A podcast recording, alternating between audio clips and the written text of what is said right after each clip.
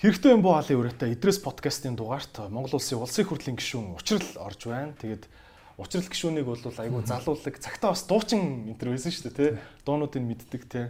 Аа тэгээд бас их боловсрал, технологи, нийгмийн айгүй тийм том дижитал өөрчлөлтүүдийн талаар маш их дуугардаг.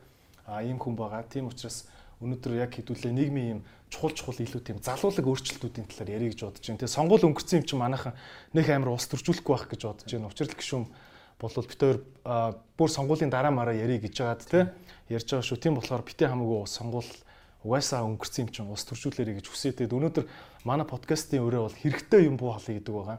Тэгэхээр учрал гişүнтэй холбоотой нэх ингээл яг ус төрч хүн юм чи ховж ихтэй амьдэрдэг те. Тим юм тойрохгүй хэдүүлээ яг Монгол улсаа яаж гой болгож болохын хэрэгтэй юм ярих гэж бодож байна. За тэгээд манай подкаст бол бас асуумаар байгаа юм хатуухан асуудаг байгаа. Тэгэхээр учрал гişүүнээс би бас хатуухан асуух юмнуудаа бол шүү те тэрийг хэлчихье. За тэгээд юуны өмнө оролцож байгаад баярлалаа. За учрал гişүүнээс шууд эхний асуух асуулт юм байна л та.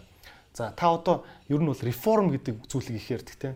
Реформ гэдэг маань юу юм тийм юм ганган одоо инновац гэдэг шиг юм ганган үг юм уу те. Реформ хийн гэхээр яад юм. Ер нь альва нэг улсууд реформ хийхэд ер нь нэг том зүйлийг өөрчлөхөд хэдэн жил шаарддаг тийм маа Монгол хурдан яваад байгаа юм удаан яваад байгаа юм а тийм мөн та одоо яг энэ улс төрийн карьерийн туршид хичнээн шиг реформыг хийчих гээд ингээд зүтгээд байгаа юм би. За нэвтрүүлэгтээ урьсан их баярлалаа. Тэгээд энэ өдөр бич бараг 7 сарын дараа гэх бахта тийм би даас юм ярьсанд орж байна. Тэгээ сайхан чөлөөтэй ярилцъя. За эхний асуулт хувьд болохоор би юу гэж үздэг вэхээр реформ гэдэг бол өөрөө дахин ингээд аливаа зүйлийг дахин формонд оруулах гэсэн утга шүү дээ. Тэгэхээр энэ бол маш том үг. Бид чинь нэг жил болгоныг реформ хийх гээл. 4 жил солигддог засгийн газар болгон 2 жил одоо солигддог засгийн газар болгон 4 жил солигдож байгаа энэ их хурл парламент болгон өөрсдөө дандаа юм реформ хийнэ гэсээр ард түмний үндэ бас залгаацсан. А реформ хийн гэдэг бол зүгээр нэг тийм өнөөдөр нэг хөтөлбөрийн шинжилэл ч юм уу эсвэл нэг шин төсөл хөтөлбөр оруулж ирээд ч юм уу хийж байгаа үйлдэл ерөөсөө биш байхгүй. Реформ гэдэг бол одоо бүр зах зээлийн бүтэн шилжилтийг нийгмийн одоо том шилжилтийг одоо бид нэр одоо реформд бол тооцох хэрэгтэй байна. Дээрээс нь концепц ойлгоогүйгээр бид хаана очихоо мэдэхгүй хаашаа явахыг ярьдаг нэг юм тогтолцоотой болчихж л дээ. Жишээ нь оюутан байхад бол бид хаана вэ бид хаашаа явах уу бид яаж явах уу бид хинтээ явах уу би хизээ очсон байх вэ гэдэг таван асуулт бол ерөөсөө тэр жигтэй менежмент гэж одоо заадаг штэ. Тэгэхээр бид хаана байгаагаа мэдэхгүй байж хаашаа явахыг ярих. Хаана очихоо мэдэхгүй байж яаж явах вэ ярина гэдэг бол өөр боломжгүй зүйл байхгүй. Тэгэд боловсролын реформ хийнэ гээл нийгмийн даатгалын реформ хийнэ гээл ер нь жилүүр л ярих юм. Одоо бид нар барыг оюутан байхаас ахуулаад энэ үгийг сонсч байсан парламентын гишүүн болгоомж нэг реформ хийн л гэдэг Монгол боловсролын реформ хийн л гэж одоо ч бас ярьж л байгаа шүү. Гэтэл яг ингээд нөгөө хуулиудыг нь аваад яаж реформ хийх гэдэг вэ гэхээр үндсэн концепц ойлгодог. Юу ямар замаар явах вэ би шийдэж чадахгүй шүү дээ. Нэгсэндээ бол одоо барууны боловсролыг удирдлага болгох гэж байгаа юм уу? Өрөндийн боловсролыг удирдлага болгох гэж байгаа уу? Эсвэл одоо Ази одоо орнуудын дорны одоо боловсролын тогтолцоогоор явах гэж байгаа уу гэдэг мэдэхгүй яаж явахаа яриад байгаа нь бол үнэхээр одоо тохиромжгүй юм аа. Тэгэхээр эхлээд бид нар хаана очсон байгаа юм мэдэх хэрэгтэй. Өнөөдөр Япон одоо Японд ихэд те номыг чи ингээд хойноос нь бичиж уншиж штэ те. Тэр шиг тэр чи юу юм бэ гэхээр төгсгөлөөс нь эхлүүлдэг. Эхэнд нь хүргэдэг болохоос бид эхлүүлээд хайдаг. Тэрийг реформ гэж ойлгоод байдаг. Тэстэй яг нэг хүрх цэг чинь тодорхой. Тэгээд эхлэл дээр ирэх л ёстой шүү дээ. Нэгс аливаа ажлыг үргэж дуусгах ёстой гэдэг ийм философи төр нэг одоо Японд бол байж штэ. Түүнийг харахад. Түүн шиг бид ерөөсөө нөгөө төгсгөлийг нь харахгүйгээр дандаа энэ реформ гэж ярьсаар ард түмний үндэ залгаачж байгаа юм л да. Солигдох гоч юм шиг тийм. Реформ гэдгийн цаана маш их зүйлийг хүлээж байгаа. Эхлээд ард түмний амьдралд яаж нөлөөлөл үзүүлэх үү гэдэг. Өнөөдөр макро эдийн засгийн өсөлт 2012 онд 17% байсан гэж бид ярьдаг. Тэр нь дэлхийн зах зээл дээр нэг уулуурхаан бүтээгдэхүүний үн өсөхөөр манад энд нэг баярлаад макро эдийн засгийн өсөлт бий болж байна хөрөгчөө онголоод үсгэхээр хүнс нь нэмэгдээгүй л байждаг. Тэгэхээр тэр макро орчны эдийн засгийн өсөлт чинь микро түвшинд ч хүрэхгүй шүү дээ. Тэгэхээр тэр нэг том том одоо зорилт тавиад эсвэл нэг эдийн засгийн өсөлт ийм байна гэд ард түмэн тайлагнаад бидний амьдрал ямар нөлөө үзүүлж байгаа. Өнөөдөр боловсролын реформ хийж байгаа бол тэр баян шунд зурж байгаа хүүхэд эдгээр үн төлбөргүй боловсрол эзэмшиж байгаа гэсэн тэр орчин сургууль төгсөгч нартай тэр Америк сургууль интернэшнл скул төгсөгч нартай адилхан тэр Кембрижийн хөтөлбөрөөр IGCSE юм уу A level-ийн AS level-ийн сертификат аваад төгсөөд дэлхийн ямар ч сургуульд тэтгэлэг авах боломжийг бүрдүүлж өгч чадж байгаа юм гэдэг чинь одоо эргэлзэт. Тэгээ ингээд харахаар жишээ нь одоо ингээд боловсрал дээр жишээ аваад харахаар сайн ингээд хууль хэлцэж байна л. Тэгэхээр ингээд харахаар ингээд нэг PISA гэдэг нь оюуны мэдлэгийг практик хэрэглэх чадвар гэдэг Европын орнуудад авдаг оюуны мэдлэг практик чадвар авдаг шалгалтыг авна гэд зорилтоо болгоод байгааг нь харахаар нэг тийм Европын боловсролыг дах гэдэг юм шиг байдیں۔ Тэгээд ингээд нэг сүүлд бас нэг дипломын сургалт бий болгоно, дээд сургууль, их сургууль гэдэг англилтай байна гэх ингээд харахаар бас Европ юм шиг. Тэгсэн мөртлөө магадлалын хэмжлэх гэх нэг ихтэй сургуулийг болоо дунд сургуулиудыг магадлалын хэмжилдэг байгууллагууд нь болохоор Америкийн нэг магадлалтай гэрээ хийчихэд энэ Америкийн магадлангаар та нар магадлуулаа стандарта тогтоо гэж шахаад байгаа нутг нэг Америкаар явах гэдэг юм шиг. Тэгвэл гинт хүмүүлийн боловсролын хууль гэж нэг хууль одоо санаачлаад орж ирэл энэ манай гол концепц гэхээр нэг тийм дорны боловсрлоор явах гэдэг юм уу гэдээ харах юм. Тэгээ байж итл Япон лугаа хөгжиж гэхээр ер нь Японоор ч явах гэдэг юм шиг те. Тэнгүүч нөгөө би жишээ нь Монгол үчийн хэлмэгдүүлэлтийн одоо үеийн сурагч гихэмлийн хэлмэгдүүлэлт гэж ярьдаг юм шүү дээ одоо манай энэ үеийнхэн чи яагаад тэгэхээр нэг өглөө сургуульд очсон монгол хүчээр хичээл заасан тий тэгээд одоо бүгд сүултээ гэрэлэр хөвчиж чадхаа болсон тий бүгд гэрэл шилжсэн яг үүн шиг одоо ингээд нэг юм реформ хийнэ гэхээр түүний цаана байгаа нийгмийг иргэдийг маш их ингэж хохиролд амсуулдаг. Тэгэхээр одоо энэ магадгүй Япон яг бид нар одоо монгол бичиг сурсан ч гэсэн дараа нь гэрэл хөвчийг ингээд гинт үзээд эхэлчихдэг. Тэгэд энэ байдал чинь ингээл тухайн хүүхдүүдийг л ингээл хохироогод байхгүй. Тийм учраас ингээд нэг дорны сэтгэлгээр явах гэдэг юм шиг Японоорч явах гэдэг юм шиг тэгэл одоо тиймэрхүү байна гэж англи хэл хамаагүй л гэдэг юм. Англи сурах хэрэггүй. Та нар бол монголчууд шүү. Монгол ялан шүү гэдэг байгааг нь харахаар одоо нэг тийм айгүй тийм үнцэрхэг юм шиг таашаач юм тий. Тэгээд одоо монгол ялна гэдэг нэг талаас нь харахаар нэг тийм дэлхийн улс орнуудаа өрсөлдөхөж тэ боловсралтай чадамжтай нэг дэлхийн иргэн болж Монгол алах гад байна гэж харах юм. Нөгөө талаас нь хэл мэл хэрэггүй та нарт эндэл ингээл монголоороо байл гэдэг хаа энэ ботхоор хилээ хаагаад зүгээр Монголд амьдр амьдр гэдэг байгаа юм шиг. Тэгсэн мөртлөө өөрсдийнхөө хүүхдүүдийг болохоор одоо 20 30 саяын төлбөртэй сургуульд нь сурах чинь. Өрөөлийн хүүхдүүдийг нь болохоор та нар байж та нар одоо тэр сургуульдаа сураа монгол хэлээ үзээ. Монгол хэл чухал шүү гэдээ яриад. Тэгээд ингээд нэг юм ерөөсөө тийм концепцэн тодорхой биш өөрчлөлтүүдийг хийж яг хаашаа явах гэдэг юм бэ Монгол улс гэдгээ хин ч ярьж чадахгүй. Харин одоо яг алсын хараа 2050 гэдэг нэг хөгжлийн хөтөлбөр их хурлаар батлаад яг Монгол улс юм бол нэг бол одоо хөгжил тэргүүлэх салбарууд нь эдгээр салбарууд юм байна гэж зарлаад тэгээ тодорхой одоо сая нэг хөгжлийн бодоо төлөвлөлтөй хуулиар жил болгон бид нэр ч одоо хөгжлийн хөтөлбөрөө төлөвлөгөөгөө баталдаг болцсон одоо одоо акшн план тэ баталдаг ингээд болоод ирлээ л дээ. Тэгээ үүндээ яг нэг юм эзэн болоод ингээ явмаар байгаа. Тэгжээд бид нэр реформ ярихгүй бол нэг их реформ хийхээр нэг бүгд нэг хувьцгал хийх гээд байгаа юм шиг ойлголт бол өнөөдөртөө хийггүй л байх гэж байна. Таны хэлж байгаа гол санагч би ингэж ойлгож байна л да тий. Юмыг өөрчлөх гэж янз бүрийн ингэж аргаа ширээн дээр гаргаж тавихаас өмнө арга ярихаас өмнө өөрчлөлт хаана очихын гэдэг тэр цэгээ эхлээд ярилцах тогтох хэрэгтэй гэж байна тий А тэгээд одоогор бид нар тогтжруулж чадахгүй юм тий.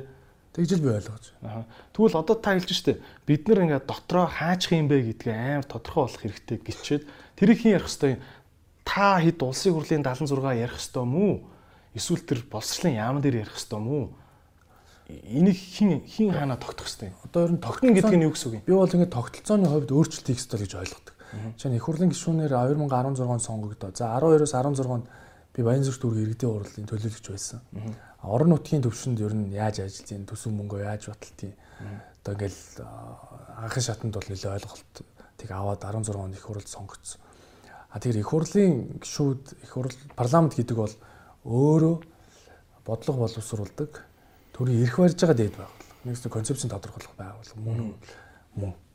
А тэгэхээр гэтэл энд бол баг л одоо ажиллах хэрэгтэй. Нэгсэндээ бол одоо зарим хүмүүс лобби гэдэг үгийг их буруугаар ашигладаг. Лобби гэдэг үг бол яг тухайн асуудал дээр ихтгэл үнэмшлэрээ нэгдсэн хүмүүс нэгдээд бусдад тухайн ихтгэл үнэмшлээ нөлөөлөх тэр процедурыг хэлж байгаа. Тэрнээс биш ямар нэг зүгээр нэг одоо нэг эд мөнгөний асуудал дээр ямар нэг говийн ашиг сонирхолтой нийлэх биш.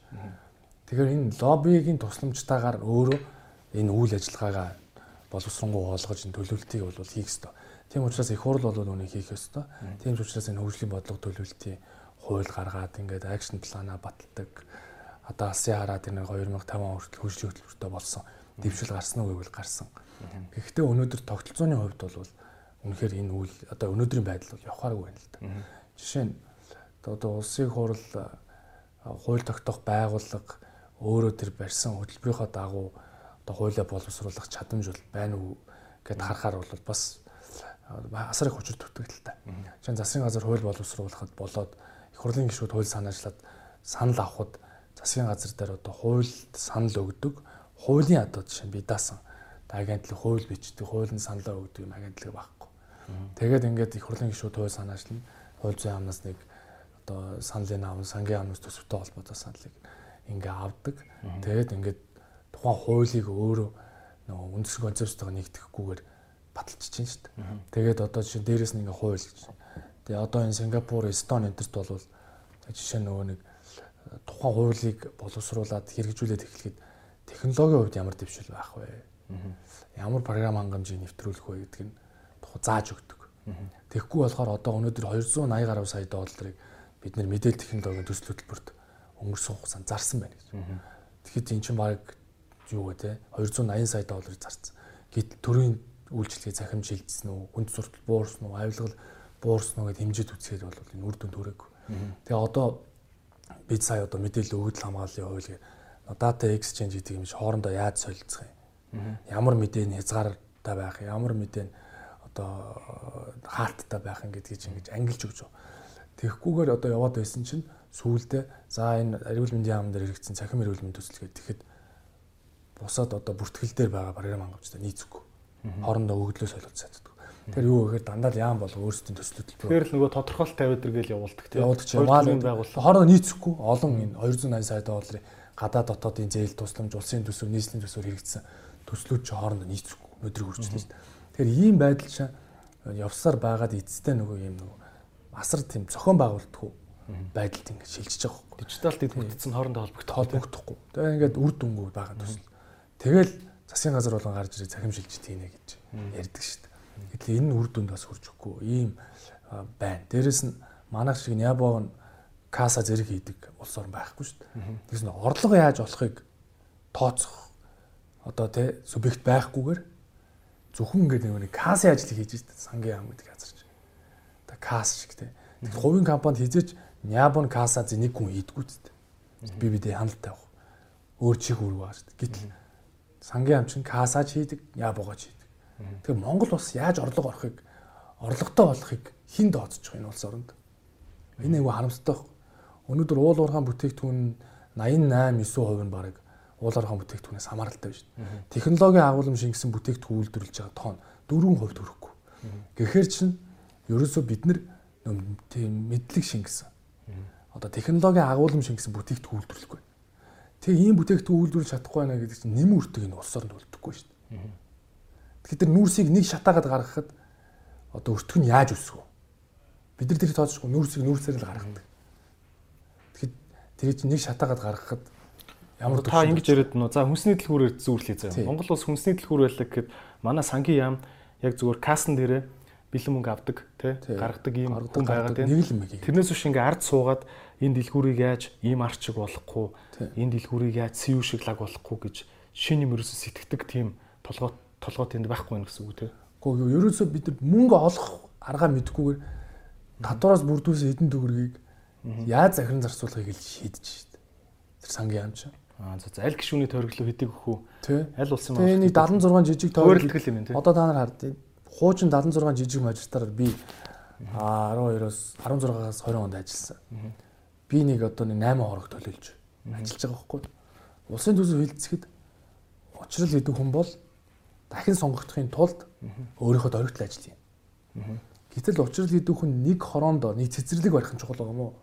Цэцэрлэг барих 1.5 тэрбумаар утааг бууруулахад зарцуулах нь чухал юм уу?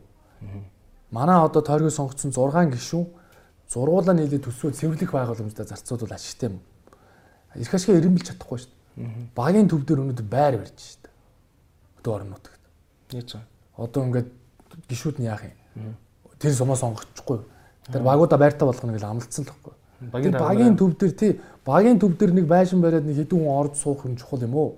Сум дундын нэг имлэг барих нь чухал юм уу? Тэгэхэр чинь ингээд ийм нөө нийтлэг ирэх ашиг эренбэлж чадахгүй. Би 8 хорооноос сонгогдсон учраас 8 хороон дээр л ажиллая шүү дээ. Тийм дээ. Тэгэхээр би одоо 8 хороон дээр би 70 тэрбум төгрөгийн ажил хийсэн байж. Учир нь бол сайн ажилласан байгаа шүү дээ. 8 хороон. Гэтэ тэр мөнгийг бас өөр юм зарцуулбал ус орон тэрнээс тулгамд засвал байсан ч магадгүй. Тийм тий. Тэр нэг багт байр барих эсвэл тэгэл нэг одоо та нар харал та сум дундын ганц том сургууль барих юм. Сум одоо юу гэдэг аймгийн одоо баруун бүсд ч юм уу нэг том сургууль барьж болно шүү дээ. Нэг лаборатори Кембриж хөтөлбөртэй ч юм уу. Тийм тий. Гэтэл тэрийг тэр 640 хүүхдээ 960 хүүхдээ сургуулийг зүгээр нэг сумын төв дээр аваачиж барьж байгаа байхгүй юу? 2000 хүн өрөхгүй газар. Тэгээ яаж нөхөр тэр байрыг нь засварлахгүй, тордохгүй тэгсээр байгаад сампа байшин л үлдчихэж шít. Тэгээ тийшээ очих багш нар болдохгүй. Боловсон хүч юм байхгүй. Тэгэхээр чинь ерөөсө бид нар нөгөө 76 гишүүн чинь нийл суугаад улсын хэмжээний эрх ашигыг эренблэх хэрэгтэй дээ. Нэгт энэ, хоёрт энэ, гуравт энэ.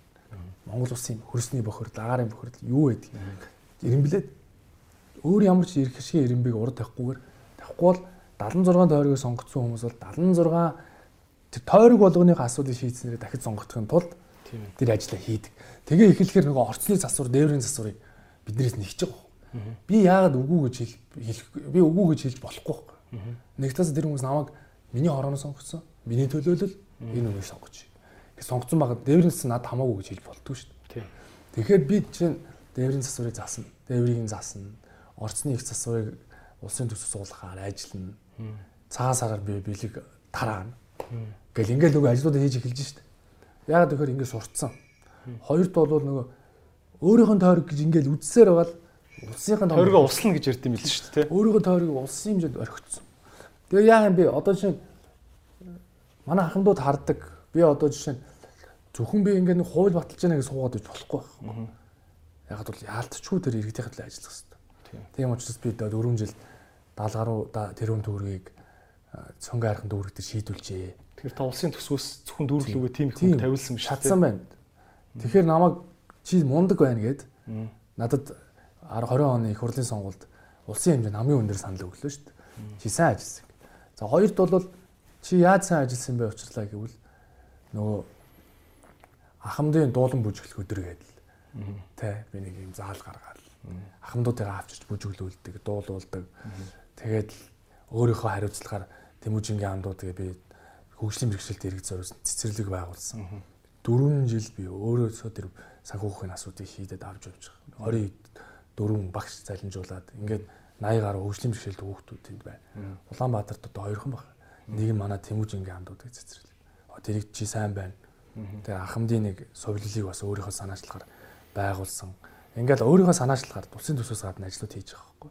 Тэгэл цагаан сар болгоноор ахмадуудыгаа үлээж аавна. Аа хаа хичээгээл хүнд. Уг нь гадаад тэгтгүү үстэй. Бэлгсэлтэй барина те. Энэ бол яг нэг талаас нь Монгол хүний бас нэг ахмадаа хүндэлдэг нэг юм бас нэг зантай холбоотой. Хоёрт бол ялчгүй энэ бол нэг жижиг тойргийн асуудал. Тийм том тойрог нэг Монгол улсын хэмжээнд за болио л доо нийслэлийн хэмжээнд нэг тойрог байвал нийслэлийн гишүүд нийлд суугаад 28 гишүүд нийлд суугаад за Улаанбаатарын хэмжээнд нэгдүгээр асуудал юу вэ? Гэвэл бүгд одоо энэ цэвэрлэх байгууламж юм аа. Тийм. Агаарын бохирдол юм аа, хөрсний бохирдол юм аа, түгжрэл юм аа. Үер юм аа. Тий, үер юм аа. Ингээ хийлч. Би тэнд хийжээс 5 ороо ярихгүй шүү дээ. Нэгдүгээр асуудал яалчгүй түгжрэл шүү гэдэг юм. Тэгээд нийслэлийн гишүүд тэндээ төсөө бүрдвэл.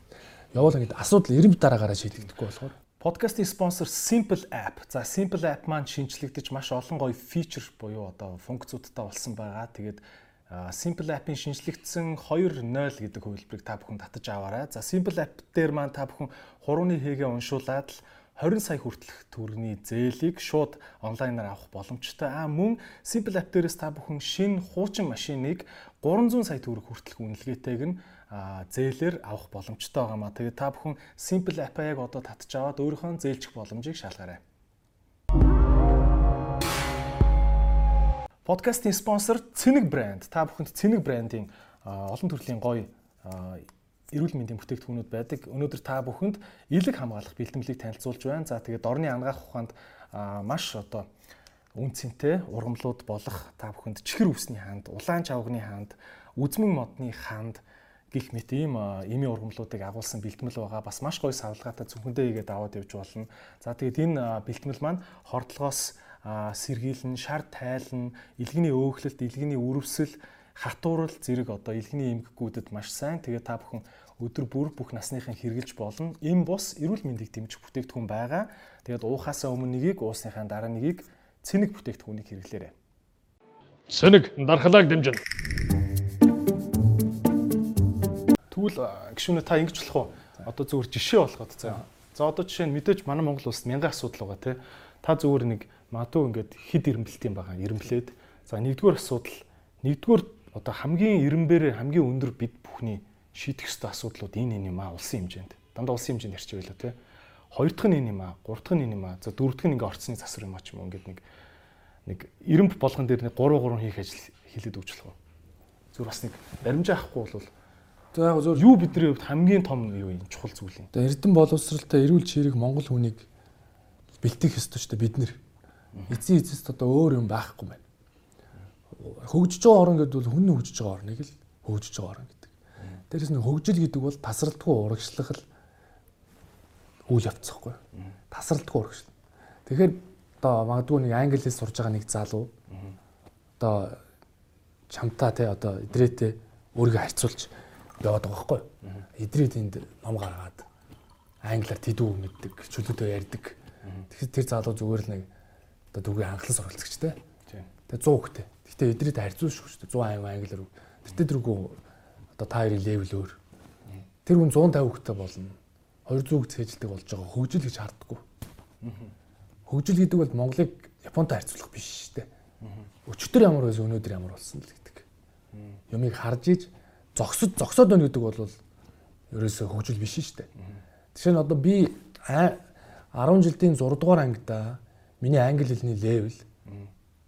Одоо ангийнхаа одоо жишээ нь одоо эхний гуравт ч юм уу те. Одоо ангийнхаа төвшөнд миний 90-ээр явцдаг ч юм уу. 5 он завчдаг хүүхэд байлаа 10 дугаар ангид ирэхэд би он завсаар л байсан. Би 10 жил онд сураад төгслөө тэгтээ би ерөөс 6 дугаар анги англи төвшөөс 10 дугаар ангид өөрчлөгдөг баг Сэн одоо эдгээр одож гисэн.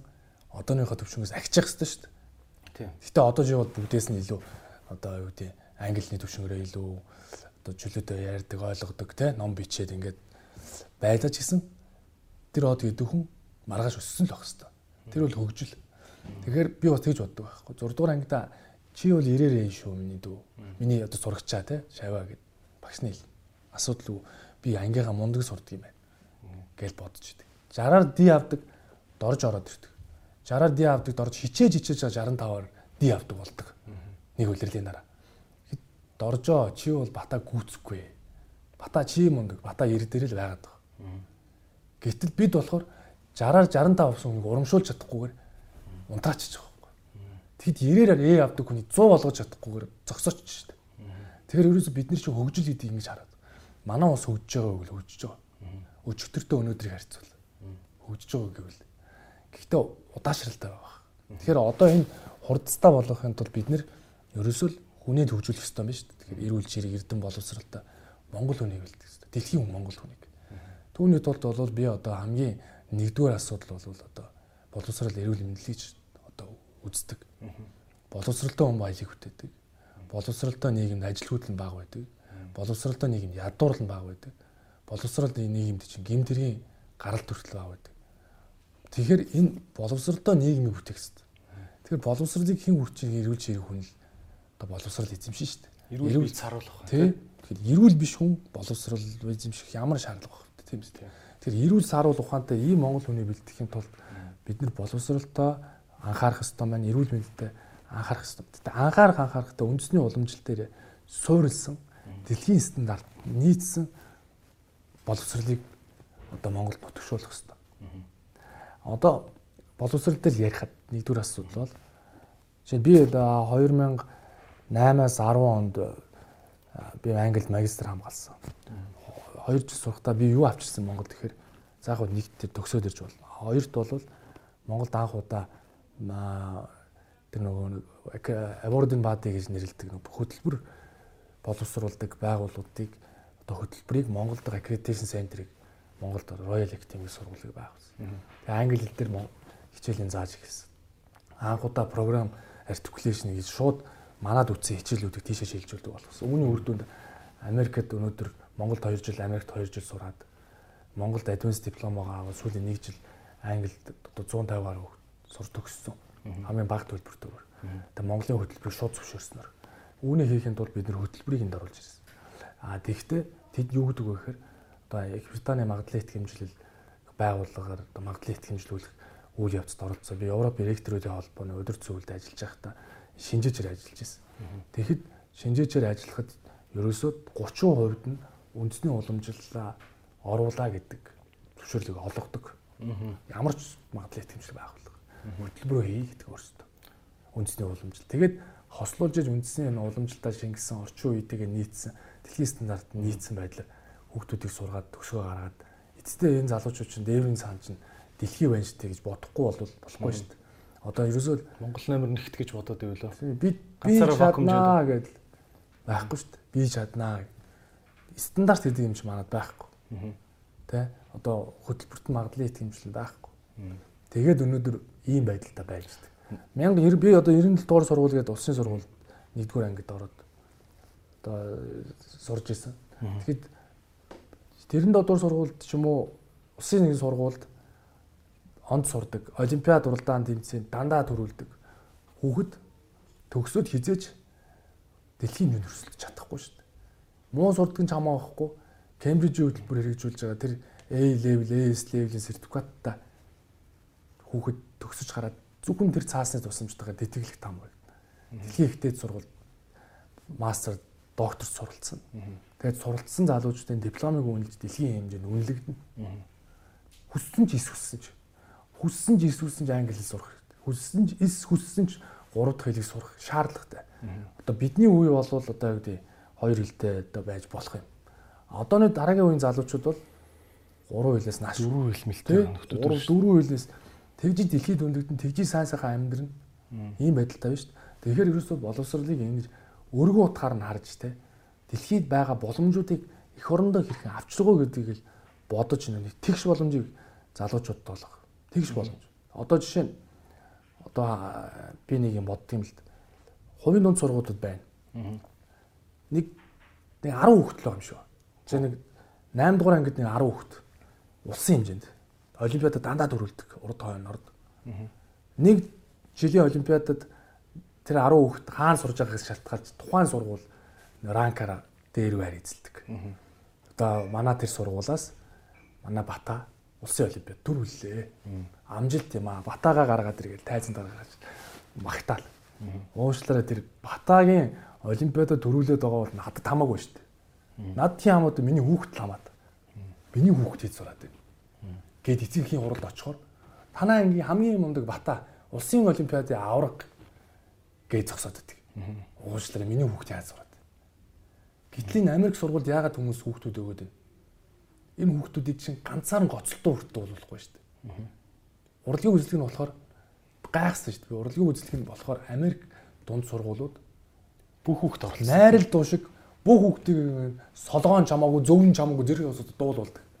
Манайх болохоор нөгөө урд нь нэг нөхөр л дуулаа л. Нөгөө нөхөр гарч ирэл хөгжмөдөө л. Бүжиглээ ял байна те. Ард хизээж юу чадахгүй нэг хідэн нөхөр хоцорсон.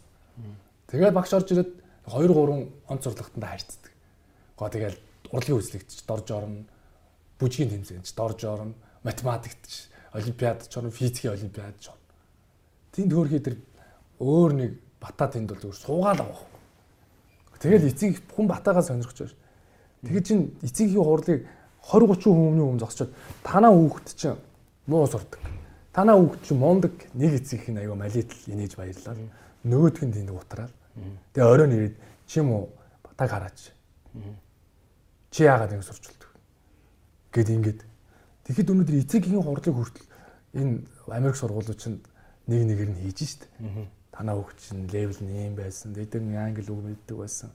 3 сарын дараа ийм болсон. Одоо энэ дээрээ анхаар. Тэр чинь сургалт гэдэг чинь багш эцэг их суралцагч нарын хамтын бүтээл дээ. Гэдгийг бид нар ерөөсөй ойлгож чадахгүй хүн ерөөсөй ингээд нэг юм тийм оддын өвчин гэдэг шиг одл төрүүлэх гээд байгаа юм. Ер нь эцэг эцэг чадрын дэлхийн аврагч байна уу? Оюуны спортын дэлхийн аврагч байна уу? Хамтдаа л бүгд амьдрын шүү дээ. Миний хүүхдэд хамаагүй шүү дээ. Тийм. Манай улсаас тэгсэн. Манай ангийн сурагч тэгсэн. Гэхдээ тэр өөрхийдөө манай ангийн сурагч тэгэл олимпиад төрүүллээ гэх тэр хүүхд цайжрахгүй шүү дээ. Бүр анхаарахгүй шүү дээ тэр хүүхдийг хайчаад. Тэгэхээр тэгш боломж идэг юм чинь ингээ үүсэхгүй боловсрал бид нар ийм айхамж хандж байгаа. Тэр үүнээс чинь болоод юу гэхээр ядуур л туйлдаа хүрнэ. Ажилгүйд л яв.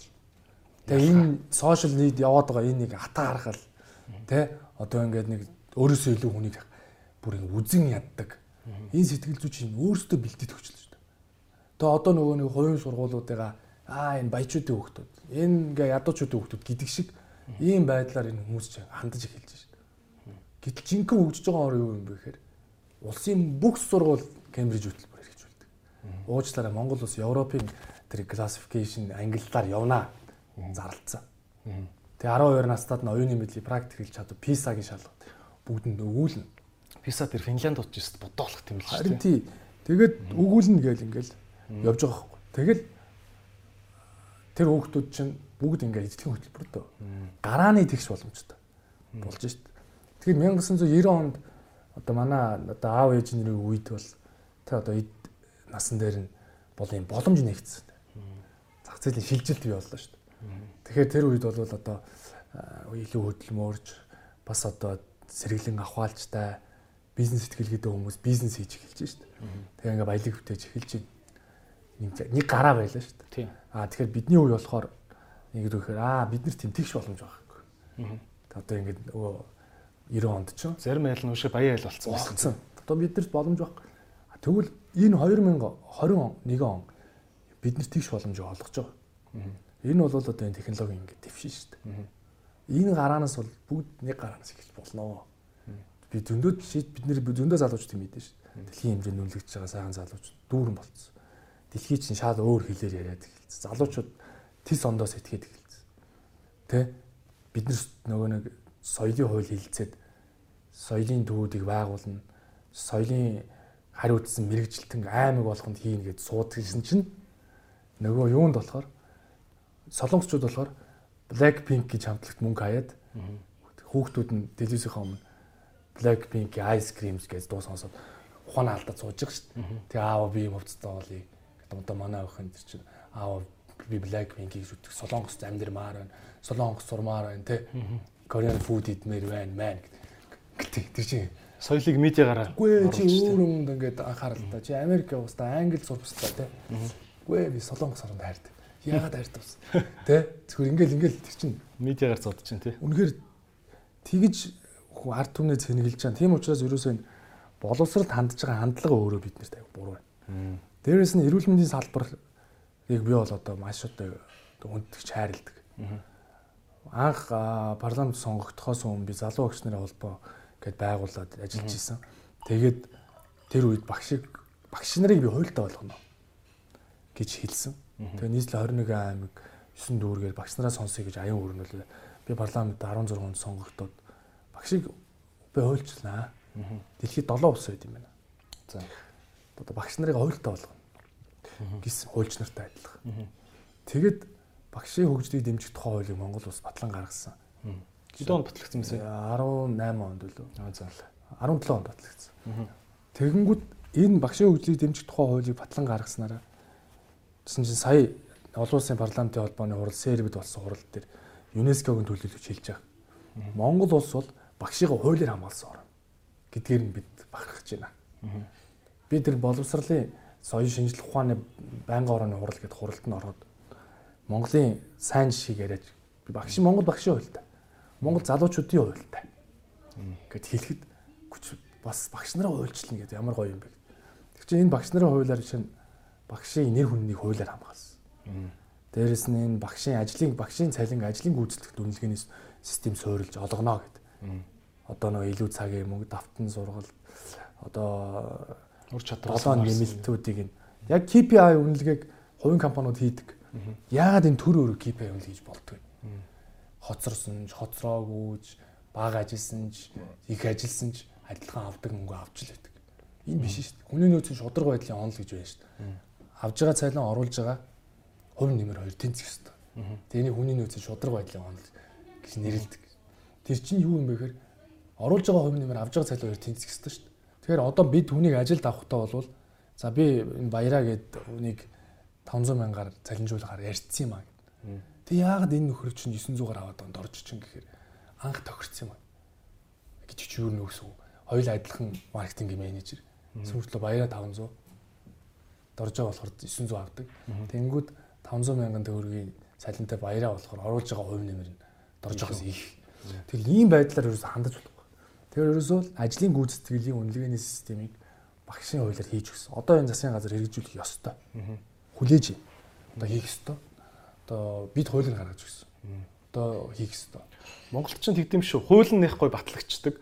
Тэнгүүд дагалдах журмууд гээд ингээд журам хууль хоёр хоорондоо зөрчилдөд тэ одоо багшийнхаа багшийнхаа гүйцэтгэлийг үнэлье гингүүт боловсролын яамн дээр хуулийн дагуу нэг журам боловсруулах тэгээ тэр нь хэрэгждэг ингээд таг болчт юм шүү. Модтой 2010 тэрийг яаж зүтгүүлэх 2012 онд инновацийн хууль баталсан Монгол улс. Тэрийг одоо энэ гам бям дарга, хинти амьсаг дарга байсан гам бям дарга гişүн багтаа батлуулсан. Би сая нэмэлт өөрчлөлтийг батлуулсан баг. Тэгсэн чинь 12 оны инновац хууль яагаад хэрэгжиж байгаа юм бэ? Гээд үтсэн чинь 84 гэлөө баг журам хэрэгжих. Журам батлах хэрэгтэй. Хууль дагсан журам гэж. Тэр хууль арай гэж баталдаг ард нь нэг баахан журам. Засгийн газар гарган сайдын тушаал гарна. Тэгээ нэг юм уханд жидэл дараагийн засаг гараад ирнэ. Тэгээ нөгөө нөх нь гарч ирнэ. Үгүй ээ би одоо английн боловсрол дургүй би японых дуртай гэлтэй би японых дургүй би тэнд төгссөн гэл ингээд ерөөсөө нэг субъектив ингээд байдлаар ханддаг. Тэгэхээр ерөөсөө энэ хууль үчийн олон журмаад авдаг юм билээ. Тэгээ багшийн хуулийг гаргаж өгсөн одоо шаардж. Хийгээч хийгээд. Хэдэн журам хэрэгтэй одоо таны? Үгүй одоо би бол жишээ нь ингэж байгаа. Ажлын гүйцэтгэлийн үнэлгээний журмыг засгийн газар тогтоолоор гаргаад өгмөр. Систем өөрчилжмөр байна. Одоо дэвтэр засалтын мөнгө гэдэг нэг 7 8 нэмэлт одоо нэг урамшуул байдаг. Тэдгээр чинь дандаа нэг урамшуул. Дээрэс нь ажлын гүйцэтгэлийн үнэлгээ хийхийн тулд эцэг их суралцагчийн сэтгэл ханамж. Хамт олонны дундах нэр хүнд үнд гэдэг. Яг KPI шиг үнэлж байгаа байхгүй. Тэгэл үнэлгээ гаргаад нэгэсэндөө эдрээ уучрал хоёр нэг компанид ажиллаж илаа гэхэд тэг би илүү ажиллавал одоо битэрийн дунд 2 саяын төсөв байна. Тэг би илүү ажиллавал сая 500 аваад одоо эдрээ 500 авна Дараагийн сард чи сайн ажиллавал сая 500 би ингээд гүйлгэж штэ эн чинь. Хувийн компаниуд бол одоо KPI гэдэг үнэлгээ чинь бол ерөөсөө хамт олонныхоо нэр хүнтэй байхыг шаардж байна. Үйлчлэгч нар хэрэглэгч нартай нэр хүнтэй байхыг шаардж байна. Тэгээ өөр өөр нь үнэлүүлж байна гэхлээд. Өөрийгөө энэ ажил дээр хэр байсан гэж үзэж 360 үнэлгээ хийдэг те. Тэ ажлын гүйцэтгэлийн 360 градус. Дараагаар нь өөр өөр нь найзуудаа тэг хэрэглэгчдэр хүн чинь нөгөө өөрийгөө муу байсан мэддэг хүн чинь ичихгүй онд тавьдаг юм шүү дээ өөртөө. Ичдэм шүү дээ хүн чинь. Тэгэнгүүт дарга би өөрийгөө 5 гэд үлдсэн байсан дарга 0 гэвэл энд юу вэ? Янз бүрийн субъектив юм байна шүү дээ. Дундчилж болохгүй байна шүү дээ. Дарга надад дургу болохоор 0-оор үлдсэн дээ. Гэтэл хамт олон таваар, өөрөө таваар тэг ингэ үлдсэн байна. Тэгээ нэм субъектив юм гардаг. Тэгэхээр энэ ажлын хүчин журмыг гаргах хэрэгтэй. А хоёрт бол багш нарын зэргийг би хугацаанаас өмнө олгодог болсон энэ хуулиар. Хуучин гэдэг байсан байхгүй. 5 жил багшилж ийж За арга зүйч багш гэж байна эхлээд. Тэгээ дунд сургуульд бол. Тэргүүлэх багш 5 жилийн дараа. Тэгээ 5 жилийн болоог бол зэрэг ахиг болно цалин өсдөг. Тэгэнгүүт 1 жил ажилласан багш 5 жил ажилласан багш хоёрын цалингийн зөрөг 4900 төгрөг байсан шүү дээ. 17 онд. Тэгэнгүүт тэр хүн чинь 2 жилийн дараа зэрэг өсч болно шүү дээ. Одоо мундаг амжилт гаргаж болно. Олимпиад хүүхдүүдэд оруулж болно. Тэгвэл тэр хүүхдийг чинь төрүүлж үнэлээд за энэ багшийг 3 жилийн дараа зэрэг ахиулъя төрүүлээд гэвэл цалинч нэмэгдэнэ Нөхөрч урамшаад ингэ явах. Хурдан ч өгчгийг бодно шүү. Тэр журам тэрийг ингэ зохицуулаад өгсөн хийх ёстой. Дээрээс нь багшийн сургуулийг багшийн сургууль гэж Монголд нэг сургууль байна. Миний төгссөн сургууль. Монгол Улсын боловсролын сургууль. Багшийн дээр үстэй тий. Тий, хуучин би энд бас мастер хамгаас. Тэгсэн манай багшиг сургуулийг төгсдөг хүүхдүүд багш мэрэгчлэр. Дахиад багшлагын сертификат олгоно гэдэг дахиад баахан сургууль шалгаж шүлэг. Багш мэрэгжлийн хүн сонгох байлцсан. Залуучууд. Яагаад? Бүү ядаргаа. Сайлан. Багшийн хөгжлийн төв гэдэг нэг юмд юмд жоохтой уучлаарай. Нэг юм газар дахиад 3 сар ч илүү суух хэрэгтэй юм л шүү дээ. Тэг кредит ав. Нөгөө ордог маал орно. Уйтгартай. Хөтөлбөрөнд шинжлэгдэхгүй нөгөө ярьдаг юм аа л яар.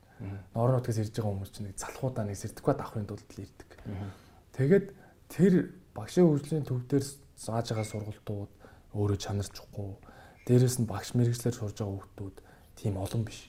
Түүний оронд боловсролын их сургуулийн сургуулийнхаа чанаржуулах ажлыг нэгээ сайн багш нараа бэлдээд хөтөлбөрийг нь магадлал их хэмжил дахиж оруулаад тэгээ ингээд төгсөнгүүд нь шууд багш болгоё л гэж байгаа байхгүй. Тэгээ нээц. Багшийн мэрэгчлэр мэрэгжил эзэмшсэн бол багшлах эрхийг олгоно энэ хүн сурталыг л багасгахыг гэдэг. Тийм ээ. Одоо сая ангаа ухааны сургууль э совлогч мэрэгжлийг сурах хүүхдүүдийг үнэг болгочлоо шүү дээ. Оо за тийм үү. Хүүхд эсэхгүй шүү дээ. Совлогчаар. Ягаад? Тэ совлогч мэрэгжил, эмч, багш энэ нийгмийн хамгийн чухал мэрэгжлүүдээр эсэхгүй болчлоо шүү дээ. Ангаах чинь битүү байт юм шүү. Одоо Монгол Улсын их сургуулийн физикийн анги. Тэ одоо химийн анги Сэж одоо эсгэж болж шүү. Яагаад тэгэхээр цалин үлдсэн. Нийгэм батлах. Сувлич бодоод би яаж тэр цалингаар амьдрах гэж бодож шүү. Тэ. Тэгэхээр чин сувлич мэрэгжил болсон. Тэгэхээр сувлахын ухаан, ангаах ухаан гэдэг хоёр чинь хоёр шал өөр шинжлэх ухаан юм байна шүү. Бид нар сувлич үнийг болохоор зүгээр тариад ирдэг гэж боддог. Тийм шүү. Би тэгж л. Гэтэл биш дээ. Би одоо жишээ нь яадаг яадаг. Би одоо Монголд сувлэгч олон сайхан эмч сувлэгч нарын ач хуйнаар бас ингээд өнөөдөр сууж байна. Солонгостоос очсон. Тэгээ энэ олон эмч сувлэгч нарын одоо ач тусыг би бол одоо сэтгэл зүрхнээс мэдэрч байна. Аа сувлэгчүүн гэдэг бол өөр хүнийг асарч сувлж энгийн амьдралд оруулна гэдэг бол бүр нарийн том шинжилгээ. Хүний сэтгэл зүйтэй ажилдаг. Тэ одоо хүнийг зөвхөн нэг тариа тариад зогсох биш. Тухайн хүнийг асарч тойголдог. Удаан хөвцсөн хүн ч маш олон хүндрэлүүдийг амссан шүү дээ сайн сувилагчийн тусламжтайгаар хүн одоо босч өндөж ирж шít. Тэгээд үргэлж хамгийн харьцаж байгаа түүний сувилж асарж байгаа гэдэг чинь одоо нөхөн сэргийг үйлчлэгээ. Сэргийн засаг үйлчлэгээ. Maaхан бол нэг халууны хэмжээл нэг тариа тарчаал тэгэл нэг над дээр гурван юм байгаа гэж гараа авчдаг нэг тийм үнийг л гэж боддөө шүү дээ. Тэгээд одоо солонгост гэхэд сувилж хэмжээр одоо ажилт хамгийн өндөртэй сургуулиуд. Тэгээд би тэр солонгосын совилогч нараас асуухаар Америкт мастер хамгаалсан гэж ярьдаг хөөх. Тэгээд энэ том эмнэлэгт би ажиллаж байна. Тэгэхэд Монгол төрөөд ирэхдээ нэг урамшуулал нь байхгүй. Тэ өнөөдөр яаж тэр нэг эмч совилогч нар ч өнөөдөр авсан цалингаараа нэг ганц тор хүнсч цуглуулж чадахгүй ийм хэмжээнд байх юм бэ. Тэр хүмүүс чинь жинхэнэ нэг тангахтай үнж байдлаар ажиллаж байна. За одоо би хүчтний хөдөлөө ажиллах хэрэгтэй үчөөрөө эзэж уцаа салгахгүй. Тэ одоо тэр хүмүүсийнхээ төлөө. Тэгээ яг ийм л байдал. Тэгэхээр ерөөсөө бид нар чинь сая энэ хуулийн дээр багшийн хуулийн дээр чинь бас юу хийцэн байхгүй. Нөгөө тэргүүлэх мэрэгчлүүд багш байна. Тэгээ топ 100-ын тэтгэлэг бүх тэтгэл хөтөлбөрүүдээр багш мэрэгжлийг сонгохыг шаарддаг. Тэгэхээр эрүүл мэндийн салбарт бол одоо бид анхаарал хандуулахын тулд сайн цалин үс нийгэм баталгааг бүрдүүлэх ёстой. Дээрэс нь ажлын гүйцэтгэлийн үнэлгээ хийх ёстой. Сая нөгөө төсөө хуулийг дагаад санхүүжилтийн шинэ хууль гарсан шүү дээ. Гүйцэтгэл санхүүжнэ гэдэг. Тэр бол их сайн. Одоо чинь журмаа хүлээж одоо журамд тогтоолоо гаргавал эмчнэр нөгөө нэг санхүүжилт гүйцэтгэлээрээ санхүүждэг. Эмнэлэгч тийм нөгөө эмч эмчнэрийн цалинч тийм болох ёстой. Хоёрт бол манай эмчнэр чадвар дутхгүй юм л. Чадвар бол. Тэгэхээр ерөөсөө биднэрт юу дутж байна гэхээр? Карьер noloмжтой болох хэрэгтэй юм шүү дээ тий болох хэвээр эми хяналтаа сайжруулах хэвээр одоо яагаад хүмүүс гадаадад очиж эмчлүүлж байна? Гэхээр эмчнэрийн чадвартай холбоотой биш. Эмчнэр бол маш өндөр чадвартай. Манай эмчнэр бис заслын эмчнэр. Тэгэд гадаадад ямар ч оронд очисон хаалгаа бол дэлхийн стандарт нийцсэн сайн хаалгаа тэгтээ энэ өрөвслүүдэд чинь дарах эм дараа танаад хангалтгүй байна. Хангалтгүй биш чанаргүй байна. яг адилхан нэртэй юм Япон солонгосоос авчираад хийхээр өрөвс дороо дам намдчихдаг. Яг ижлэхэн нэртэй энэ тариа Монголд хийхээр өвчин намддаг. Тийм. Цаг байдаг. Тэгэхээр энэ тариа антибиотик орол энэ гадны ус орнууд чинь хүчтэй. Тэр эми хяналтаа сайжруулах. Энэ уурамч юм, хөлх юмнуудыг. Дээрээс нь энэ эрүүл мэндийн салбарт бүгдсэн монополчлыг цөөхөн хийдэг компани, цөөхөн хэдэн байгууллага өөрсдөө зөвхөн юм оруулж ирэх юм шиг юм ёстой юм шиг хаадаг. Нэг суугаар оруулдаг. Энэ байдлыг зогсоож. Эмчнэр эрүүл Монголын энэ эмнэлгүүд өөрсдөө энэ хүнд Германаас тим антибиотик авчирья. Энэ хүнд Японоос тим антибиотик авчирья гэж авчираад шууд хийх эрхийг эрүүл мэнд эмнэлгүүдэд олохгүй бол нэг суугаар юм яваад харал монополчлол үүсэл. Тэгэл ерөөсөө эцсийн эцэст арт түмэн хохирж шít. Тэгэхээр энэ эрүүл мэндийн салбарт бол хийх ажил бол маш их байгаа. Энэ гүйцэтгэр санхүүжүүлэх ажлаа хийцгээе гэдэг л байдлаар л би бол асуудал хандж байгаа. Тийм учраас одоо энэ манай сая зарим бас их хурлын гишүүд санаачилсан байсан. Нэрүүл мэндийн ажилтан багчдын эргэцүүн байдлын хууль гэдэг.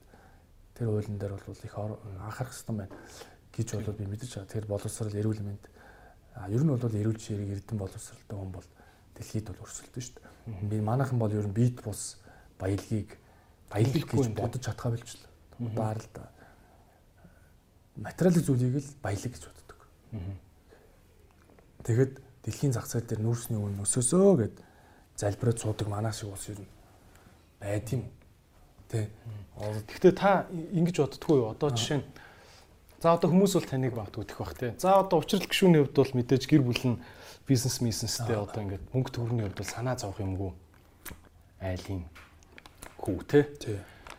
Да ийм хүнд бол ингээл гэдэг чи одоо нөгөө явхтэй хүний хэрэгцээ жоохон штэ гэж ах нар тэгдэг гэдэг шиг хэрэгцээгээ хангацсан хүнд бол материал яах вэ гэж хэлэх амархан тий. А тэгэхэд ихэнх хүмүүстэй ингээд үгүй та таны эрүүл мэнд таны боловсрал бол хамгийн чухал хөгжлийн түлхүүрээ гэд хэлээд тахад тэгээд ширээн дээрээ талахгүй. Ингээд таксины автобусны мөнгөгүй тий. Дээврээс нь тусаалгаучдаг. Ийм байхад одоо юун би тэр хүүхдийн боловсрал англи хэл мэл юу яриад байгаа юм бэ? Учирлаа. Эхлээд ингээд хоолтой унттай олмоор байна. Гидгүй юу? Те та ийм зүйлд юу гэж хэлдэг вэ? Бид нар үнэхээр л нүүрсээ их зарагдаж те нүүрсээрээ илүү их мөнгөтэй улс болохоо хүлээхээс өөр аргагүй юм шүү энэ чинь бол улс орны хэмжээний бодлогын асуудал л да энэ ард түмэн одоо иргэд бол хамаатай биш шүү дээ энийг бол одоо төрийн эрх барьж байгаа одоо манай нам засгийн газар энийг шийдэх ёстой энэ юу гэхээр ерөөсөө л энэ технологи агуулмж гэсэн бүтээгдэхүүн үйлдвэрлэж тэр өргөжөнд байгаа үнсийг нэмэгдүүлэх шаардлага шүү. Нэмэн үртэг үлдэх. Нэмэн үртэг үлдэхгүй байгаа. Ингээд энийг одоо юу гэдгийг энэ цэник гэдэг одоо энэ хунчир хунчрын хунчир гэж нэрлэх үү. Дархлаа сайжруулах бэлтгэл те. Энэ одоо хунчрын усан ханд. Хунчрын усан хандыг литрийг авчирсан хүн заруул хэд баг. Хунчрын усан хандаа жоохныг хийгээд одоо нэмгийн хүчлийг нэмээд натрийн бензот энэ төр хийгээд ихлээр энэ хэд болт гой савлаад гой савлахаар хэд болдгийг. Тэ. Одоо Rolex гэдэг цаг үйлдвэрлэхэд хэдэн төгрөг. Эргээд хэдээр зардгийг. Тэгээд дэлхийн том брэндүүд тийм гайхамшигтай одоо тийм даавуугаар гайхамшигтай түүхий дээр тэр элвигийн зүгийг бүтээхгүй шүү дээ. Арьсал гоо шүү дээ. Тий, арьсал бол арьсал. Гэтэл тэр нэрийг бичснээр хэдэн төгрөг үлдээд байгаа тэр улсад. Бид болохоор одоо ингээд хунчрыг хунчраар нь л гаргадаг. Нүүрсийг нүүрсээр нь л гаргадаг. Гэлгуурт нь тэгэл гаргадаг. Гаргаад идэг. Гэт түүнийг энд үйлдвэр болгоод нэг шатаа gaаж идэх юм бүтээгдэхүүн үйлдвэрлэж 5 10 20 дахин өссөн юм зү. Тэ өсөлж явна шүү дээ. Тэгэхээр ерөөсө бид нар чинь нөгөө улс оронд юу үлдэхийг бодохгүйгээр ингээ байгаа юм байгаагаар нь гаргаад авахар л болохгүй шүү дээ. Подкастын спонсор eMonest аппликейшнийг танилцуулж байна. eMonest та бүхэн татаад аваарай. За eMonest app нь эм болон эмийн бус 8000 гаруй төрлийн бүтээгдэхүүнийг танд 24 цагийн турш хүргэж өгдөг ийм аппликейшн байгаа. Энэ дотор эмчийн зөвлөгөө, захиалгын хүргэлтийн үйлчлэгээ байдаг. Та бүхэн цусландаа хүртэл дуудуулаад авч болно. За тэгээд мөн дуудлагын төв ачаалттай үед та бүхэн хүлээх шаардлагагүйгээр дотор нь байгаа COVID-19 гэдэг цэсээр ороод захиалга өгөөрэй. eMonest app-ыг та бүхэн татаарай. Ийм онос эм эрүүлэндийн бүтээгдэхүүний захин их дэлгүүр. Өнөөдрийн подкаст та бүхэнд Hotpot хятад хоолны маш гоё ресторан Lotus Tan гэдэг ресторанаас хурж байна. Тэгээд хүүхдийн ордны замын Чанх ард Central Park гэдэг нэртэй өндөр цагаан цамхаг байгаа. Энэ цамхагийн 5 6 давхурт энэ ресторан маань байдаг. Маш олон гоё VIP өрөөнүүдтэй, том заалтай, их гоё хоолтой газар байгаа. Та бүхэн заавал зочлоорой.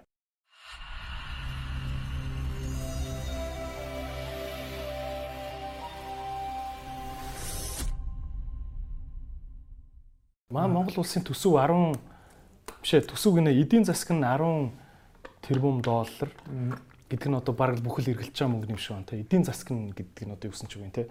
Тэгэнгүүтээ төсөв нь хэдэн тэрбум доллар гэдэг манайх чаа. 2 хүрхэн 2 3 тий одоо чинь бид нэр эдийн засаг гэдэг чинь болвол одоо юу гэдэг гадаад дотоодын санхүүжилтүүд те улс нийслэлийн төсөв мөн бүхэлдээ хүний гар дээр байгаад юу гэдэг ингээл эдийн засаг гэж бид нэр нэрлэж штэ. Аа тэгээд одоо жишээ нөгөө нэг сая одоо бод 12-оос 16 онд чинь бид нар чинь манай улс чинь маш олон төсөвтэй болсон. Угууч бид нар нэг л төсөвтэй байх хэрэгтэй шүү дээ улс чинь. Маш олон төсөвтэй болсон.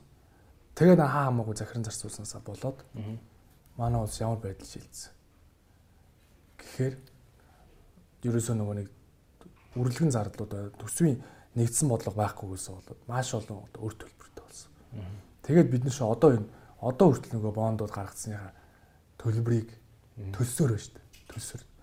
Тэгэхээр биднэрт нэгдсэн төсвийн бодлого барьж явахын тулд чинь ардын нам бол 16 онд яг үндэ бол үнэхээр замбраагүй энэ одоо зах замбраагүй байсан эдийн засгийн бодлогыг төсвийн бодлогыг бол бас нэг чигт нь барьж бас үргэлжсэн одоо бүтээн байгуулалт энэ олон төсөл хөтөлбөрүүдийг урагшлуулсан уу гэвэл урагшлуулсан байхгүй. Тэгээ бид бас бүх зүйлийг үүсгэж бас болохгүй л гэж би боддог. Тэгэхээр ер нь бол яг түрүүний тэр нөгөө нэмэн өөртөг гэдэг зүйл бол ерөөсөө одоо миний яриад байгаа зүйл чинь нөгөө инновац. Инновац гэж юу юм бэ гэдэг тийм. Одоо ингээд гişүнэ одоо инновац гэдээ яри тийм үү. За одоо за бид нар бол одоо юу гэдэг чинь компьютерийн чипс үйлдвэрлэхээс бол өнгөрцөн гэж хараад байгаа одоо израилчуудыг барахгүй тайвануудыг барахгүй. А 90 онд уг нь хамт эхэлсэн алдцаад эхэлсэн байсан бол барах магадaltaй. А магадгүй юм эрүүл мэндийн ийм уламжлалт мэдлэг дээрээ суурилсан Монголоос өөр газар урагдгүй зөвүүн юмнууд дээрээ ийм бүтээгдэхүүн ивэл бол гарах магадлал одоо гэхдээ ингэж хэлэх хүн олон байдаг штэ. За одоо ингээл инновац инновац гэлэн тэгэл хизээч монгол хүмүүс нь хөгжөөл гад Японуудтай, Тайвануудтай өрсөлдөх өрсөлдөх те одоо хятадын тэр шинжээний амар лабораторийн эрдэмтдтэй өрсөлдөөл инновац шингэсэн бүтээгдэхүүн гаргахыг хүлээх юм байгаа те. Хизээж эдийн засгийн тийм болох юм байгаа ингээд айгүй хол санагдаад. Наа чин бүтггүй шүү. Зүгээр л энэ нүүрс зэсээ зараал энүүгээр айтаахан идж уулгүй ингээл зам хамаа барайл айтаахан амьдрчвал яасан юм бэ? Тэр нүүр нүүрсийг гаргаад одоо нүүрсээр нь гаргаад байна шүү дээ. Хэрвээ нэмэн өртөг шингээвэл ард түмний амьдрал хэрэг гэж би яриад байгаа байхгүй. Нэмэн өртгөн. Тэгэхээр тийм шингээх хүн хідэн баяжгүй биш. Гэхдээ шингээх хэмжээнд бид нэр хурдан хөгжиж чадах уу? Та юу гэж одоо чинь юм штэ. Манад нэг алдаа байна. Энэ 23 мянга гаруй патент мэдүүлсэн байгаа гэж байгаа. Оюуны өмчийн газар.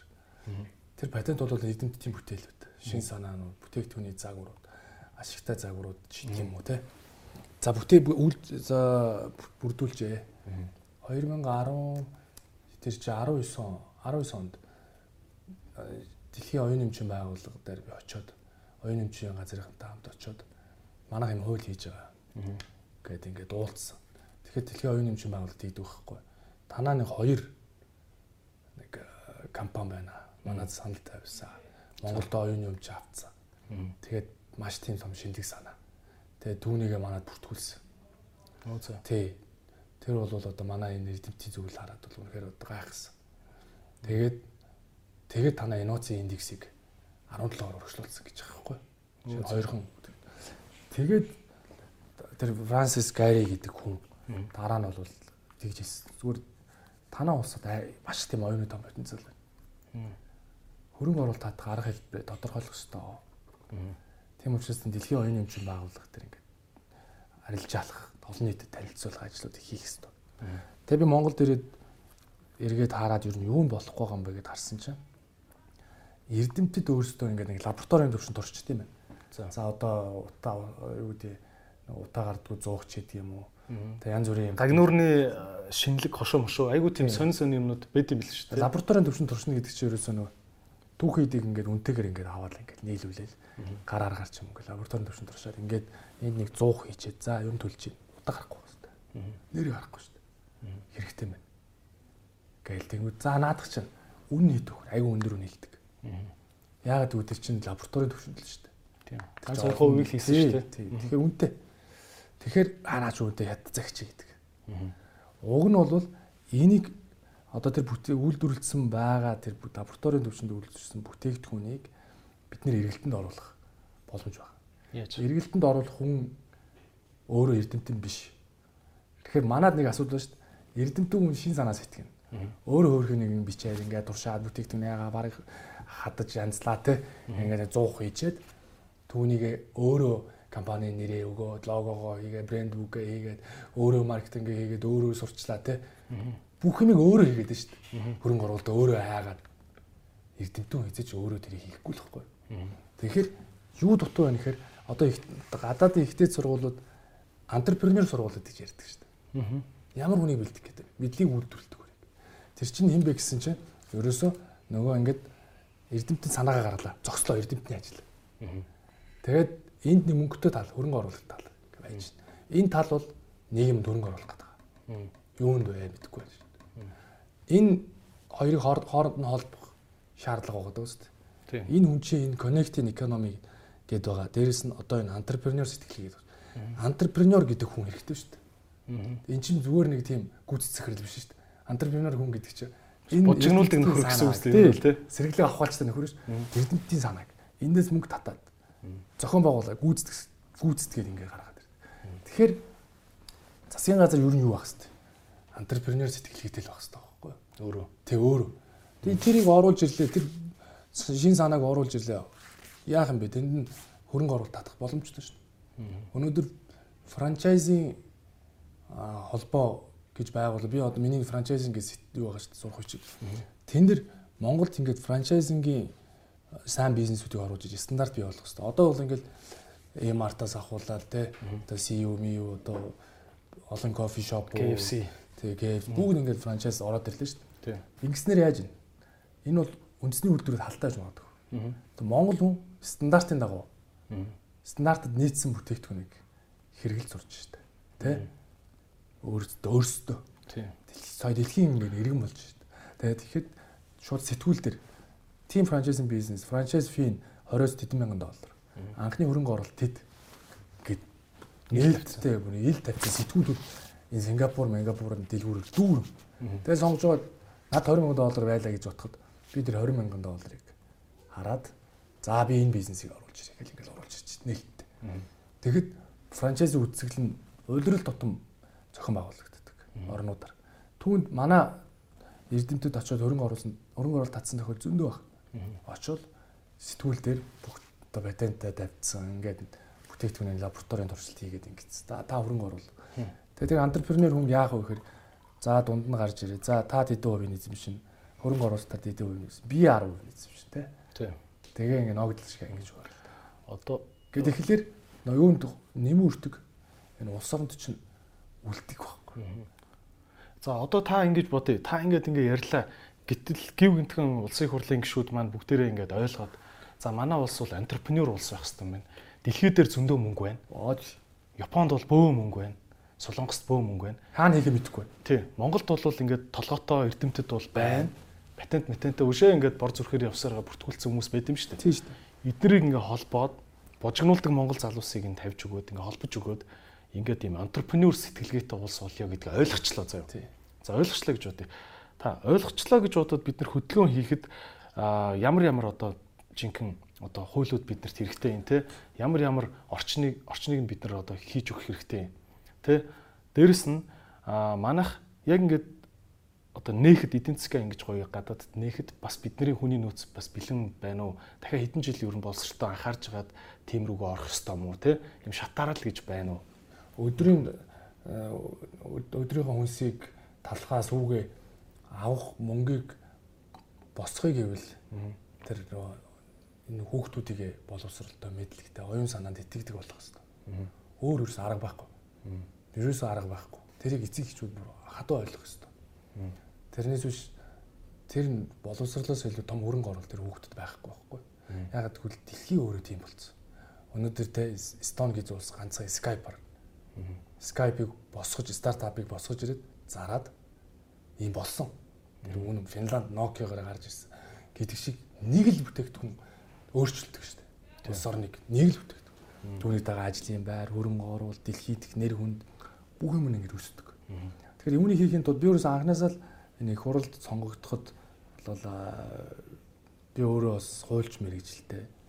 Нэгт хоёрт бол бас олж авсан мэдлэг боловсрлоо улс их орондоо зориулъя гэдэг сэтгэл зүгээр л би энэ улс төрд орсон.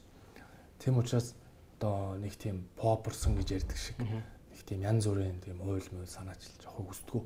Өнөөдөр ойлгохгүйч маргааш хэрэгтэй. Тийм одоо өв легасиг нь үлдээ яа л гэж. Тийм учраас их хурл би орж ирээд хийсэн ойлууд бол одоо чинь яг энэ мэдлэг суурилсан эдийн засгийг бий болгох гэж л эхлүүлсэн. Одоо инновацийн хуулийн нэмэлт өөрчлөлтийг инновацийн хуулийн шинээр батлуулсан.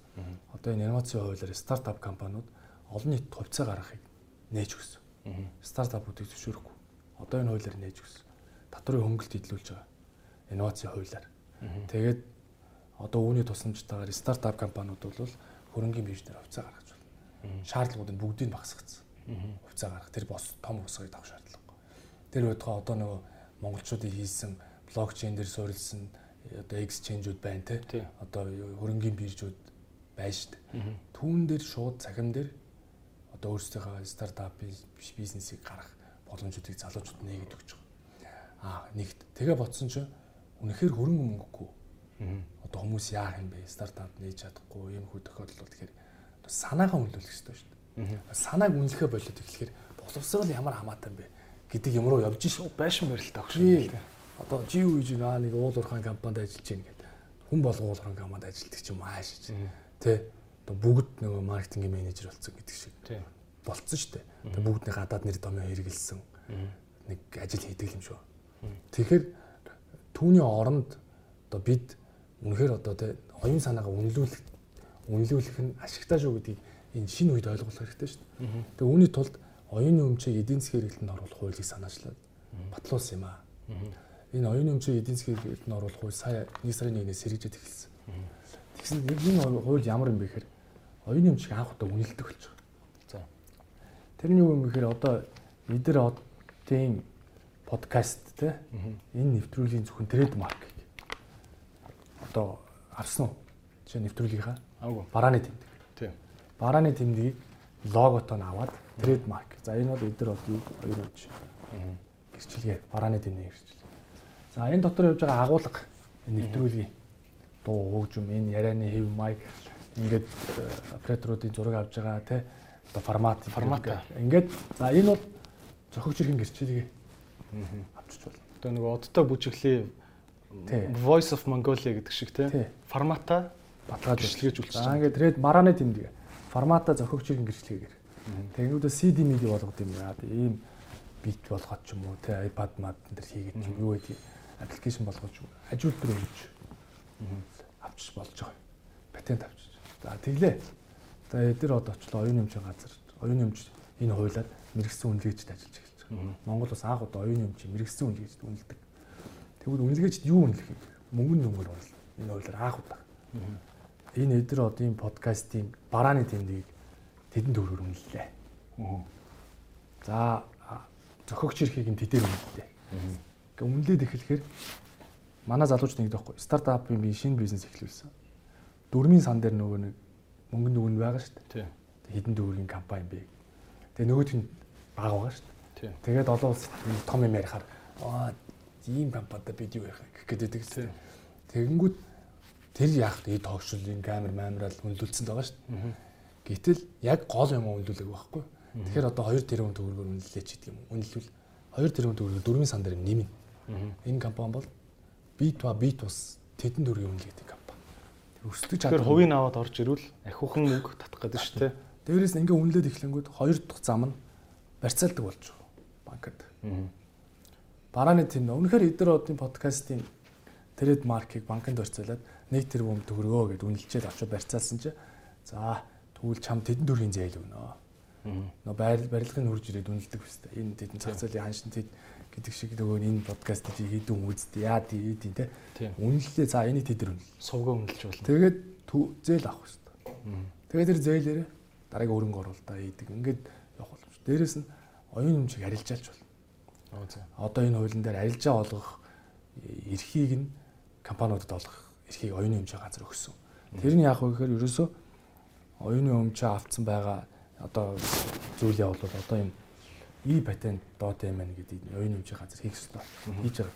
Тэгээд тэд нар дээр ингээ оронгууд шууд ингээ кодоор нь уншуулаад за энэ дуучны одоо тэр дууг Жанцны урууга мантхас цаатны хөгжмийг бүртгээл шүү дээ. Дандаа үнэлгээтэй. Тэгээ би өнөөдөр мөнгө хэрэг боллоо. Эдрээ өнөөдөр мөнгө хэрэг боллоо. За би подкастынхаа барааны тэмдгийг өнөөдөр зарлаа тэ. Ингээл тавихад хин нэг орж худалдаад шилждэг. Энэ ихийг олгосон. Тэгээ ихлээр одоо дуугчид уран бүтээлчид бүгд энэ барааны тэмдэг зохиогч ирэхээ. Үнэл өнөөдөр мантхас цаатны хөгжмийг үнэлэх ёстой үст. Бидний төргийн хөгжим юм би. Тэр хүн яагаад өнөөдөр жанцсан нуруугаа юу гэдгийг э, мөнгөөр би одоо хамаагүй хэлж болохгүй. Гэхдээ тэдний төрийн үнэлгээтэй хөгжмийн бүтээлүүдээ бүгдийг нь үнэлүүлээд тэгээ том нээлтэн дээр компанийнхаа нээлтэн дээр нэг тоглолол тэдэг жанцсан нуруугал өгсөн. Өгөх ёстой. Тэгээ одоо нөгөө Англи одоо энэ дуучид чинь Америкийн дуучид чинь дийдэг үстэй. Шүүн ундаж байгаа 330 минутанд тэр диско клуб миний дуу дуулагдана мөнгө шилжлээ. Тэр диско клуб тэр манайх шиг дуртай хөгжмөө авчираад орилуулж идэх газар байхгүй шүү дээ. Өнөөдөр диско клуб шиг фильм шиг бүгд ингэж 8 цагаас тийм дуу 9 цагаас тэр дуу гэдэг. Дуучтай бүгдэндээ гэрээтэй нэг нэг явна, хоёр хоёр явна. Бүгдэнд мөнгө нь орж идэг. Тийм үст. Тэгэд ингэж явах хэрэгтэй болохоос манайх ч одоо ингээл дур зоргоороо ер нь их дур зоргоороо ажиллаж ил. Иргэжүүлөө гэдэг бол ийм дур зоргоороо ажиллахыг хилдэггүй маа. Тэгээ иргэжүүлөө гэдэг бол хариуцлагатай, ёс зүйтэй, эрх үүргээ ухамсарласан ийм нийгмийг хилж байгаа болохоос иргэжүүлөө гэхээр дүрмгүй, журамгүй, ахандаа үнэлэлгүй, дүүнэртаа тийм үлгэрэлгүй ийм нийгмийн гэрээгээ ойлгохгүй юу? Тий, ойлгохгүй. Тэгээ нэг бүгдээрээ нэг тийм өөрөөсөө илүү дургу. Матаархуу. Ийм болчихлоо шүү дээ. Тэгээ эцэстийн ийм нийгмийг өөрсдөө бүтээчээд бид н хойч үеэс юу хүлээх гээд байгаа. Юу хүлээх. Бид нар хүүхэд байхдаа ахмадуудын ахмадууд аав ээж нар яриа сууж хагаад дунд нь ороод орилж идэг байгааг үсттэй.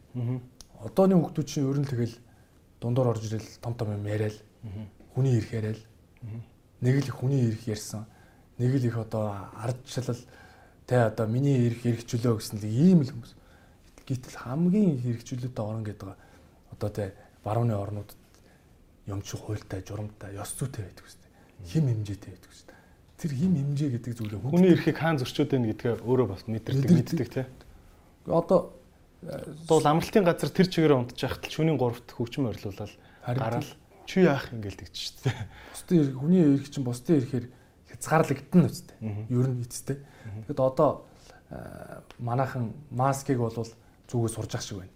Тэгэхдээ одоо юу гэдгийг машины бүсийг хойноо залаад хийждэгтэй ингээд дуурахгүй гээд.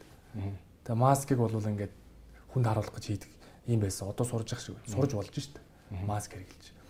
Тэгэхэд өнөөдөр 1 метрийн зайтай сууд, хэдэн метрийн зайтай суу гэл ингээд баахан журмууд ингээд бай. Тэр чинь жишээ нь ямар ч хууль гаргахгүйгээр энэ Солонгос, Японд хэрэгжүүлж штэ. Тэр чинь ёс зүйн юм хэмжээ гэж тэр хүмүүст ч тэ. Хатуу юм. Тэрээ сурвал заагаад байна тий. Заавал хуульчлах шаардлага байхгүй. Зүгээр л Япон хэн болох хэвээр. Чи бол гал юм бэлдэлтэй. Тим хүн болох хэвээр. Тэ.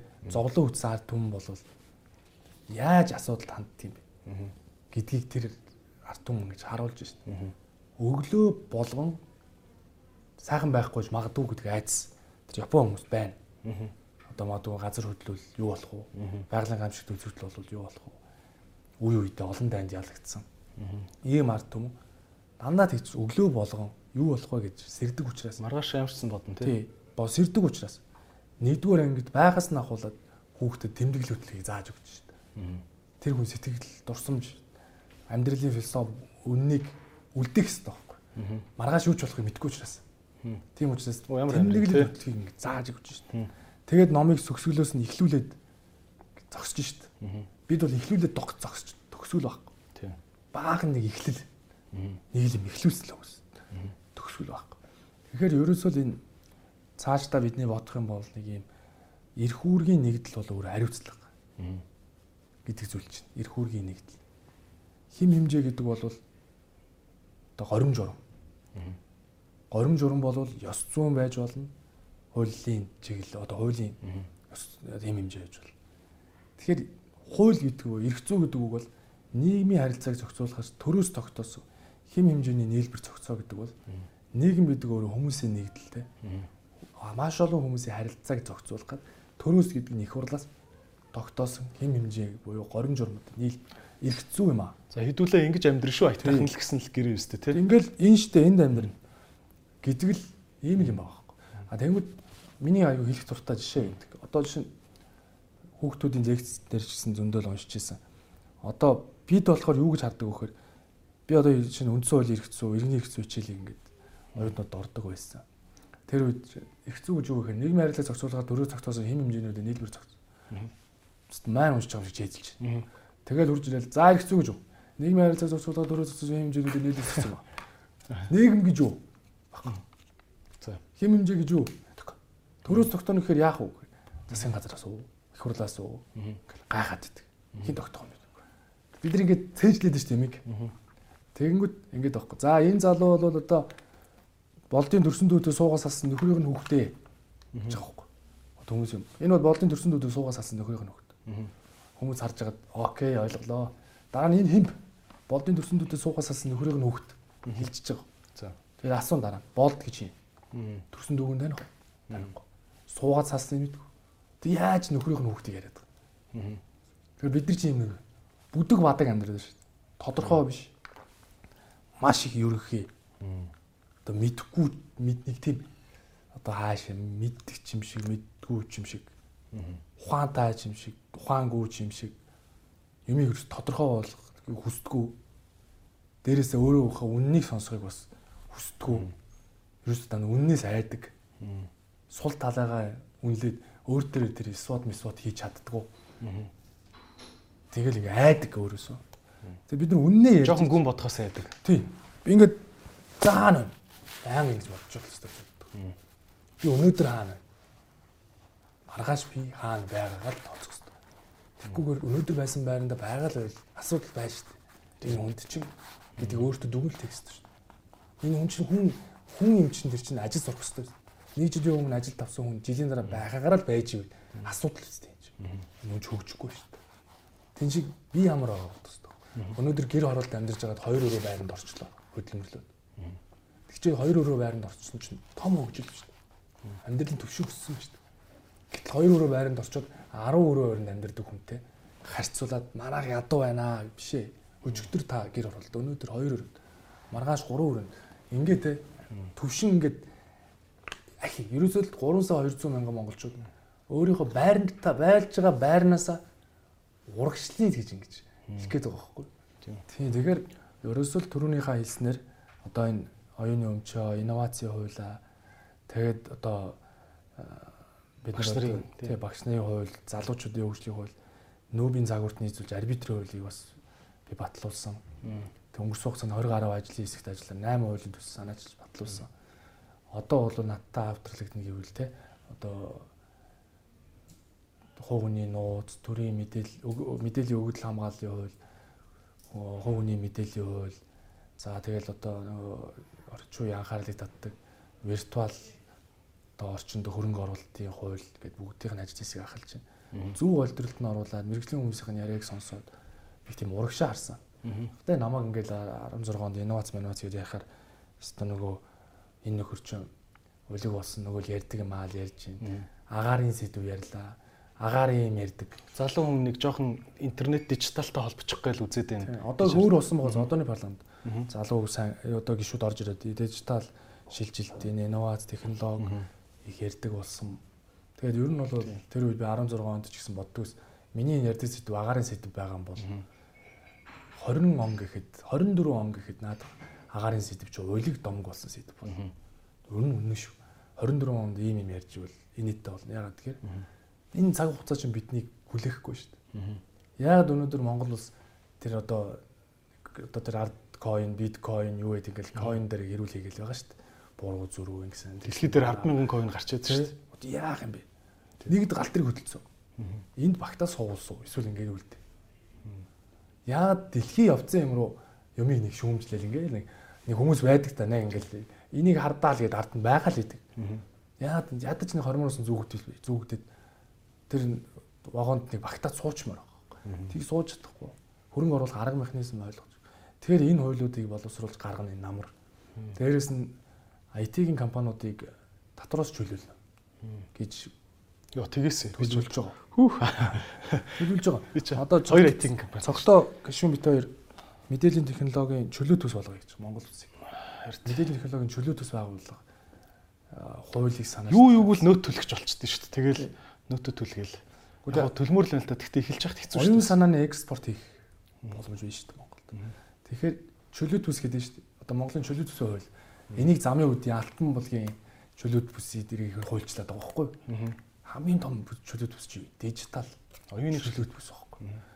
Монголд одоо чөлөөт бүс одоо дижитал фри economic zone гэд нэрлэе л та Монгол улсыг.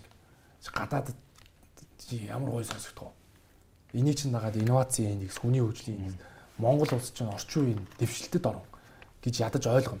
Хоёрт үүнээс дамжуулаад татваргүй бүсгээд ингээд одоо магадгүй энэ буян тухайч юм уу? Дижитал чөлөөт бүс болгоё л да.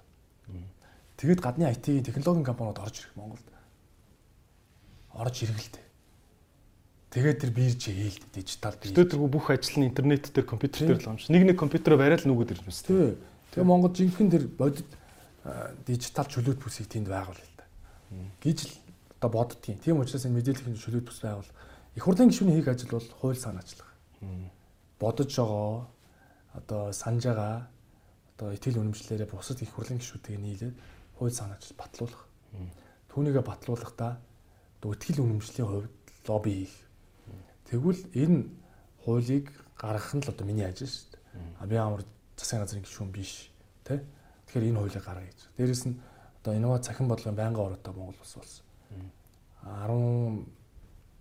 17 онд цахим бодлогын төр хорог байгуулсан шүү дээ. Тэр тэр хорон дотор нь хэн бах вэ? Инх хоёр гишүүн битээр байгуулсан. Тэгээ төр хороо ажиллаад харилцаа холбооны суур 3% батлагдсан. За тэгээ энэ удаа байнгын ороо тулсан. Байнгын ороо гэдэг чинь манай одоо 10 гишүүн байгаа. Тэгээ байнгын ороо бол энэ харилцаа холбоо, мэдээллийн технологи, үндэсний инновацийн тогтолцоо гэдэг тодорхой эрхлэх асуудлын хүрээнд хуулиудыг байнгын ороогоор оруулдаг. Байнгын орооноос ажлын хэсэг байгуулж ажиллах хэрэгтэй. Хяналт шалгалт тавих хэрэгтэй. Энэ эрхүүд бүрөө олгогдсон одоо бусад байнгын ороо яг ижлэх статус. Тэгээ байнгын ороотой болчихлоо. Төр ороог ижлээ. Байнгын ороо болчихлоо. Харилцаа холбооны хуулиудаа баталчлаа. Одоо энэ э, саяны дээр мэдээлэл э, аюулгүй байдал тэр дөрвөн хууль, дээрээс виртуал хөрөнгө оруулалтын хууль эдгээр ингээд цогцоор нь баталжвал Монгол улсын харилцаа холбоог Монгол улс өөрөө хөгжлийн урд суурь нь харилцаа холбоо юм байна. Мэдээллийн технологи юм байна гэж харах эрх зүйн орчин бүрдэнэ. Түүнийг ашиглаж эхэлнэ. А ийм боломжуудыг энэ хуулиудаар ингээ гаргачихж байгаа. Тэгээ удахгүй бас одоо ерөнхий сайд э, инновац цахим хөгжлийн цахим хөгжлийн яам байгуулна гэж бас э, төлөвлөж ярьж байгааг чуулганаар хэлж ирсэн. Тэгэхээр одоо л агентлаг гэдэг үү шүү дээ. Яг гоо агентлаг байхаар статусын зохимжгүй байна. Тэгээ яамнуудтайгаа хамтарч ажиллах гэр яамнууд нь дэрлэхэд юм шүү те. Ер нь бол эдгэж болгосон үгүй. Гэхдээ одоо тэгэл агентлаг сайд э, яамны төвшөнд харьцахад бэрхшээлтэй шүү. Тэр одоо ерөөсөө тэр инновац цахим хөгжлийн яамыг байгуулахыг бид бас маш дэмжиж байгаа. Тийм учраас шаардлагатай нь хуулиудыг намар батлагт нь оролцоод энэ 100 одоо анхны хилцүүл бэлтгэх ажлын хэсэг сайн ажиллана. Ингээд үгүй гэж бол бодож байгаа. Тэгээ ерөн засгийн газрын бүх яамдууд эдийн засгийн яам болох хэрэгтэй. Тэрний үгээр соёлын салбар эдийн засаг Монголын эдийн засагт ямар хөв нэмэр оруулж байгаа гэдгийг ярих хэрэгтэй. Дижитал улс болно гэж юу юм? Дижитал гэдэг чинь тоон гэсэн үг шүү дээ. Тоол гэсэн үг шүү дээ. Тоогоор л ярьж сурах хэрэгтэй. Тэгэхээр одоо та нар бид мэдэн штэ. За найз амьдралд ажгүй их ер нь давгүй байгаа шүү. Яаж давгүй байгаа. Тэ? Амьдрал яаж хэмжээд байгаа юм те? Сайжирч байгаа. Монгол улсын эдийн засгийн ямар ер нь байгаа шүү. Яаж дэрдэж байгаа. Ажилгүйд ямар байна вэ? Зарим сайдууд нь бүр ажилгүйд ямар байна гэхээр давгүй шүү. Бүх тийм хариулт өг. Ажилгүйд л өмнө жил хэдөө байсан. Одоо хэдөө болцсон. Ядуур л хэдөө буурсан. Яаж хэмжээд байгаа? Зөв хэмжиж байгаа юм уу? Нэмэгдсэн юм? Хэмжээд байгаа. Тэгэхэд өнөөдөр э, хятадд тэг коммунист намын 100 жилийн ойгоор ярьж байгаа юм сонслоо. инновац, технологи, ажлын байр, ажилгүйд 2040 он гэхэд тэдэн он гэхэд хятад улс ядуу болно, ажилгүйд тэдэн хувиар буурна. 200 сая хүнийг ядуурлаас гаргана гэдэргээ зөрилт мөрөлттэй тийм шүү дээ. Тэр чинь цаадлаа ярьж штэ. Тийм. Зорилгоо ярьж штэ. Тэр шиг манай улсын сайдууд бүгдээрээ тоогоор ярьдаг болох Гэхдээ ерөнхийдөө дээрж чинь гэж болох хэрэгтэй. Соёлын яам нь, боловсрал яам нь, харилцаа холбоо бүх салбар Монгол улсын эдийн засагт нэмэр болох хэвээр. Тийм. Тэрнээс биш бүх салбар зарлага үүсгэхийг хинч чадна штэ. Бид нар энд хэдэн төгрөг тавьчаад энийг хуваарлаа зарцуул чи санхүү чи соёлын салбар чи боловсролын салбар чи зам тээврийн салбар гэвэл ямар асуудал байна. Тийм яаж мөнгө олж ирж байгаа. Зам тээврийн салбар яаж мөнгө олж ирэх. Уул уурхайн салбар яаж мөнгө олж ирж байгаа. Соёлын салбар соёлоор дамжуулж яаж мөнгө. Эрүүл мэндийн салбар Монголд ямар санхүүгийн эдийн засгийн нэмжлэг үзүүлэх гэдэг юм. Бид нар одоо эрүүл мэндийн салбар гэд бодохоор эмнэлгийн төсөв баах эмчнэрийн цалин тэгээ ингээд төсвөөс нэг мөнгө гардаг нэг ийм салбар байдаг гэл хайчдаг те хизээч эрүүл мэндийн салбар хөгжөөд амар сонгодоо шиг амар амар эмнэлгүүдтэй болоод дэлхийн орнуудаас Монголд ирж хүмүүс мэс засал хийлгээд Монгол эмчнэр долларын орлого олох тухай юм. Орлого олдог салбар болно гэж юусаа тэгж харддаг юм шиг те. Тийм. Ер нь л энэ орлого олох зорилт тавьмаар бүх салбар бүх салбарт. Би бол тэгж л бодоод байгаа. Тэгээ одоо боловсролын салбарч орлого олох боловсрол шинжилгээ ухааны салбар бол орлого болох хэрэгтэй. Энэ эрдэмтдийн бүтээлийг эргэлтэнд оруулах хэрэгтэй. Улсаас хэдэн төгрөг төсвөө төсвөөс авчаад шинжилгээ ухааны технологийн сан байгуулчаад яаж сонгон шалгуулж байгаа юм гэдэггүй. Тэгээ 15 эрдэмтэн тойрол хэдэн төсөл авлаа шүү. 15 дандаг мөнгө өгд юм уу? Нөгөө хэд нэг төслөө солиод солиод солиод хаач юу ч болд. Ядаж энийг нээлттэй болгох. Яагаад мөнгийн хөрөнгийг байгаар нь байлгаад идэв. Ирээдүйн сан 1.2 ихнээ төгрөг байна л гэж зарласан. 2 жилийн өмнө одоо байж л байгаа ш тэр мөнгө. Гэтэл одоо бид юу тийм мөнгө байд юм уу төсөв дотор. Одоо одоо ирээдүйн сан гэдэг сан байгуулад одоо яг хав эрсдэл үүсвэл дээрээс нь ирээдүйд одоо захиран зарцуулах мөнгө гэж байлгаад байгаа байхгүй. Тэгэхээр одоо би юу гэж хэлэх гээд юм гэхээр тодорхой мөнгө байвал түүнийг үржүүлэх ёстой шүү дээ. Менежмент хийх ёстой шүү дээ. Одоо миний Shark Tank ч юм уу одоо олон нэвтрүүлгүүд байна шүү дээ Одоо ингээд захын хөрөнгө оруулалтын санд өгөхөд бол нэг 14 5% өсч л биш. Би нэг ийм нэвтрүүлэг хийгээсэй гэж телевизэд одоо уриалсан байна. Нэг 10 залуу цуглуулад бүгдэнд нь 100 100 сая төгрөг өгч. Та нар бага байгуулад энэ их хуржүүлсэнд нь ялагч. Тэ. 100 сая төгрөгийг 3 сарын дотор үржүүл. Хадгаламжинд хийх биш. Өөрөө би яг ийм санаа ярьж байгаа нэг хүн мэдэн шүү. Тэр нь хэлээ. Нэр ингэмэр бай. Тий. Тэгвэл Энэ ухаан багхгүй. Тэр манайх болохоор ингээ мөнгөг байгаад тэр лодо дамбугаа тунгалаг тамир дээр гардаг. Хөрөнгийг байгаагаар нь байлгаалах юм бол илжирдэг гэж те. Итгэл баяа хэлж байгаа шүү дээ. Хөрөнгийг чинь байгаагаар нь байлгавал илжирд юм аа. Лодо дамбугаа тэр үед хэлсэн шүү дээ. Одоо хүртэл бид ерөөс илжирдэг нь ойлгохгүй шүү дээ. Одоо ер нь тийм хүн байна уу? Гудсан дороо 100 сая төгрөг гीчээд хөвчээд хүн байна уу? Ядаж тэр 100 гарч нэг машин аваад 10 сая нэмээ зарыг аа. Тийм. Гэхдээ янз бүрийн боддог болоод мөнгө эргэлдэж явах хэрэгтэй тийм мөнгө чинь эргэлж үржиж явах хэрэгтэй хөрөнгө оруулалтын сангийн хууль гэж байна даа сангийн менежмент хийж байна шүү дээ тэгээ төсөөс авсан эдэн төгрөгийг аваад тэгээд одоо нэг чөлөө төлтөгдөлгээд гараад ирэнгүүд наваач банкнд хийгээд буцаагаад өөрсдөд зээлээд дундаас нь хүүгээр мөнгөсаад байж идэг тийм улс ер нь байх уу тэгээ энийг өөрчлөөч Яагаад өдөр мөнгийг өнгөөр нь байлгаад байгаа юм. Тэ? Тэгжиж энэ улс орны эдийн засгч тэлэх тэлнэ шин. Тэгэхээр л ерөөсөө мөнгө хадгалдаг гэсэн юм уу шаах юм. Одоо тэгэл их мөнгө байгаа. Тэг яагаад байлгаад байгаа юм бэ? Одоо тийм ч учраас нөгөө нэг сангийн менежмент хийя. Тэгэхгүй бол энэ засгийн газрын гишүүн болгон яамдууд болгон ч дэрэгдээ санта. Тэр сайд өөрөө санг удирдаг болчиход байгаа юм. Сайд яаж санг удирдаг болохгүй шүү дээ. Санхүүгийн мэрэгчлэн биш үү тийм. Биш. Дээрээс нь сангийн удирдах хэрэгтэй. Хөрөнгө оруулалтын сангийн хуулийн дагуу хөндлөнгийн менежментийн компани удирдах хэрэгтэй. Хөрөнгө оруулалт менежментийн компани гэж хоом гэж. Тийм. Тэр хөрөнгө оруулалт менежментийн компани бус хүмүүсийн хөрөнгийг найдвартайгаар өсгөөд өгчээдэг. Хөндлөнгийн менежмент хийж байдаг. Тийм. Тэгэхээр тэр менежментүүдийг нь өөр хөндлөнгөд компанид өгөлтөө. Хууль нь байгаа шүү дээ. Тэгээ өгөх юм бол нөгөө нийгмийн даатгал сая ингээл мандал мандал санхүүгийн нэг тийм сая 40 тэрбум төгрөгийг олон нийтээс босгох босгоцсон гэдэг ижил шүү дээ. Тэр ч одоо мундаг байна. Тийм одоо чинь тийм мундаг чадамжтай газарт өгөлт улсын мөнгийг өгөөд одоо тэр мандалж байна уу ямар ч байна одоо олон хүүгийн нэгдэл тэгээ одоо бүгдэнд нь одоо бүгд сонгон шалгаруулад сангийн менежмент хийх хэрэгтэй. Нийгмийн даатгалын санг яагаад өөрсдөө удирдах? Хідэн хүн үүнээс ч юм болж асуудалд оров. Хідэн сайд өнөөдөр энэ сангийн чинь мөнгийг захин зарцуулах гэж байгаад аавын хаалга татав. Бид чи аимшигтай. Юу ихэ мэдэхгүй тэр сайд нь ингээ харж харж байгаа нэг хідэн банкнд хаваагаа хийчихсэн. Чи өдөр болгон гар үсэг зурж байгаа шүү дээ. Үндсэн ажил нь. Тэгээ одоо хөдөлмөр эрхлэлтийн дэмжих сангаас тэдэн төрлийн зээл гарах ёстой шүү дээ. Тэгээ гар үсэг зурчдаг. Магадгүй хайхамж байдлаар. Зарим харин тэгээ ингээд ганц тэр бичгээр асуудалд ороод шүү дээ. Тэгээд эний чинь сан удирдахаараа өөрөө цэвэр одоо тийм нэг хүнд ямар ч тийм хяналтгүй тэгээд ингээд бүх юм нь ингээд сайдтай холбоотой болгоод тэгэхээр Монголд зориг гаргаж шийдвэр гаргах албан тушаалтан байхгүй болчихлоо шүү дээ. Хэд хэдэн ерөнхий сайдуудыг аваачаад Монгол ер нь нэг дор хамгийн олон ерөнхий сайдаа шорон цуулгасан улс баг шүү тий. Кабинетээр шийдвэр гаргасан. Ганцаар хариуцлах байдаг. Тэгэхээр дараа дараагийн ерөнхий сайдууд яаж ер нь иргэний зориг гаргаж асуудал шийдэх юм бэ? Дахиад буруутгах яах вэ гэдэг. Тэр улс төрийн докторгүй байдал чинь тэ ийм байдал ч ерөөсөө өнөөдрийн байдалд хүргэлээ шүү дээ. Тэгэхээр ерөөсөө одоо э, тэр сангуудын удирдахаас холдоод бодлого барьдаг болоод тэгээд сангуудын хөндлөгийн менежментийг хамгаалаад өгөө явах хэрэгтэй. Өнөөдөр нийгмийн наадгалын сан гэж сан байна шүү дээ. Ямар байдалтай байна? Одоо эхнээсээ ахуулаад банкнуудын асуудал хөндөгдлөө. Бид чинь иргэд бухимдах нь аргагүй шүү дээ. Бид нэр сар болгоод одоо нийгмийн даатгалд 24% төлдөг. 24% гэдэг чи одоо олж байгаа мөнгөнийхээ 4-ний 1 шүү дээ тий. Одоо би бол э, яг хөө ингээд одоо жижиг дунд хэмжээний бизнес эрхэлдэг тий. Надад бол нийгмийн даатгалын мөнгө маш их санагддаг байхгүй. Компаниас авна, цалин тавих болгонд ажилтнаас давхар авна.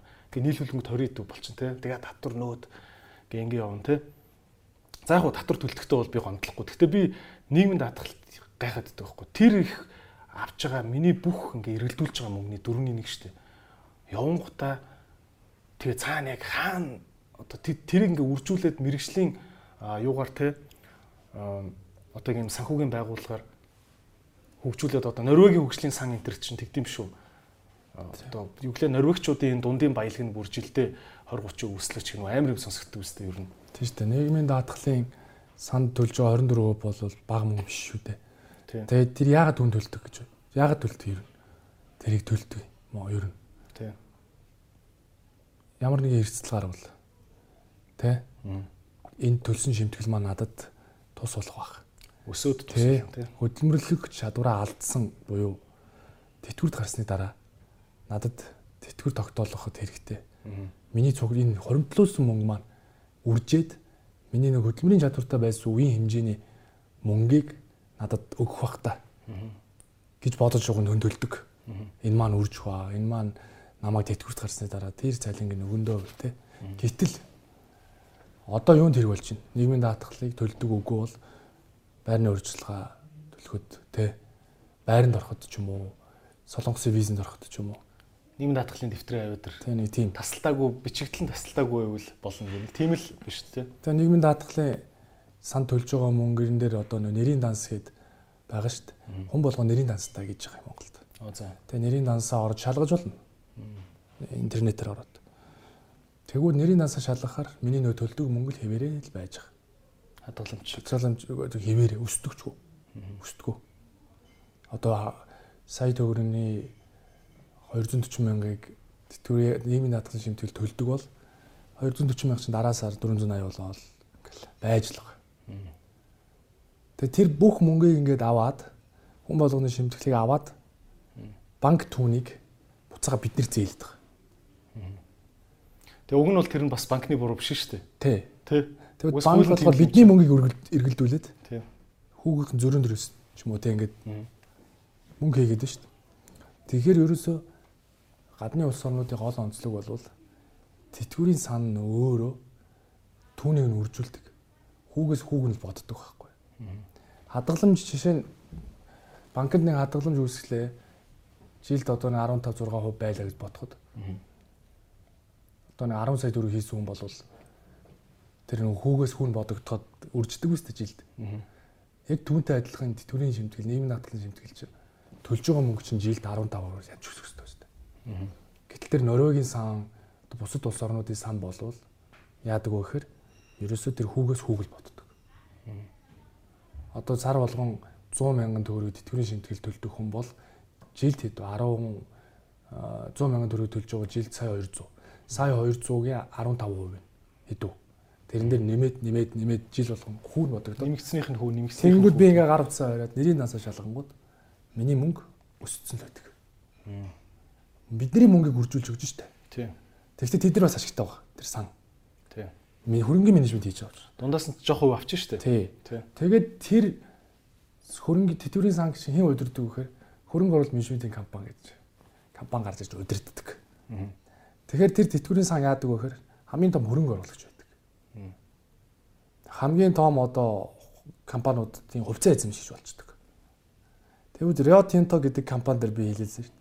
Rio Tinto гэдэг компани одоо Австралийн тэтгэврийн сангийн хувьцаа эзэмшиж байгаа байхгүй. Австрали. Rio Tinto компани Монголын оюутлогоо хөрөнгө оруулагч.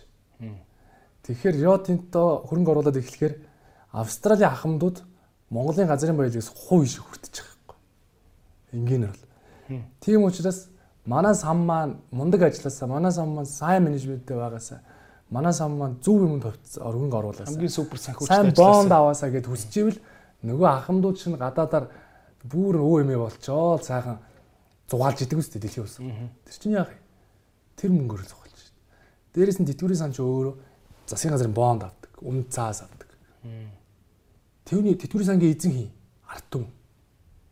Бид яагаад гэвэл шимтгэл төлж байгаа хүн болгон тэнд хувьцаа эзэм шишгийг хүртэж байгаа.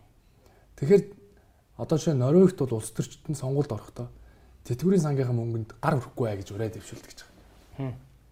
Тэр нь төсөөсөд автсан мөнгө хөрөнгөтэй. Тэгээд бид тэтгэврт гарахаараа сайхан томхон ер тэтгэв. нь тэтгэврийн сангаас янз бүрийн эрсдэл гарах юм бол тэтгэврийн санд сангаас мөнгө төрөх татахгүй гэж аахгүй. Тэрийг нь ард түмэнд зориулж байгаа байхгүй. Тэгээ ингээд эхэлж байгаа. Тэгвэл тэтгэврийн даатгал бид нэр 17% төлдөг 24%. Юу юм тэтгэвлийн даа. Одоо 24% чи 17% нь. Аа за. Ажилтан ажил олгогч 8.5 8.5 төлж байгаа. Даатвал гэхээр яа гэсэн үг. Одоо тэт нийгмийн нийгмийн даатгал дотор ч те одоо үйлдвэрлэлийн ослон мэргэжлийн шалтгаанаас өвчний даатгалыг ингээд даатгалууд байна шүү дээ. Аа тийм. Ажил а, одоо ажлын э, Ажлын байраа гинт тий, алдсных тий, байцных байгаа шүү дээ. Тэр шиг дотор нь яг зөвхөн тэтгэврийн даатгалд зөвхөн би тэтгэврт гарахдаа зориулж 17% төлдөг байхгүй. Аа за. Гэтэл тэр 17% чинь одоо сая төгрөгийн цалинтай хүн дээр бас л 170 мянган төгрөг гэж ботход ингээл жил Жигштэй. сая 700 100 тэ одоо нэг жилд барыг сая 890 мянга ч үү тэ мөнгө бий болно шүү дээ. Түүнээс хүүн бодогдоод бодогдоод бодогдоод яваад байвал энэ чинь сая төгрөгийн цалинтай хүн барыг тэтгэврт гарахад 200 гаруй сая төгрөг 20 жилд барыг хоригдлогч байгаа байхгүй. Аа. Ерөөсөө. Тэгэд одоо Монголд ч нэг хууль байхгүй. Одоо Монголд хувийн тэтгэврийн сангийн хууль байхгүй. Төрийн тэтгэврийн сангийн хууль байхгүй. Яг одоо нийгмийн даатгалын багц хуулийн шинжил орж гэж байгаа. Тэгэхдээ энийг хүлээхгүйгээр би энэ хувийн тэтгэврийн сангийн хуулийг шүд хамтар санаачилсан юм аа. Их хурлын дарга захимж гаргаад санаачлаад сая энэ шинэ парламент байгуулалтын өмнө өргөн бариад сая 10 сарын сүүлээр хилцүүл хийсэн. Анх хилц хийсийг их хурл дэмжсэн. Тэгээ засгийн газар одоо хуулиа оруулж ирнэ гэж байгаа. Тэгээ энэ хуулийг батлах. Энэ хуулийг батлах гэвэл ямар зорилготой юм? Тэгэхээр өнөөдөр голомт банкны дэрэг голомтын тэтгэврийн ууган сан гэдэг байна. Тэр сангаас эхнээсээ хүмүүс тэтгэврт гараа эхэлсэн. Яг л цалингийнхаа тодорхой хувийг сайн дураараа тэр санд хөрөнгөлөхгүй юу? Тэгээ тэр сан жилийн одоо тэдэн хувьтай байна. Манай санд одоо мөнгө хадгал бол тийг нэг ингээд банкрот нэ бүтээгдэхүүн санд болгодог гэж санд болгож. Тэгээд тэтгэврт гарсных нь одоо гараад эхнээсээ эхэлчихээр өрөмтлөгдсөн мөнгө нь 50 өрөмтлөгдсөн мөнгө шууд авч болно. Эсвэл тэр сандаа дахиж байршуулад дахиад хүүгээ хүртээд сар болгон мөнгө аваад гэж болно. Подкастын спонсор Simple App. За Simple App дээр маань 500 хүртэлх сая төгрөгийн а, бизнесийн зээлийг авч болно. Гэхдээ зөвхөн аж ахуй нэгж биш, иргэнч бас энэ зээлийг авч болно гэсэн үг. Тэгээ та бүхэн Simple цэг, бизнес цэг юмэн хаягаар ороод өөрийнхөө зээлийн эрхээ шалгаж хүсэлтэд явуулаарай. Зээл 1-ээс 3 хоногийн дотор шийдэгдэж байгаа. За мөн marketplace гэдэг хэсгийг та бүхэн ороод сонирхоороо маш өндөр дүнтэй чухал худалдаа авалт бараа бүтээгдэхүүнийг та бүхэн эндээс авч болно. Аялал, эрүүл мэнд, боловсрал гэх мэтийн олон төрлийн бүтээгдэхүүнийг энд онлайнаар авч зээлээр авч шийдэж болно. Мөн бизнес эрхлэгчид маань өөрийнхөө бараа үйлчилгээг Simple Marketplace дээр тавьж хамтран ажиллах бас боломжтой байгаа. Ороод үзээрэй. Та яг одоо Simple app-а татж аваарай. Подкастын спонсор Цэник брэнд. Та бүхэнд Цэник брэндийн олон төрлийн гоё эрүүл мэндийн бүтээгдэхүүнүүд байдаг. Өнөөдөр та бүхэнд элэг хамгаалах бэлтгэлийг танилцуулж байна. За тэгээд орны ангаах ухаанд маш одоо үнцэнтэй ургамлууд болох та бүхэнд чихэр үсний ханд, улаан чавганы ханд, үзмэн модны ханд гих мэт ийм эми ургамлуудыг агуулсан бэлтгэл байгаа. Бас маш гоё савлгаатай зөвхөндөө игээд аваад явж болно. За тэгээд энэ бэлтгэл маань хордлогоос сэргийлэн, шар тайлан, илгэний өөхлөлт, илгэний үрвсэл хатуурал зэрэг одоо илгэний эмгэгүүдэд маш сайн. Тэгээ та бүхэн өдөр бүр бүх насныхын хэрглэж болно. Им бус эрүүл мэндийг дэмжих бүтээгдэхүүн байгаа. Тэгээд уухаасаа өмнө нэгийг уусныхаа дараа нэгийг цэник бүтээгдэхүүнийг хэрэглээрэй. Одоо уг нь бол одоо уг нь бол улсад төлдөг тэр улсаас тэтгэвэр авна гэж одоо горилж улсад баахан цалингийнхаа хувийг төлжсэнээс би хувийн тэтгэврийн санд мөнгөө хийлээ. Надад тэр нь илүү ашигтай байна гэж тэгж яаж болох вэ одоо? Одоо Одоо ч нийгмийн даатгал төлөөг бол бүх асуудалд ордог юм шүү. 17%-ийг тэтгэврийн даатгалын шимтгэл төлж байгаа шүү дээ. Тийм. Үүний энэ миний энэ хуулиар 4%-ийг нь хувийн тэтгэврийн санд хийх сонголтыг нь нээж өгч байгаа. Жишээ нь одоо цаа төлж байгаа мөнгөөс илүү мөнгө авахгүй гэсэн санаа. Тийм. Алба одоо албан журмаар.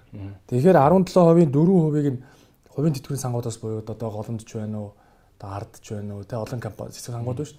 Энэ сангууд одоо Tesco компани энэ төр ч гэсэн бас ийм тэтгэврийн сан байгуулаад төрийн бүс байгууллагын статусаар ч юм уу аж ахуйн нэгжийн статусаар ч юм уу ингээд хэлбэрүүд нь хуульчлаагүй учраас өөрөөр хэлбэрээр тэгсэн мөртлөө ажилчид тодорхой шимтгэлээ компанидад үл нэмэлт төр сайн дураараа. Тэгвэл тэгээд хэдэн жилийн дараа мөнгө чи ингэж үржинэ. Гэнгүүт хоёр тэтгэврийн сангаас мөнгө аваад шүү дээ 2-аас 4-өөс. Тэрийг одоо би угаасаа төлж байгаа 17%-ийн 4%ийг нь 140 мянгаыг нь юу 130 мянгаыг нь улсдаа төл төрийн тэтгэврийн сандаа төл 40 мянган хувийн тэтгэврийн сан төлөх гэж байгаа. Тэгээд төтгөрд гараад эхлэнгүүд хоёр сангаас мөнгө авах гэж. Тэгэхээр тэтгэврийн сандаа байгаад эхлэнгүүд ингэх юм байна.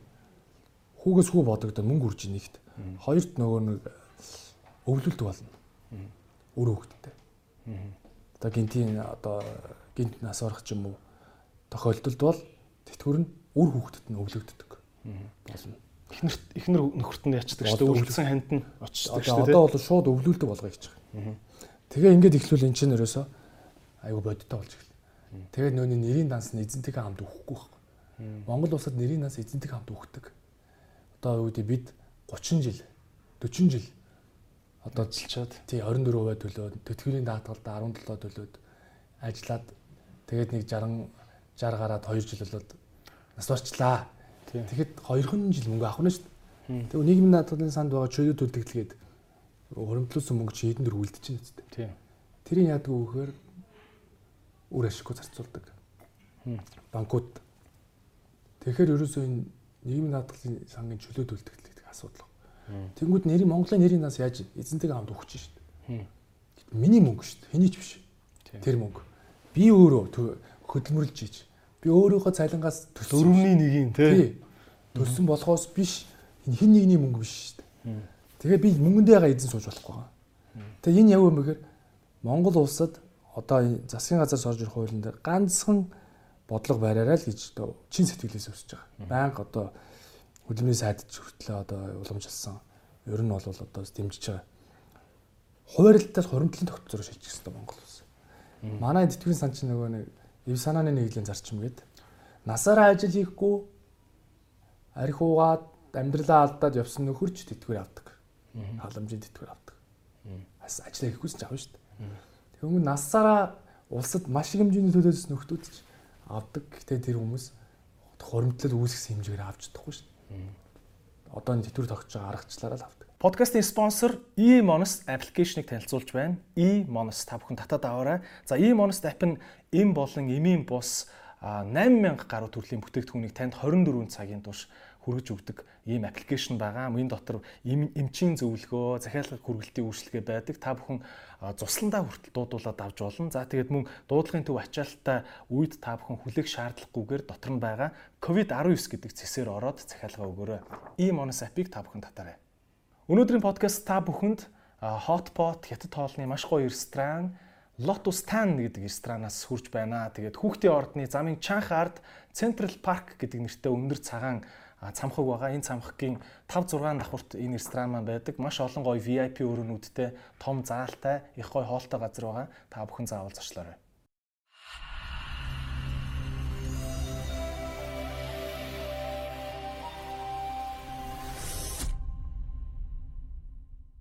сүүлийн 7 жилийн цалингийн дундаж жилүүнийг тийм л тэгж тогтоологдог жилүү. Тэгээ тэтгэврээ өндөр тогтоолгоно гэд ингээд нэг байгуул улсын байгууллага дотор ингээд сүүлийн 2 3 жилээ ингээд хүзэр тоглоол сууж идэм байл шүү. Зарим өгчүүд.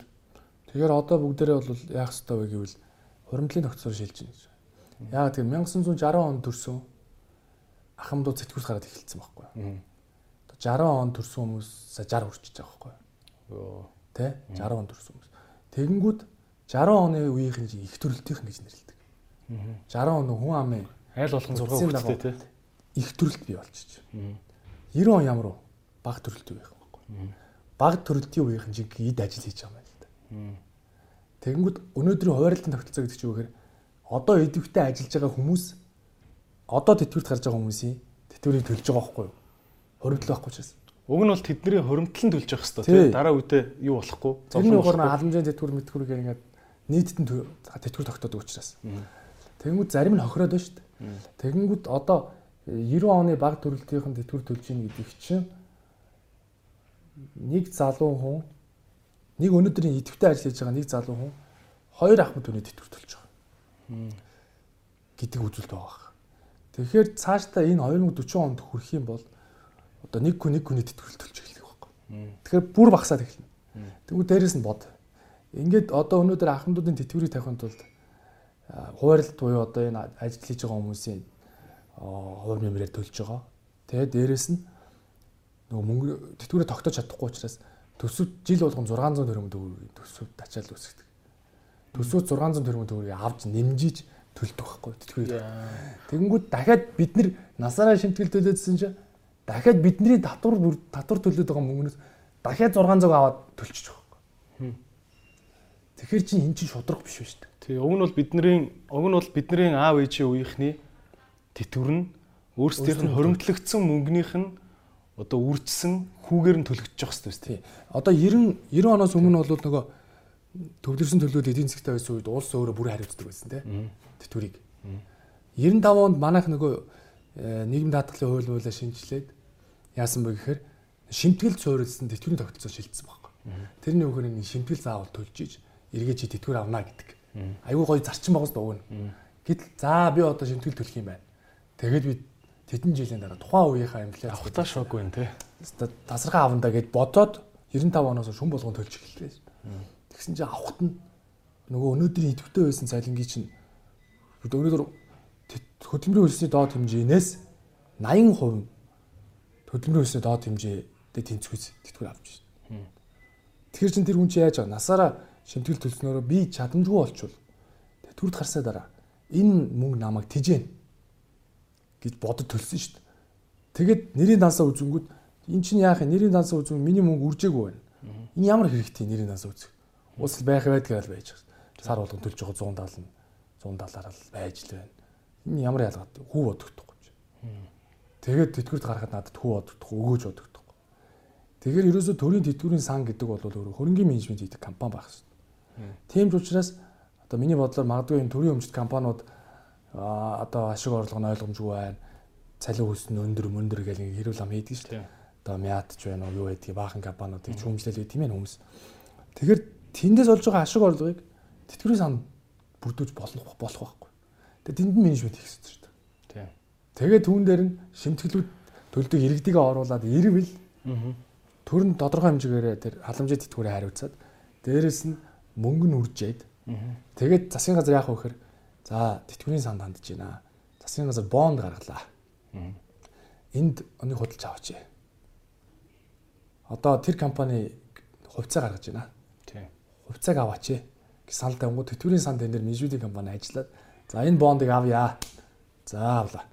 Хувьцаа авлаа. Хувьцааны зах зээл 5 жилээр өслөө. Тэгэнгүүт зах зээл өсөд ихэнгүүт нөгөө бидний төлж байгаа шимтгэл чинь улам л та ингээд дээшлээд эхэлж. Тэгвэл Сингапур бол яаж хийсэн бэ гэхээр орон сууцаа хамт ууяад одоо хуримтлалын нэг санкцын сан байгуулад одоо тэр сан дээрээ одоо тэр нөгөө хөрөнгөний менежмент хийгээд тэгээд тухайн сан нь өөрөө үл хөдлөх орон сууцуудад хөрөнгө оруулцдаг. Тэгэнгүүт орон сууцанд оруулчингууд нөгөө багш нарын чинь инженерийн чинь орон сууцанд хөрөнгө оруулж шít.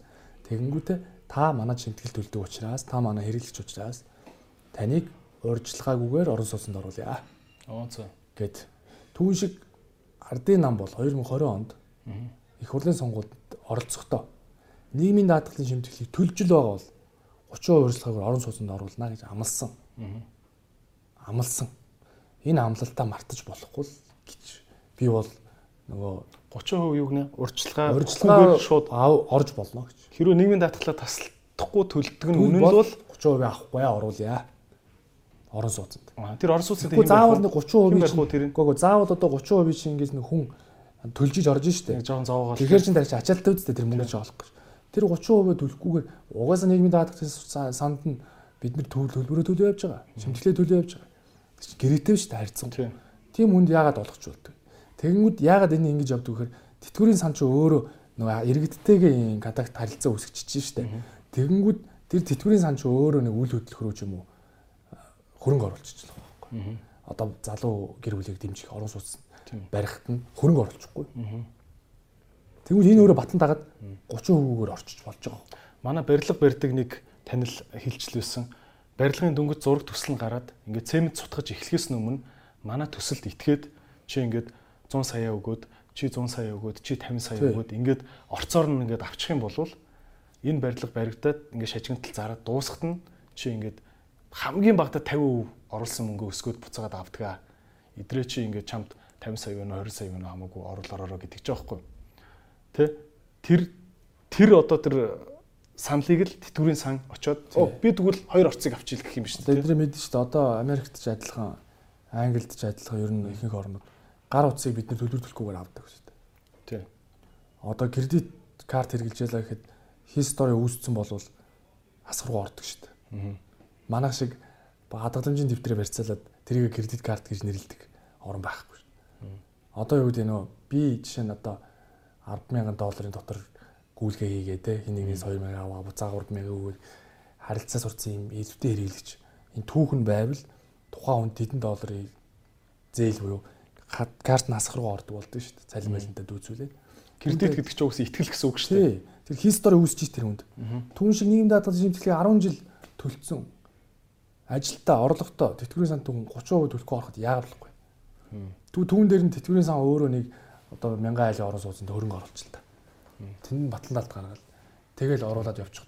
Төр өн дээр оролцвол төрийн тэтгэврийн сангаа байгуулаад тэр төрийн өмчиг компаниудынхаа ашиг тэнд хөндлүүлж байгаа үйл хөдлөлгүүд хөрөнгө оруулж л та. Тэгээд иргэдийгээ тэнд нь шивтгэл төсөн бол оргод оруулж байгаа. Тэгээд тэдэн жилийн дараа өөрийнх нь нэр дээр шилжүүлж. Энэ ерөөсөө тийм хүн юм биш байхгүй. Бид нар ерөөс болохгүй байгаа юм бол байгаа мөнгийг үржүүлж л зөв хэрэглүүлж чадахгүй юм тийм. Хэрэглүүлж чадахгүй байна л да. Одоо бизнес ихтгэлгээтэй залуучууд байна шүү дээ. Али чи гараад ирээ тэгээд шууд мөнгө олоод ирдэг. Одоо нөгөө Норвегийн баялагын сан энтер гэж яригддаг тийм хамгийн алдартай сан тэгэл энэ юуны арабуудын бас баялагын сан энтер гэдэг байдаг тийм. Бай юу бах. Энэ баялагын санг яг хинээр өдөрдүүлтээ. За одоо ингээд бага хүмүүсийн тэтгэврийн мөнгө ингээд цугларчлаа. Тэг эрсдэлсэн. За 40 тэрбум гээд 50 тэрбум гээд. Магадгүй эрсдэл. Энийг одоо ардын гавыг ахт өгөх юм уу? Мандлын ганц зэрэг ахт өгөх юм уу? Энийг хинт яаж хуваалж Одоо шүү дээ тэр ард байна уу, голомд байна уу?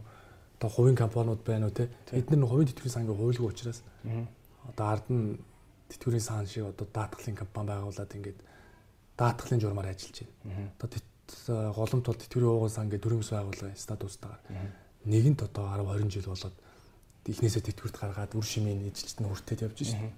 Тэр айгүй тийм сэтгэл хангалуун байж тэр их.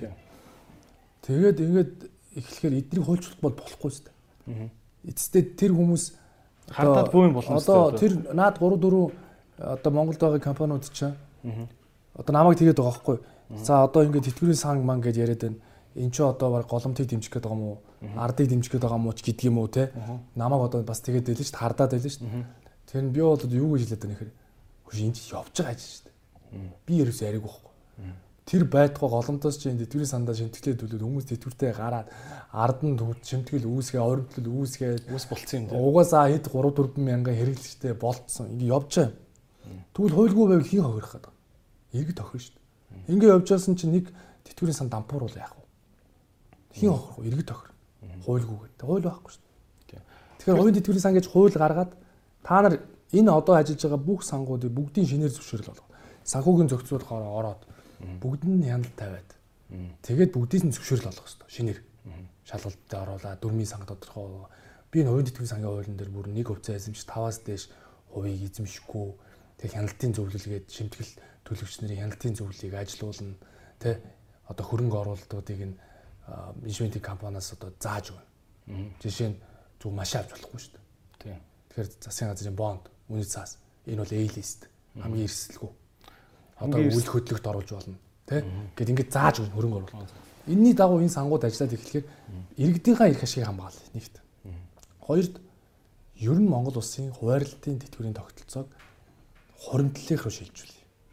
Хүүгээс хүү бодуулдаг систем биш. А ингээд ирэх юм бол төр өөрөө тэтгэврийн сангаа байгуулъя. Одоо хуримтлалын нэгдсэн сан гэд байгуулна гэд одоо манай засгийн газар ярьж байгаа. Энэ хуримтлалын нэгдсэн сангийнхаа хуулийг оруулж ирэх баг. Энэ хуулийн дээр тэр орон сууцаа тэтгэврийн сангаа бүгд нь уяад өг. Тэгээд иргэд хуримтлал суурилжаад ирэх юм бол айгүй сэтгэл хангалуун төлөх байхгүй тэр мөнгийг. Тэгээд нэрийн нас өдөр болго харна. Яаж хүү манд бодогдсон. Яа, миний мөнгө, миний тэтгэвэр яаж Яаж өсөж байна? Манад нэг ийм сэтгэлгээ байдаг юм шиг тань санагдтгүй.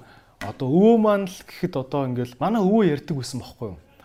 Манай өвөө штэ те залуу бахта бас ингээл улстай одоо бодвол юу ч гэдэг нэрээр одоо манай өвч ахтрын анхны тариланч ихгүй өдөр шөнөгүй ажилдаг. А юу гэлээ? Манай өвч амралтгүй ажилдаг нөгөө аим аймгийн гавшгаа энтер гээд ингээ айгу гавшгаа баригаад энтер гээд айгу шахаж ажилладаг гэсэн мөлий. Тэ өвөө ярьдаг байхгүй дурсамжаа. Ингээд өвөө нь ингээд 20 хэдэн настай 30 хэдэн настай байхдаа амралт өгөхгүй нааг ажилладаг болохоор би нэг удаа би ханаа түрээд өвчтөө хөвтөж үзэх юмсан. Дааж өвөө нь би сайтай байсан л та. Тэрөөсөө ханаа төрдгөө байсан ингээд ярьдаг гэсэн байхгүй. Тэгээд а, тэгж их ажилдаг. Тэгээд манай өвөө залуу байхдаа аймгийн засаг даргаасаа илүү цалинтай байсан гэж юм. Өдөр шөнөгүй ажилдаг байсан учраас нэмэгт айгүйх авдаг. Тэгээд ингээд нөгөө социализмын үед мөнгө үрэх юм байхгүй, гоё дэлгүүр мэлгүүр байхгүй. Сумынхаа хүүхдүүдийг, 10 жилийн хүүхдүүдийг ангиар нь кино мэнэ үзүүлдэг юм. Оо за ах нь билет авдаг чиг ингэдэг байсан гэж аахгүй хаяа. Тэ? Тэгээд өвөө хэлдэг байхгүй. Та нар шиг ийм ийм бизнес хийж болдог, наймаа хийж болдог ийм нийгэмд байсан бол хэвээр өвөө нь бол бодоо болох байсан гэж хэлдэг байхгүй.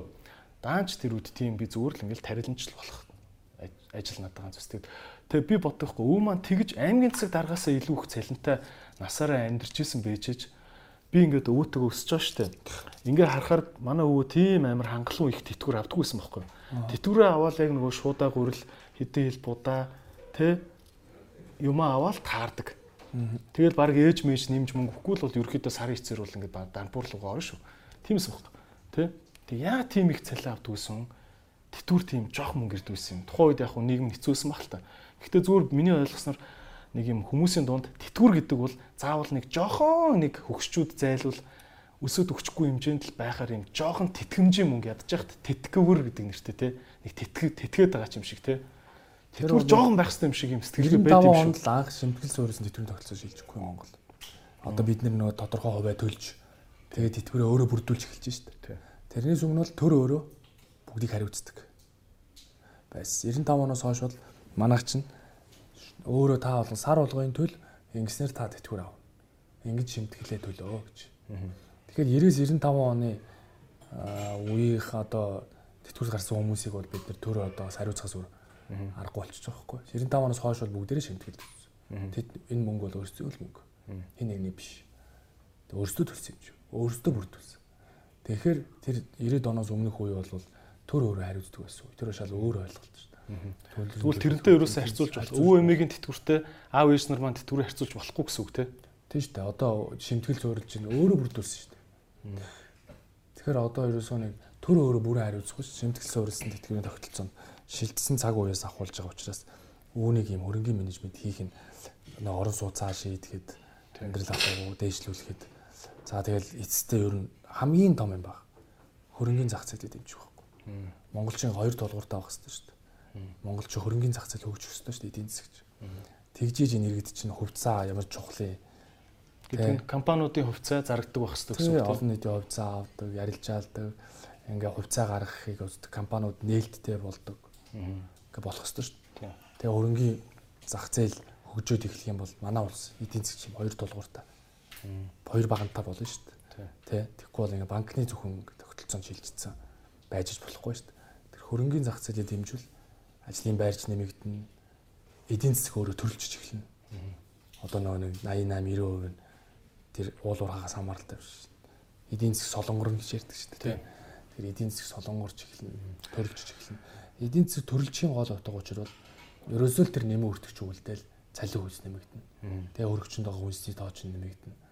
Макро эдийн засгийн микро төвшөнд мэдрэгдэж эхэлнэ. Яг хөргөчн доторх олон жанр сайжрна тий. Тэгвэл болохоор макро эсвэл чин сайжраад байгаа болохгүй байна гэдэг байгаа чинь ерөөсөө тэр технологи агуулмж, оюун санаа агуулмж өгч юм. Танаас би тэгвэл нэг асууя л да. За яг одоогийн энэ мэдрэмжээр шүү заяа. Аа яг үнэхээр хөрөнгөний одоо 90 90 оноос эхлээд ажил хөдөлмөр эхлээд тэтгэврийн шимтгэлээ нийгмийн даатгалын шимтгэлээ төлөөд явцсан хүн одоо манай ээжийн үе шүү дээ тий. Одоо утгагүй 60 хүрцгэн тий. Энэ хүмүүс хэрвээ яг ингээд үнэхээр тэр тэтгэврийн сангийн мөнгийг аятайхан ингээд аваад явдаг байсан бол жилдээ болийн нэг жилдээ 15% өсгөөд явцдаг менежменттэй байсан бол үдэд хэдийн хэдэн төгрөний тэтгэвэр тавиулаа сууж явах байсан бол одоо 20 жил 20 жил төлөөд сард сая төгрөгийн цалинтай хүн бол 230 орчим сая төгрөг. Бүрдүүлэх боломжтой. 230 шүү. За тэтгэврийн насандаа хэдэн жил амьдрах ингээ тооцоод явах уу те? 230 авч болно. Шууд авч болно. Тий. Авч болно, өвлүүлж болно. Асуурах юм бол өвлүүлнэ. Тэтгэврээ шууд тэтгэврт гараа авчиж болно. Тэгэхдээ тэр тэтгэврийн сан ямар үүрэг хүлээнэ гэж тэтгэврийг тогт тэтгэврийг өгсөөр байх болно. Насан туршид. Ийм л тогтолцоо. Тийм учраас энэ гадны ахмадууд чи юм жаргалтай амьдрал. Тэгээ энэ манай залуучууд бас их сонин. Надад хамаагүй учирлаа. Надад итгэвч ингэж байгаа байхгүй. Биднэрт хамгийн хамаатай. Яг одоо төлж байгаа шүү. Бид одоо яг төлж байгаа шүү. Бид яаж төлж байгаа? Тэтгэврт гарахад аваа хэдэн төгрөг сар бол авна да гэж төлж байгаа шүү. Одоо бид ярихгүй бид нар одоо чинь хамгийн идэвхтэй ажиллаж байна. Одоо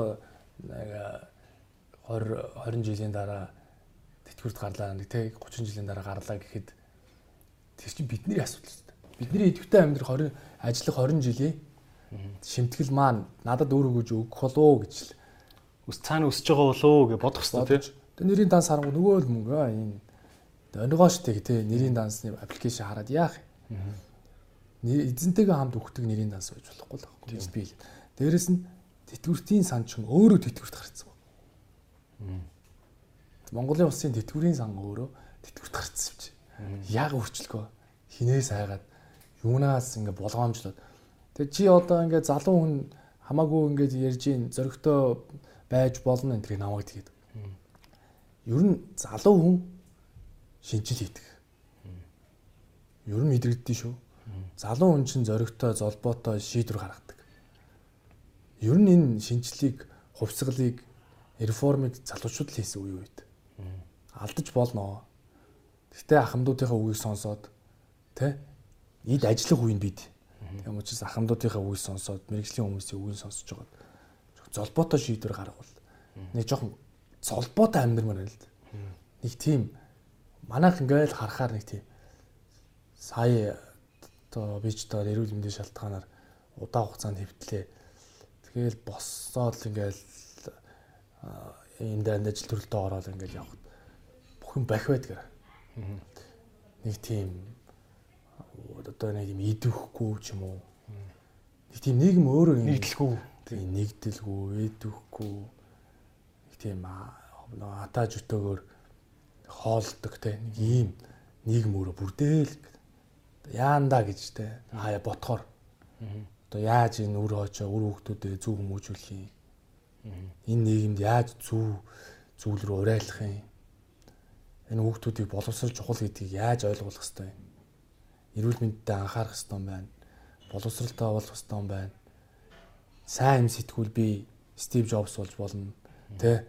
Сайн юм сэтгүүл би гэл ингээл иймэрхүү одоо нэг Элон Маск шиг болж болно ч гэдэг. Ингээд нэг юу хэрэгтэй ч тийм тийг хүмүүс чинь инспирэшн гал цог ална гэдэг ингээд те ингээл босоод ирдэг штэ. Тийм юм байхгүй ингээл өдөр хоног өнгөрүүлэл. Ер нь хүн бол энэ өвчин зовлонгийн ард бол нэг зүйлийг боддог юм байна. Энэ бол ер нь алхам болгоно. Энэ минут болгоно. Хорон болгоно хүн хайрлаж явах хэрэгтэй. Энэ зүгээр өнгөрөөсөн цаг бодлого ямар хүнцэнтэй. Энэ нэг хүн цэнийг бид нар бол дэндүү одоо харамгүйгээр үрж байгаа. Хідүүлээ суулж хов базаж хүмүүлэх тэ? Шал хэрэггүй орой шүнжин сууж арх ууж пив ууж удлаа маазар нь маргааш өглөө юу ч санахгүй. Тэ? Тэгээд нөгөө нийлд сууж өөрөөсөө илүү хүнийг муулна натаарх нь тэ? Хүнийг нэг тэнгэрийн оронд явахт нь нэг сайн сайхныг хүсэж явуулж чадахгүй атаарх зантай тэгээд бүгдээрээ нөгөө нэг карманда салавчтай. Тэр нь одоо юу вэ гэхээр бүгдээрээ нэг тийм юм шиг нэг одоо юу гэсэн тэ бүр ингээл ингээл бүх бие харахаар л ингээл дургуун үрээд тийм шиг явдаг. Тэгээ яг гаргаад салавч хүнд өгч чадахгүй. Нүрээ харахаар бялдууч. Яг ийм л нэг юм бүрдсэн шүү дээ. Гайхалтай тэгэл э, хүний амьдралын Facebook дээр бол бөөн сайхан шүүмжлэн тий. Хүний амьдралын энэ цаг мөч болгон үнэтэй юм чинь. Энэ мөч болгоныг хайрлаач ээ хүн ер нь амьдрал сэтгэгдэл үлдээдэг. Сэтгэгдэл. Энэ нэг юм хүн байсан, сайн хүн байсан, муу хүн байсан. Энэ бидэнд тусалсан. Олон түмний хайр, хүч, хүндлэл энэ болгон чинь ерөөсөө хүн нийгэм сэтгэлдэл үлдээдэг. Тэрс тэр өв легаси гэдэг юм чинь зүгээр эд аяг биш шүү дээ. Учрал усыг хурлын гишүүн байх та юу хийсэн? Ямар хууль батлуулсан? Хинт хэрэгтэй юм ийсэн? Хиний амьдрал сайжирсан? Хиний амьдрал сайжирсан? Хинт тусалсан? Тэр өнөөдөр мэдрэгдэхгүй маргааш мэдрэгдэх. Нөгөө ад үзэгдсэн номын минь гар бичмэлийг алтаар үнэлэх цаг заавал ирнэ гэж чойном хэлсэн шүү дээ тийм. Чойном одоо ингэж хэлсэн. Түүн шиг өнөөдөр төвшөөрөгдөхгүй ч маргааш төвшөөрөгдөх ч байсан. Хийс ажил болгоно. Тэг сэтгэл зүрхээснээ хийж явах хамгийн чухал. Тийм ч учраас одоо ингээл сая намайг одоо дэмжиж урам зориг өгчтэй. Ингээл олны сайхан сэтгэлийн хүчээр өмчийн гэж урам зоригтой босч ирж байгаа. Тийм учраас Монголын ард түмэнд би бол одоо сэтгэлийн өртөө тэ намын төлөө залбирсан одоо учрал маань ийм шүү. Тэ ийм ажлуудаа хийж исэн энийг хийгэр гэд ингээ хэлж исэн тэ одоо манай дүүргийн иргэд сонгогчд тэ. Өөрөө хөрхи орон дээр хөвтцсэн 90 гарцсан өгшөө одоо манай орсон хорон даргаыг дуудаад миний хүүгийн биеинд ажгүй сонссон уу гээл тэ өөрөөсөө илүү зовж исэн тэр сэтгэл болгон ч нь өөрөө л асар их урам зориг өгсөн байхгүй. Тийм учраас ард түмэнд хэрэгтэй зүйлийг хийгээд тэгээ өхөстөө нэг зорьсон бол. А дээрэс нь энэ улс төр бол өөрөө энэ ард түмнээс олж авсан эрх мэдэл учраас түүний буцаага зориулах хэрэгтэй шүү дээ. Тэрнээс өглөө нь улс төрөө хийгээд үжин бизнесээ хийж болохгүй л дээ. Тэгэхээр энэ чинь ялгаа салгаатай.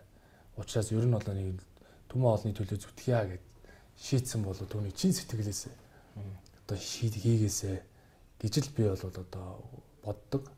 Тэгээ одоо ч гэсэн тийм л одоо үзэл бодолтой бол байгаа. Тэгэхээр энэ ямар ч гэсэн тэтгэврийн сангийн хуулиудыг за одоо ингээд сая мэдээлэл технологийн холбогдлолтой хуулиуд чинь гараад ирэхэд ядчил иргэн болгон одоо өөрийн нэг одоо social security number гэдэг шиг те нэг дугаартай дугаараар наахад эрүүл мэндийн түүхэнч байж идэг боловсролын мэдээлэлч байж идэг бүх мэдээлүүд нь гарч идэг. Банкны одоо тий хистори юмнууд нь ингээд бүрдэж идэг. Хаанд очиход тий ингээд мэдрэгд. Ингээд явах боломж яагаад байхгүй гэж. Яагаад байхгүй.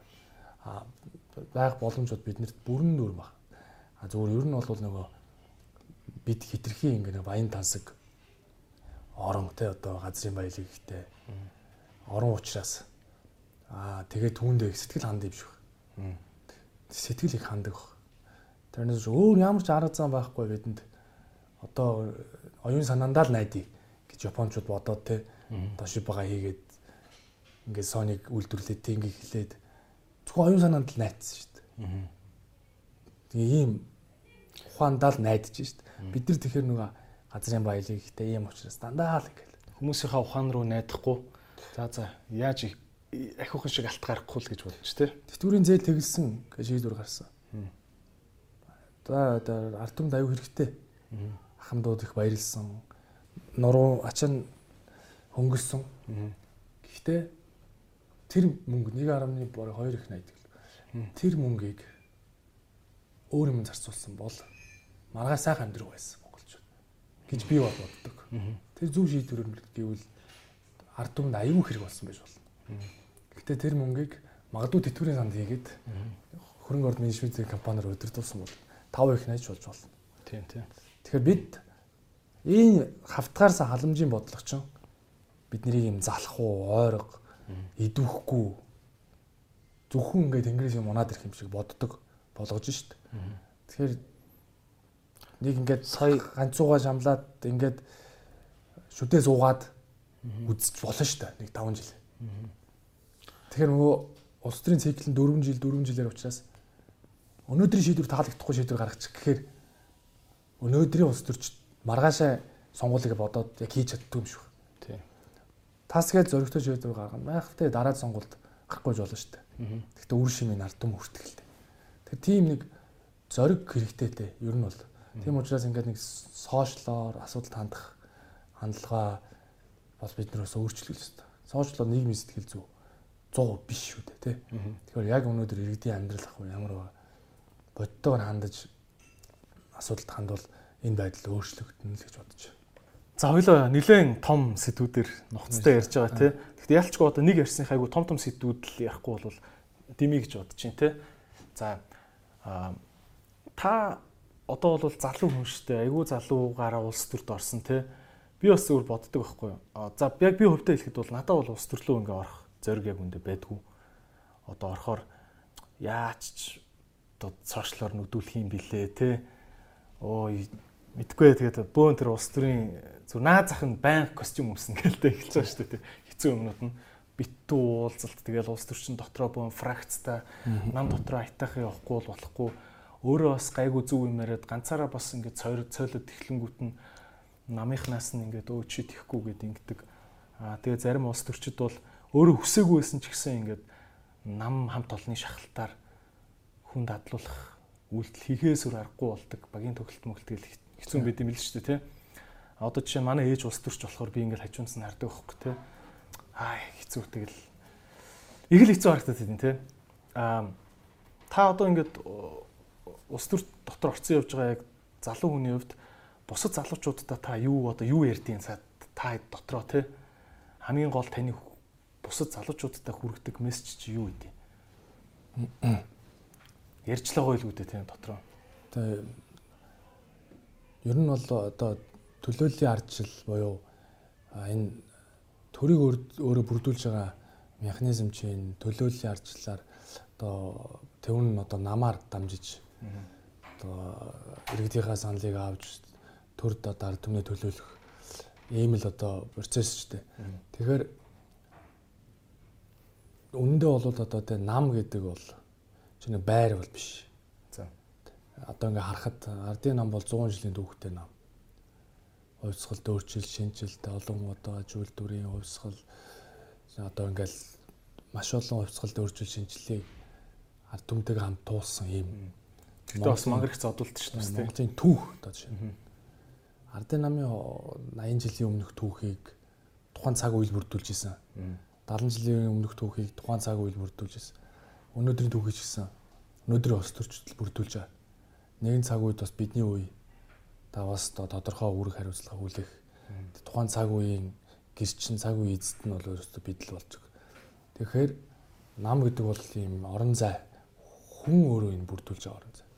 Тийм учраас тухайн намыг шинжлэх, тухайн цаг үеийн шинжлэгийг авчрах нь бол тухайн цаг үеийн хүмүүсээс шалтгаалдаг учраас нам бол яаж шинжлэгдэж болно.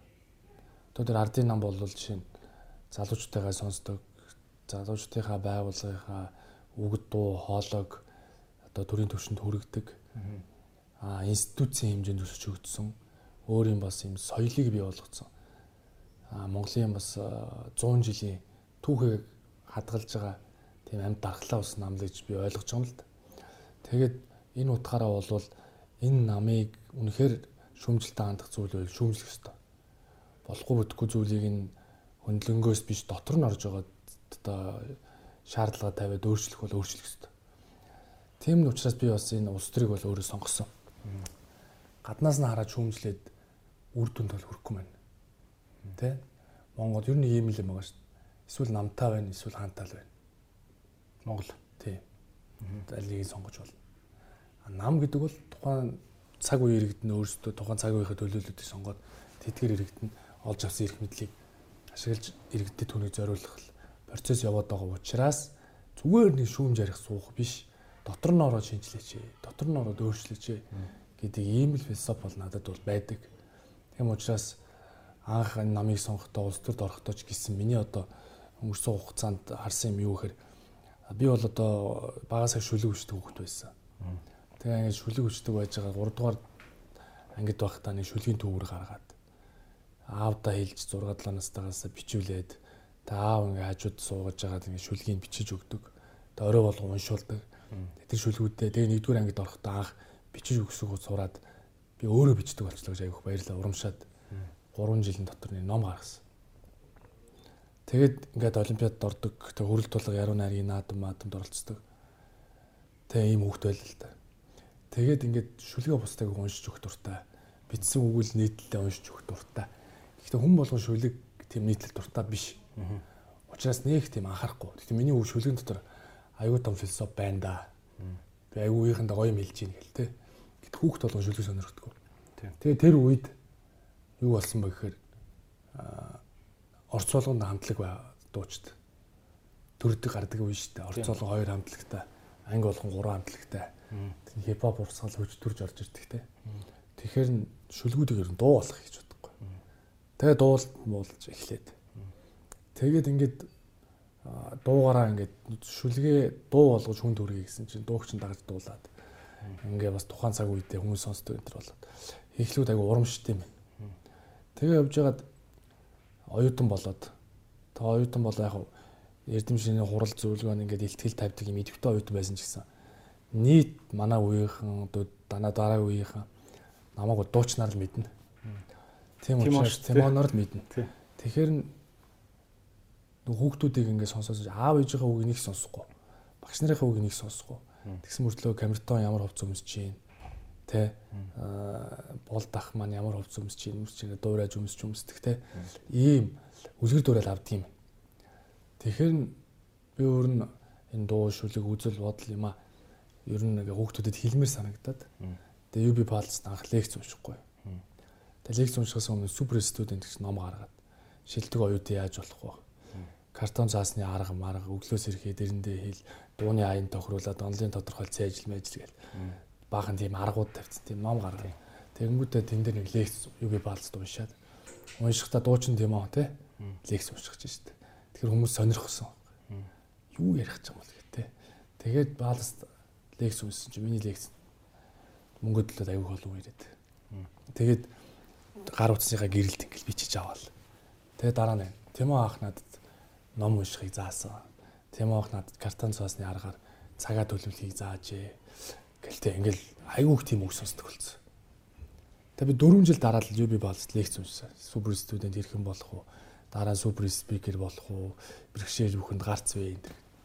Тэгээ эхлэнгүүт чи ингээд тухайн үеийн цаг үеийн оюутнууд одоо намаг аягүй сонсоод тэгээд аягүй сонсдог дуучин ч юм үг хэлэхэд тэр дүүнэр аягүй дэмжиэд манай үеийн ч гэсэн аа бас нэг зүгээр нэг хүн биш дуучин хүн лекс уншаад байгаа шин сонио шүү дээ. Тэгээд би лекс уншихтаа хүртэл ингээл дуугаа голоор нь дуулуулаад раймлаа раймлаа тэгэл тайзан дээр ширээ сандал тавиал яриад тэгэл нэг тийм entertainment маягаар үзлээ л дээ. За.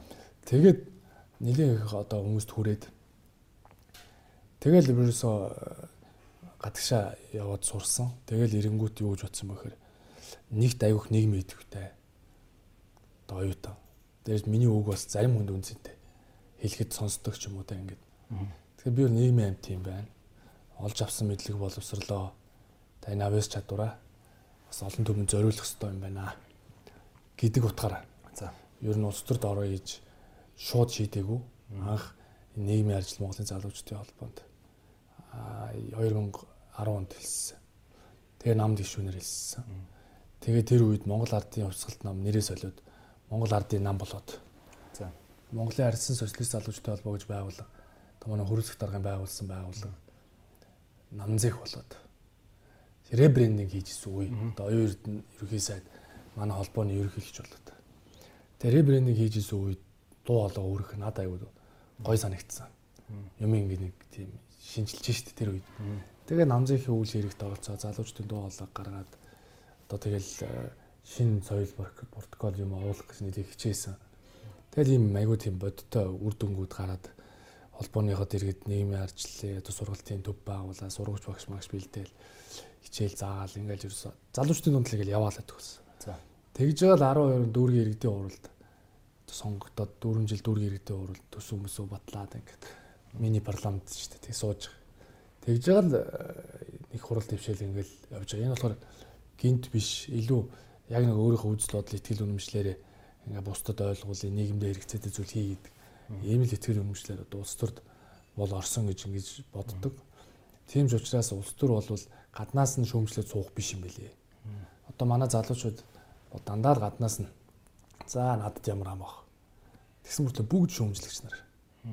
Тэгэл манай жишээ нь нийгэмд идэр одын дуу хоолой хэрэгтэй л байна. Тэ энэ үндэ одоо одоо үеийн цаахан залуучууд зөндөл байна. Одоо магадгүй би ярьснаас илүү чамаг яриул энэ үеийн залуучууд илүү одоо тэ сонсон. Танай үеийнх ингээд одоо бүр одоо манай одоо баг 12 дэх хүүхд 12 дэх охин хүртэл тэ танай одоо комедиан нэг одоо ингэ одоо юу үзэж штт. Банк тоглолтын чинь ярих ярихыг чи үзэл ингээл баярлал. Би хэлснээс илүү аа энэ эдэр ах хэлсэн гэж хурж штт. Гэтэл үе үеийн ялгаа гэдэг бол чинь өөрсдийнх нь хэлээр ярихгүйгээр өнөөдрийн орчин цагийн залуусын дуу хоолойг хүргэн тэдний мэдрэнэ гэж бол байхгүй л байхгүй. Эсвэл бид нар өөрсдөө болгоно. Тийм байхгүй шүү дээ. Цаг үе өөрчлөгдөж байна. Бид баг багта одоо хип хоп, рэп хөгжим сонсоо, рок сонсоод явхад аав ээж нараас ойлгодгүй л байсан. Аглаа өөр өөр цаг үе шүү дээ. Бид өнөөдөр эхлээд жисэн би одооны зарим дуу бас ойлгохгүй үе гарна шүү дээ. Яа бид нар ингэдэг ус яагаад бид нар ийм шүүмжлэнгүүч юм шиг. Эцэстээ энэ цаг үед хэд залуучууд сонсож байна. Өмчин цаг үеэр ингээд шинжлэхтэд явчихдаг үстэй. iPhone ч одоо 12 хүртлээр шинжлэгдэж штэ. iPhone 1 бол үн цэнтэмаа гэдэг байхгүй л үстэй. iPhone 12 хүртэл шинжлэгдэж цаг үед хинээц. Түн шиг ингээд цаг үе гэдэг бол дандаа л өөрчлөгдөж идэг нэг генерашн гэдэг юм байнга байгаа байхгүй.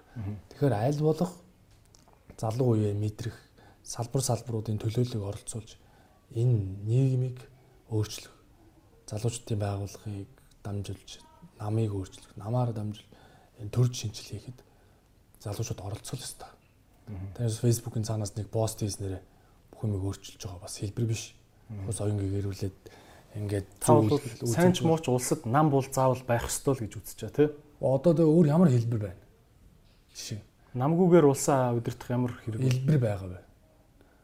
Хаан засаг байгаа тий. Парламентын засаглалтаа орон нам эсвэл төрийн тогтолцоогоо хууль тогтоог үүсгэх шүүх эрх мэдлэгээд бид нэр төр эрх мэдлэгийг хуваарлсан.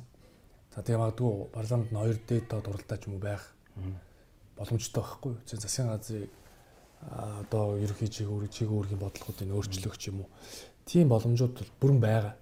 Гэхдээ сонгодог парламентын тогтоогод одоо бэхжүүлэг гэвэл намаар дамжуулж нэр дэвшигч нар өрсөлдөж тэгээд тэр нь сонгуультай ялдаг бас өөр хэлбэр бол одоо дэлхийн хүн төрөлхтөн олоог л байна.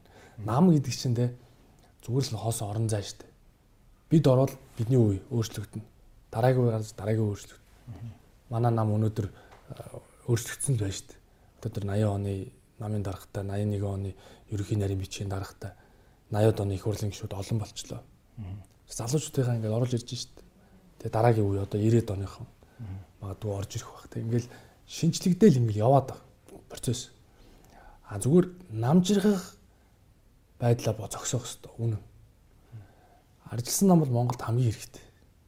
Аржилсан нам дотроо ингээл нэг юм нэгдэлгүй байгаал хоёр хуваагдаал ингээл байгаа чинь манай намын залуучдын хувьд бол аюу хэцүү санагддаг байхгүй. Эдгээр маань ивэ болоосоо. Арчсан намын одоо өндөр боловсралтай маш олон сайхан найз нөхдүүд надад бол байгаа. Тэр хүмүүсийг би үгүй сонсох хүсдэг. Тэр хүмүүстэй би парламент нэг ширээнд суухыг хүсдэг. Тэр хүмүүс намаа шинжилээд бас шин зохион байгуулалтанд ороод амжилттай байгаасаа гоё шудраг бодлогын өрсөлдөөнтэй хоёр нам бас оршин тогтноос одоо тэр бусад хөдөлмөрийн үндэсийн нам ч юм уу те бусад ингээд намууд ч гэсэн ингээд бэхжээсэ тэгжээж ингээд гоё шудраг бодлогын өрсөлдөөн би нэг хурцлаад явдаг нэг нэг үеийн нэг үеийн бөхчүүд өгдөө штэ би нэг чангаруулаа яваад идэв те. Тийм болоосоо гэж их бодох юм тэгэхээр ер нь бол энэ хэд их намжрахдаг байдал. Одоо хоёрт бол зүгээр энэ суманд одоо энэ нэг иргэдийн хурал байх шаардлага байгаа ч юм уу ч юм. 2000 хүрэхгүй газар 3 4 нам өрсөлдөө тэгээд аахыг жамээ уугдаад бүр ихнэр нөхөр уугдаад зах замаар галтлаа шүү дээ. Тэгэхээр энэ их намжиргалыг зогсоох тогтолцооны өөрчлөлт хийж бол болох ёстой. Жишээ нь одоо пропорционал тогтолцоогоор ч юм уу намын жагсаалтаар 50%-ийг нам болгон олон төндлөгдсөн улсын хэмжээнд танигдсан хүмүүс ажигсаад айлын харин зүүн гаруудын шургалдаг гоё лист болчиход идэм шүү. Ард түмэнд гологдсон хүндээ сонголт өгж болно. Жишээ. Одоо жишээ нь хүнээ дугуулж болох байхгүй. Одоо өмнө бас нэг яригчлээсэн Монгол улс бол нэг тойрог болох ёстой гэдэг 76 хүний жагсаачаад одоо нэг л хүнийг дугуулад байхад хамгийн их дугуулж зүүн нэгт хоёр дахьт ингээ ирэмлэгддэг те. Ийм байдлаар ингээ зөв хүнээ сонгох улсын хэмжээний бодлого боловсруулах оролцох хүмүүсээ сонгох ч юм уу энэ жалаг давны үзлээсээ салах ийм арга замыг эрэлхийлэх нь чухал байх гэж би бол бодож байна. Гэхдээ энэ намыг нам одоо энэ намын дэрэгдэх залуучуудыг оюутнуудыг нам гишүүнээр ирж байгаа залуучуудыг ингээд хамтаар маш их өөрчлөг ажлуудыг эхнээсээ сайн хиймэр. Үүнд одоо та нар одоо ингээд би одоо зөндөө харж байна л да ингээд манай мундаг олон залуучууд байна.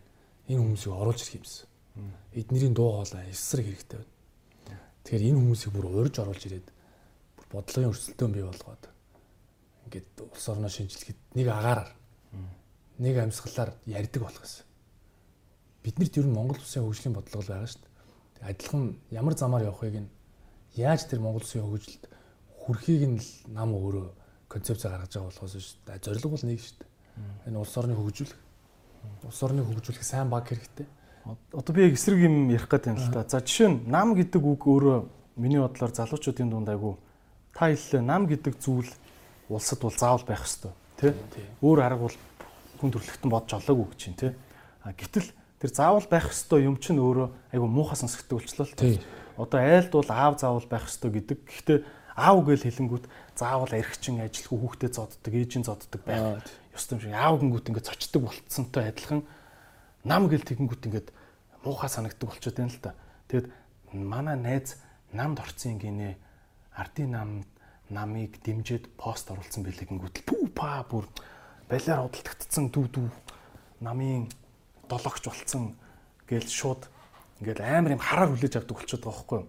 Тэ а энэ дэр та юу гэж боддгүү нам гэдэг юм чи амар муухай харагдаад. Тэгээ таныг ч гэсэн одоо ингээл та бас ингээл хэлж байна л та. Манай ардын нам бол ардын намч те. Манай ардын намч намч одоо ингээд 100 жилийн түүхтэй ингээд ингүүд залуу хүн байжээж юм амар намсаг юм намаад магтаал манай хөрс сүх дарга гэж яриад яаж байгаа та залуу хүн байжээж наад намынхаа эсрэг яриач гэж одоо хэлэх хүн гарах бах л та. Гаралгүй одоо. Та энэ дэр юу гэж хэлэх? Одоо комментэр биччихэл байгаа л та. Тий. Доор. Одоо энэ бичлэг тавигдсан тэгнэлтэй. Аа залуу хүн байж манаа нам манаа нам л гэдэг юм. Яаж байгаа ингээд ингэ та та энэ дэр өөрийгөө зөвтгөх тань шалтгаан байгаа юм. Өгөө одоо тэгээд э, өнгөрсөн 30 жилийн алдаа шүү дээ. Улс төрчд нэр өнөг болсон. Хэлсэн ярьсандаа үрдгүү, хамлалтандаа үрдгүү, авилгал яйл ах толбогддог. Итгэл даадгүй. Залуучуудынхаа бодол санааг сонсдгүү, нийгмийгаа мэдэрдгүү. Буруу бодлого шийдвэрүүд зөвхөн өөрийнхөө ботсон зөвхөн өөрсдөө одоо албан тушаал ирэх мэдл авч сайн сайхан амьдрахаа ботсон төмний төлөө биш. Энэ олон шийдвэрүүд ийм болгоцсон юм чинь. Энийг бол иргэдийг ч юм ард түмнийг энийг энийг та нар буруу гэж хэлэх хэрэг байхгүй шүү дээ. Үндэ ийм болцсон шүү дээ. Намын нэр үнд унтсан. Гүн 10 онд ч байна уу хэд одоо 20 11 жилийн дараа 10 намд ороо явж чадчих нэрээ залуу хүн байж гадаад дотоод сургууль төгсөж чиж нэр арайч дээ. Гэл намайг тэгдэг те. 12-оос 16 онд чинь бүр нэг Монгол ардын нам бүр ялагдаад тийм байх чинь чинээрээ яаж явж байгааг ардын нам шиг болчих гэдэг. Шоолдог байл шүү дээ баг. Энэ зарим хүмүүс чинь. Тэгэл би боддог гэсэн. Намын нэр хүнд ийм их үндсэн. Тийм учраас энэ намын дотор байгаа нөхдүүдийг өөрсдөө бид нэртэй дотор нь орж шинчилж өөрчилж ийж өөрчлөлт хийх л ёстой. Тэгэхгүй бол одоо ингээл хүлээж авахгүй байна гэдэг ойлголтоо ерөөсө бүрэн болсон. Тийм учраас энэ намзэгт дотор бол өнгөрсөн хугацаанд бид нар бас намыг дотроос нь шинжлэх ажлуудыг хийж ил. За одоо яг хэд нам ярих гад байх шиг байна. Нам асуусан учраас. Рекламадад байгаадаа биш зүгээр ардын нам бол ямар ч захимдсан. Одоо нэг 100 жилийн түүхтэй хөшин нам гэдэг бол бүх гişүүдийн бүртгэлийг цахимжаар кодоор нь уншуулад гişүүдийнхаа татвар, мөнгө, хандив, тусламж, оролцоо бүгдийг нь үнэлж одоо нөгөө бичигддэг болцсон, цахимждсан. Цахим одоо карттай болцсон бүгдээрээ. Тэгээ гişүүдийн оролцоо оноожуулалтын системээр дүгндэг бол болцсон. Тэгээд дэрэгдээ энэ төрийн бусуудаараа дамжуулаад залуучдын санал бодлыг хөмрөө хөтөлбөр тусгаж байгаа юу гэж бас тусгаж байгаа. Аа бас хангалттай биш байх л да. Гэхдээ шинэ нийгмийн ажил Монголын залуучдын холбоо гэдэг байгууллагыг 19 онд би ерөнхийлөгчөөр сонгогдоод ажиллаж байна. Энэ холбоо бол ардын намын залуу гүшүүдийн холбоо нэг талаас. Нөгөө талаас нийгэмд улс төрийн идэвхтэй байгаа залуучуудыг зөв зөв рүү чиглүүлэх сургалтын одоо актив хуучин намын дээд сургуулаар дамжууд төрийн зүтгэлтүүд бэлтгэдэг байсан. Түүнтэй адилхан намзыхээр үе үе одоо удирдгч нар бэлтгэдэг ёстой юм маш одоо сайн модуль хөтөлбөртөө маш одоо эрүүл шинжлэх ухааны юм байгууллага байх хэрэгтэй шүү дээ гэж миний харж байгаа өнцөг.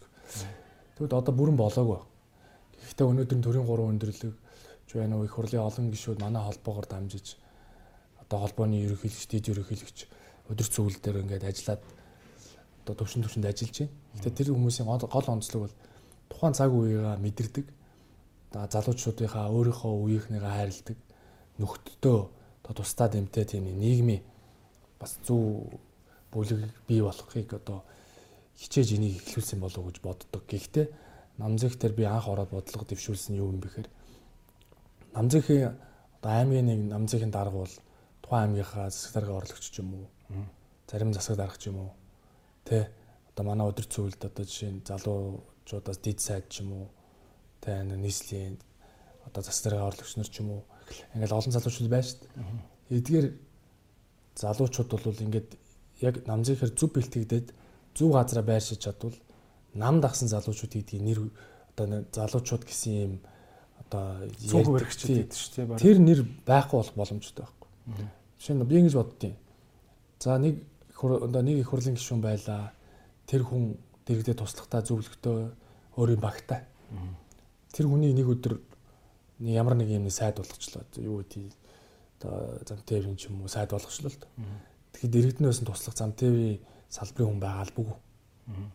Гэтэл дэрэгдэн байсан учраас зам тээврийн сайд болонгуудаа ч юм уу, эрүүл жижиг хүмүүсийн сайд болонгуудаа ч юм уу шагнал юм шиг. Тэгээ тэгээ за туслах минь чи өөрөө газрын дарга хийгээл. За зөвлөх минь чи ирээд зас газрын дарга хийгээд ингээд тавьчлаа шүү дээ. Бага бүрдүүлээд. Уг нь тэр туслах аягүй сайн эдийн засгч байхгүй. Аягүй сайн эдийн засгч аваач яг мэрэгжлийн дээр зам тээврийн салбар тавьчих байхгүй. Тэгэхээр нөгөө эдийн засаг мэдэн мөртлөө зам тээврийг мэдгүй хүн чи очихороо ажиллаж чаддаг. Тэгэхээр юу ямар яриа гардаг вөхөр тэнд насаараа ажилласан мэрэгжлийн хүмүүс чинь энэ нам дагсан бацаа ирээд ингээд туунаар ороод самарчлаа гэдэг ингээд ингээд эхэлдэг. Тэгэнгүүт тэр залуу Монгол улсад хэрэгтэй гэвэл бас хэрэгтэй шүү. Тэр сургууль соёл төгссөн боловсралтай тэ хүний үг сонсоод сурцсан. Тэгээд бэлтгэжээ. Тэр хүнийг сангийн амны нэг газрын дарга тавил илүү сайн ажиллах байсан тэ. Тэнгүүд сангийн сайд нь бас өөрийнхөө туслах зөвлөгүүдийг тавьчихсан. Жинхэнэ зам тээврийн мэрэгчлэлтэй нөхөр сангийн амны газрын дарга босчдөг. Жишээ нь жишээгээр бол. Тэг ингээ нэг юм хүний нөөцийн байх ёстой хүнийг байх газар нь байлгахгүй байгаад л хамгийн том учир оршоод байгаа. Тэгэхээр нөгөө намзэгч юм залуучдын байгууллага нь энэ намынхаа хүний нөөцийг бэлтгэх ёстой байна л хамгийн гол. Бэлтэх бэлтгэхдээ залбар болгоноор нь бэлтгэх ёстой. Үндчээр хүн олддгоо. Сайн сайн мэрэгжилт. Одоо бид нар те одоо ингээ компани байгуулан ажиллая гэхээр ажилт хүн авах болддог. Яг таарах сайн мэрэгжил. Тэн шиг одоо сайн үнийн нөөцийг бэлтгэж өгч чадах юм бол энэ төр зүү хүмүүс байр шин. Тэгэхээр намзагт чинь бид нэг гэж байхгүй. Эрүүл заавал намаас томилсон хүн гэхээр л самардаг хүн байхаа байх албагүй бас. Албагүй бас тий. Эрүүл мэндийн хороо, нийгмийн бодлогын хороо, соёлын хороо, боловсрол шинжилх ухааны хороо гэдэг хороодууд байгуулж байгаа бид нар. За чи инженер мэрэгжилтэй байна. Тэгвэл манай одоо ажил дээр инженерийн хороонд илснэ. Тэр хороонд илсэн. Тэр хороо юу их вэ гэхээр өмнө жил залуу инженеруудын үндэсний чуулган хийлээ. Инженеруудын дуу хоолойг сонслоо. Эрдэм шингийн хурал хийлээ. Эрүүл мэндийн салбар хороо байгуулад төвөн дотор нь эмч нарыг эрүүл мэндийн салбарт ажиллаж байгаа хүмүүсийг нийлүүлээ оруулаад хурал зөвлөгөө, хил зүйлийг, хуулийн төсөл санаа авах биднийг хороо хороогоор нь байршуулад бэлдэж байгаа. Тэгмүүд 4 жилийн дараа эрүүл мэндийн салбарт үнэхэр гоц залуу хаана вэ? Тэгэхэд бид олж харцсан л байна. Яг л оролцоогоор нь тухайн хүний байгаа байдал тэр асуудал тандж байгаа хандлага эрдэм мэдлэг боловсролоор нь олоод харцсан. Манай энэ залуучууд дундаас эрүүл мэндийн салбарт ийм мундаг залуу байна. Тэр хүнийг эрүүл мэндийн салбарын одоо нэг гол удирдах хаалганд тавихад тэр хүн ажлыг хариуцлагатай хийнэ. Одоо инженерүүдээс дундаас ийм сайн инженер байна. Тэгвэл үүнийг тэр салбарт нь тавь. А ингээд явбал өөрөө намзэгч байна уу энэ намын аль аль намын ардсан намын ардын намын залуучдын байгууллага бол ирээдүйн нам төрийг удирдах намыг удирдахаас гадна төрийг удирдах. Одоо яг тэр хүссэн үсээгөө тогтолцооны юм байна шүү дээ. Болохгүй болохгүй гэдээ ингээд байна. Гэтэл намыг чинь шинжилгүйгээр яваад байвал энэ цүнх баригч гэдэг нэр чинь бүр дуусахгүй нь шүү дээ. Энэ байгаад л байна. Цүнх баригч та та нар юу хийж чадах ингээл ингээл байгаа л. Энийг өөрчлөхөд хүссэн үсээгөө намыг нь өөрчлөх шаардлага гарч байгаа шүү дээ. Тэр ардсан намын залуучууд, тэр үн намын залуучууд, одоо манай намын залуучууд яг ийм байдлаар хүний нөөцөө бэлдээ. Тэр утгаар би энэ салбар хороодуудыг одоо байгууллага санаачлах гаргаа манай өдөрт зүйл гişүүд мишүүд бүгд энэ хороонд хуваагдаж явж байгаа. Өссөн үсээгүй ялсан нам л нам дотроос л томилгоо тавина шүү. Тавина шүү дээ харин тий. Тийм тэгэхэд мэрэгжил мэрэгжил мэрэгжил дээрээ залуучууд нь ингээд бэлэн байж амар шүү дээ тий. Бэлэн байхгүй бол нэг одоо би жишээ нь хуульч мэрэгжилтэй. За би тэн төгссөн. Одоо бизнесийн удирдлаар магистр хамгаал. Одоо ингээд Оросод ингээд доктор хамгаалсан. Тэр гэл инглихээр миний ангийн нэг хідэн нөхөр. Миний багын ангийн нэг хідэн нөхөр. Их сургууль тамт байсан нөхдүүд Тэгээ гадаад нэг ажил амьдарч сурж исэн хэд нөхдүүд чинь миний хүрээлэл бол миний хүрээлэл шүү дээ. Тийм. Надад дэмж найз байхгүй ч болно. Тийм. Надад инженер найз байхгүй ч болно. Нано технологи мэддэг найз байхгүй ч болно. Тэгэхээр би тэр хүмүүсийг олж харахын тулд мэрэгжил мэрэгжлийн одоо эрүүл мэндийн салбар хоороог эмч мэрэгжилтэй манай нэг өдөр цэвэрлэгийн гишүүн залуугаар хариуцуулчихж байгаа байхгүй. Тэгвэл тэр залуу яад өгөхөр ангаах төгс. Ангийнх нь бүгдээрээ эмч, багш нар нь эмч, магадгүй ээж аав нь эмч те ингээд тойрон хүрээлэл нь бий болчоор нөхөр чинь зөв хүмүүсийг олж ирж байгаа байхгүй. Тэгээд тэндээ ингээд дунд нь өрсөлдөө ингээд бий болгоод тахаар салбараас зөв хүн төрж гарч ирсэн. А ингэж айл айл нам залуучуудаа бэлтээ. Тэгсэн цагт аль ч нам төрийн эрхэнд гарсан ядад зөв хүн байр шин. А бүр одоо бол жишээ нь би оюутны сайтыг болоо зүгээр нэг юм дээр айгүй одоо бас үнэлж бахархдаг. Одоо маш одоо залуугаар сэтгэж тэ ажил хийж чадах залуучуудыг нам харгалзахгүйгээр одоо энэ олон агентлаг төрийн албанд томилсон. Тэгээд эхлэхээр яаж нэг шинэ уур амьсгал орж ирж байна. Тэгвэл одоо нөгөө иргэдчин хүмжилж байгаа ковидын хуулиар төрийн албаны шаардлага хангахгүй хүмүүс томилогдоод байна гэдэг. Тэгмүүд одоо хар ур төгссөн одоо юу гэдгийг Bank of America-д ажиллаж ирсэн залуу Монголд ирлээ Төрийн албаны хуулийг харсан чинь нэг жил төрийн албанд ажиллаагүй юм тэр нөхөр. За чи мэрэгжилтэн болохын тулд шалгалт өгнө. Төрийн албаны шалгалт өгнө. Тэгжиж мэрэгжилтэн болно. Тэг цалин ямар вэ? Bank of America тэдэн мянган доллар авдаг гэсэн энэ дээрээ манай төрийн албаны цалингаар мэрэгжилтэн болохгүй байхгүй. Тэгвэл энэ төрийн албаны хууль чинь нэг талаасаа төрийн албаныхын дотроо зориулсан хууль болоод шүү дээ. Хилцээний наргаар тэдэн жил тэргүүл эрхэлсэн түвшинлэр тэдэн жил гэдэг. Заачаар насаараа төрийн албанд ажилласан насаараа төрийн албанд ажилласан хүмүүс туршлагатай байж болно. Гэхдээ энэ төрийн албанд салхи оруулах ёстой. Өөр дуу болоо, өөр сонор мэдрэмжтэй хүмүүсийг оруулж ирэх ёстой шүү дээ. Тэгээд энэ болгоныг хийх ёстой байна гэдэг утгаараа би үндсэн хуулийн өөрчлөлтөн дээр мерит мериторис гэдэг шүү дээ. Одоо мерит зарчим, шатлан дэвшиг зарчим гэж байна шүү дээ. Тэрийг бүр үндсэн хуулинд хийх гэсэн. Тэгтэн бойлоо. Ийм юм байх. Төрийн албан чинь салхи орохоо байл сайн мэрэгчтэй олж ирэх төрийн албаны хууль чинь босгоё байхгүй. Ингээ юм болчихлоо. Гэт өөрчлөх ёстой гэж хэлсэн. Тэгмүүд одоо яаж өөрчлөх ёстой юм бэ? Хинч гаднаас дараа нь энд тэнд явж байгаад төрлөө орж болохгүй. Анх оюутан байхаас л зүтгээг бол тэгэл байхгүй болчих зүгээс зайл болчих юм шүү дээ. Тий. Тэгэнгүүт яаж ийм ихэр нэг гажуудал тогтолцоо. Эрүүл мэндийн яамны газрын даргаыг хийж исэн хүн төрийн эрүүл мэндийн газрын даргаыг магадгүй 5 жил хассан хүн бол одоо өөр нэг ямар ч төрийн албаны тэрүүн түвшинлийн ажлыг хашиг эрхэнж үүсдэг юм уу те. Ингээ явж илаа шүү дээ. Гэтэл эрүүл мэндийн яамны газрын дараагаар 10 жил ажиллажээ. Тэр хүнийг боловсролын яамны төрийн нарийнаар тавьчих жоохгүй. Хуулийн зөвшөөрөгч байгаа. Төрийн албанд ажилласан жил нөгөө эрхэлсэн түвшмэлт хэдэн жил гэдэг ингээ заасанд нь босхын давж яахгүй нөхөр. Тэгсэн мөртлөө эрүүл мэндийн салбарын хүн шүү дээ. Тэрийг аваачаад төрийн алба гэдэг утгаар боловсролын яамны төрийн нарийнтай тавилаа гэдэгт адилхан байна. Тэгэхээр байх ёстой хүнийг байх ёстой газар нь байршуулж бид нар чадахгүй шүү дээ. А гítэл хувийн салбарт 10 жил ажиллаад гадаадад банкнд ажиллаад ирсэн хүнийг сангийн амд хариуцлагатай газрын дараагаар авъя гэхээр наа чи төрийн албанд ажилласан жил байхгүй. Адилхан хувийн салбарт уг нь ажилласан туршлагатай. Дээрээс нь гадаадад одоо банкнд ажилласан туршлагатай. Авъя гэхээр төрийн албанд босгох тахгүй. Тэгэхээр энэ болгоныг өөрчлөхийн тулд мэрэгжлийн нэгдсэн холбооны эрх зүйн байдлын хуулийг санаачлаад бас одоо анхны хилцүүлэг хийх гэж байгаа. Тэр нь юу юм бэ гэхээр төрийн заримжийг үргэлж төрийн бас байгууллагууд гүйцэтгэх гэдэг зарчим.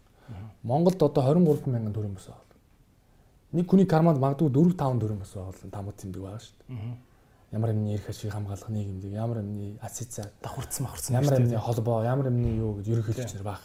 Монголын үндэсний ямар юмны холбоо, Монголын олон улсын ямар холбоо гэл бөө ерөнхийлөгч нар шүү дээ. Тэгэнгүүт чинь би ч бас нэг намзэг гэх. Тэ адилхан шүү дээ бүх төрийн болсон. Тэгэнгүүт идэхгүй төрийн босууд асар их байхгүй. Тэгэхээр үүний цэгцлэгийн тулд холбоо бол одоо салбар бол нэг нэг мэрэгжлийн холбоо байгуулъя гэдэг. Одоо хүнсчдийн холбоо айгүй олон байд юм Монголд. Газар тариалангийн одоо холбооч үлээ. За холбоог айтайгаа авч явж чадахгүй тэр нэг том дарга нь бацчаад идэг байна. Англи хэлний багш нарын холбоо. Гадаад хэлний багш нарын холбоо. Залуу англи залуу багш нарын холбоо. Ахын багш нарын холбоо байна шүү дээ. Эдгээр яадаг вэ гэхээр ардын намын үед ардын намын төрийн бас байгууллага цэцгэлдэг. Яамтай харьцдаг. Ардчсан намын одоо төр ярьж байгаа үед ардчсан намын төрийн бас байгууллагад амилдаг. А би бол мэрэгжлийн холбооны хуулиар юу гэж байна гэхээр та нар одоо энэ багш нарын ганц л холбоотой харьцсан яам. Та нар нэгдээд хурал их хуралч юу байхын дарга зэрэг яаж сонгох вэ? Хуульчдын холбоо шиг Монголын багш нарын мэрэгжлийн нэгдсэн холбоо байгуулах хэрэгтэй. Нэг л холбоо. Тэр бүх гадаад багш нар, математикийн багш нар бүгд энэ холбоонд нэгд төр ганцхан холбоотой харьцна. Хүнсчдийн ганцхан холбоотой харьцна. Харьцаг харьцагтай яаж харьцах вэ гэхээр тэр холбоотой мэрэгжлийн холбооны үүднээс харьцаад тухайн мэрэгжлийн холбоонд төсөл хөтөлбөрүүд өгнө. Төрийн заримчийг үүргийг хэрэгжүүл. Одоо барилгын хөгжлийн ассоциац гэдэг барилгын зөвшөөрөл өгж шít. Түүн шиг багшийн хөгжлийн төв яах яах гэж байгаад байгаа. Зүгээр бүгдийг нийлүүлээ багшийн холбоо байгуул, мэрэгжлийн холбоо гэж яам гэрээ хийгээл багш нарын холбоо, хуульчтай холбоотой адилхан багш нарын багшлах эрхийн шалгалтаа авал та хуульчтай холбоо болж лээ. Заавал яамнаас заавал төр яам дээр 3 4 хүн суух ямар шаардлагатай. Тэгээд тэр мэрэгжлийн холбоо байгуулагч бол одоо нэг гадаад төгсөн залуучуудыг хажуудаа нэг экспертүүдээр авч болох байхгүй. Яам нэг төсөл төр гэрээ хийлээ, ажил гүйцэтгүүл. Тэгвэл түүн дээр хин хэрэгтэй байна. Тэр Харвард төгссөн байна уу? Одоо тэр Йейл төгссөн байна уу те? Ингээд авчираад гэрээ хийгээд тэр экспертүүдийг оруулаад ир. Тэгэхээр тэр залуучдын дуу хоолойг мэрэгжлийн холбоогоор дамжуулаад төрд оруулъя л та. Заавал тэр мэрэгжилтийн хийлгээл нэг 800 мянга 7 800 мянган төгрөг өгөөл тэгэл нөгөө жил цагийг гараал ингээл ингэж нөгөө залуучууд хурж ирэл мэрэгжлийн холбоонд хийлээ шаардлагатай хууль дээр ажиллаа цалин өссөн авлаа тэгхийн бол энэ төрийн алба чинь цомхон болно тэгээд шинжлэх ухаанч болно тэгээ энэ олон төрийн бус бол замбраагүй юм чи арилаад зөвхөн мэрэгжлийн холбоонд хандаж эхлэх байхгүй тэрэндээ л дамжиж арилцдаг болчих тэгээд төрийн улсын бүртгэл нь өөрөө им инхээ гэд мэрэгжлийн нэгдсэн холбоо гэд бүртгээд авчихна Тэр ийм байдлаар төр залуучдыг оруулъя гэж ингэж бодож байгаа. Үүнд энэ нам улс төрийн байгууллагуудын залуучдын байгууллага өөрсдөө идэвхтэй байх хэрэгтэй. Хүний нөөцөө зөв бэлтгэх, сургалт семинар сайн орвол гадаад дотоод сургалтанд хамруулах ажлыг. Жишээ нь одоо манай нам нийгмийн арчил Монголын залуучдын холбоо бол одоо Хятадын коммунист намын холбоо, одоо Орцын нэгдсэн намын одоо залуучдын холбоо, одоо таадал Европын олон орнуудын Солонгосын гэл ингээл олон холбоотуудтай хамтардаг. Тэгээ бид нар бол оюутан солилцоо хэрэгжүүлж исэн. Аа тэгэл одоо тэтгэлгээр сургалт зохион байгуулж исэн. Удирдлагын активтай хамтраад бас одоо бид нар тэтгэлэг хөтөлбөрөө зохион байгуулж бас ажиллаж исэн. Тэгэл ингээл энэ хүмүүсийг ингээ бэлдэх төвшөнд нь ингэж сайн ажиллая. Тэгжиж ирээдүйн улс орныг авч явах залуучуудыгаа сэнэглэе. Зөвхөн улс төр яриад байдаг биш. А би бол бас нэг тийм улс төрждөг хүн биш шүү дээ. Би бол одоо ингээд э, үзэл бодол нийлбэл би хинтэж нөхөрлж чадчихээн. Дээрээс нь би нэг айгу одоо ингээд биний улаан намын намжирхсан хүн бол биш байхгүй. Тэгээ нам өөрөө ийм нийгэм ийм ойлголт төрүүлж учраас би шинжлэе. Тэгэхээр одоо манай сайхан залуучууд үнэхээр таа бүхэн бухимдж байгаа. Энэ дөрвийн үйл ажиллагааг хараад яг л бухимдж байгаа. Миний төгссөн оронд ийм байсан. Миний ажиллаж байгаа газар ийм байсан. Арайч тэгж. Хүн тэгэхээр энэ бухимдлыг хоосон бухимдд суугаж таны үг дуу хоолой энд хэрэгтэй. Тэ? Тэгтээ өөрөө нөгөө нэг энэ улс төрчин багийн тоглолт учраас ганцаараа хүн гал болохгүй байна. Тэгэхээр үзэл бодол итгэл үнэмшлэрээ нэгдсэн сайн залуучууд улс төрд ороод ирэл гэж би хэлдэг хүсдэг. Тэр залуучуудаа гар бие сэтгэл нэгдээд ажиллахад одоо нээлттэй. Тэр хүмүүстэй ажиллая, хамтрая, зөв өмнөний төлөө зөв лобби хий. Тэгээд зөвөр нэгдий. Тэгээд арчсан намын сайхан залуучууд зөндөө байна. Миний бол найз нөхдүүд, ах эгч нар эдгээр нам маа шинжлээд тэгээд ингээд одоо хуучны тэр үжирхэг намаа босгож ирээд ингээд бодлогын сайхан өрсөлдөөн бий болгоод тэгэд одоо ингээд үсгэх ёстой шүү дээ тэгжиж энэ ч ингээд идэвхтэй санаачлагтай өрсөлдөөнтэй энэ шинэ парламент цаашдаа бүрдэх баха. Тэрээс гинтл одоо бүгд орж ирээл ингэ гэдэг бол үндэ бол бас хэцүү шүү дээ. Одоо Монголын төр ашиглаж чадаагүй аюул олон хүн баг. Одоо бид нар одоо мундаг боловсралтай сэхэднүүдийг Монголын төр ашиглаж чадаагүй. Одоо энэ дефакто жагаахыг ч юм уу тэ одоо юм бэ тийм танаа одоо ээж оюун гэрлэгчийг ч юм уу Тэгэл одоо буянгийн жагаа хийч гэсэн их хурл байх л ёстой төлөөл.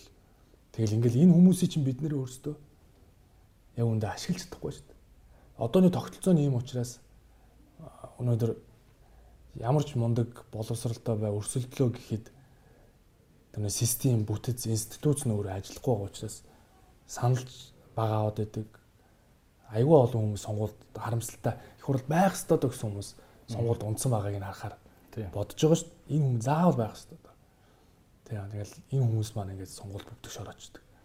Тэр чинь юутай холбоотой гэхээр энэ нам институтын зохион байгуулалт. Тэрийг сайн зохион байгуулж өгвөл. Жишээ нь одоо ингээд одоо гаднаас пост хийгээл болохгүй байх, тэгхгүй байх, хөдөлгөөн өрнүүлээд талбай дээр жагсаал хийгээ. Энэ бол эрүүл үзэгдэл мөн. Гэхдээ тэр хүмүүсийн дуу хоолой дотор нь ороод дуурал бүр илүү дотор нь тий ороод дуурах зай байд юм уу ер нь. Одоо яахын одоо за би ингээд танаа нам дуурлаа гэж бод тий би танай намын залуучуудын хурлын олжчууд ингээд дотор нь яваад орч болох юм эсвэл яах вэ? Та дотор нь намзэг бол энгийн гişүүдийг намзэг бол энгийн гişүүдийг намын гişүүн байхыг шаардахгүй. Занаа үйл ажиллагаанд оролцож болно. Таалагч ивлээсэж болно. Таалагдахгүй сонирхож болно. Чөлөөт. А таалагч ивэл намзэгт хийсэж болно. Одоо үнэхээр үзэл бодол итгэх. Намзэг гэдэг нь миний ойлгож байгаагаар а одоо танаа нам дотор байж залуучуудын нэг тусдаа хурал байд юм уу эсвэл залуучууд байгууллага нийтлэг явж идэм үү яг институт залуучууд байгууллага одоо хурал мурал хийх үүтэй болоо өдөр зөвлөлтөө баг хуралтай аймаг болгон салбар зөвлөлтөө нийслэл нь салбартаа дүүргүүд салбартаа ийм одоо 60 мянган гишүүн ба. Тийм байгууллага тэр энэ байгууллагыг үйл ажиллагаанд оролцоод бол нээлттэй байхгүй. Тэгэхээр одоо ингээд одоо чамааг одоо манай намд ингээд ороход бол нээлттэй жишээ А тэгээд одоо нийгэм бодож нийгэмд одоо хүргэхийг хүсэж байгаа одоо ийм өөрчлөлт хийх хүсэж байгаа зүйлээ доктор орж олон залуучуудад ойлгуулж үеийнхэндээ ойлгуулж тэгжиж түүнийг те одоо төр түргэхэд багийн хүчээр оролцох хэрэгтэй шүү дээ. Тэгээ ер нь бол энэ чи багийн тоглолт. Ерөөсө одоо тэр Майкл Жордны кино одоо Last Dance гэдэг тэг чин тэр хідэн тэр тоглогчд одоо хідэн хувийн магадлал байна вэ гэд пас хаяад тэр хүн шийдрүү шийдэж байгаа. Гол орж байгаа. Өөрт боломж бас бас байсан. Гэхдээ 2% хувийн магадлал байгаа шийдэж байгаа шүү дээ. Тэгээд гол орж байгаа. Тэгэд гарааны тавд гараагүй ч байсан замын цууж байгаа тамирчид хүртэл алтан медаль авдаг. Тэм учраас баг. Тэр баг гэдэг бол үе. энэ шин энэ генерашн өөрөө зөв ойлголтоо, зөв ихтгэл үнэмшилтэй бодолтой шинэ үеийн шилдэг юм залуучууд нэгдэж чадвал энэ хүмүүс хамтдаа хүчтэй байна. А тэрнээс биш хин нэгэн төрний дээр нь оройлготой биш. Дараагийн хүн ч гэсэн тэр үе дотор зөвшөөрөгдсөн яг түүн одоо үзэл бодлороо тэд нэртэйгээ нэг хүн дараагийн хүн байна. Дараагийн хүн байна гэдэг заавал ингээл нэг хүнийг дахин шүтэх үзэл биш шүү дээ.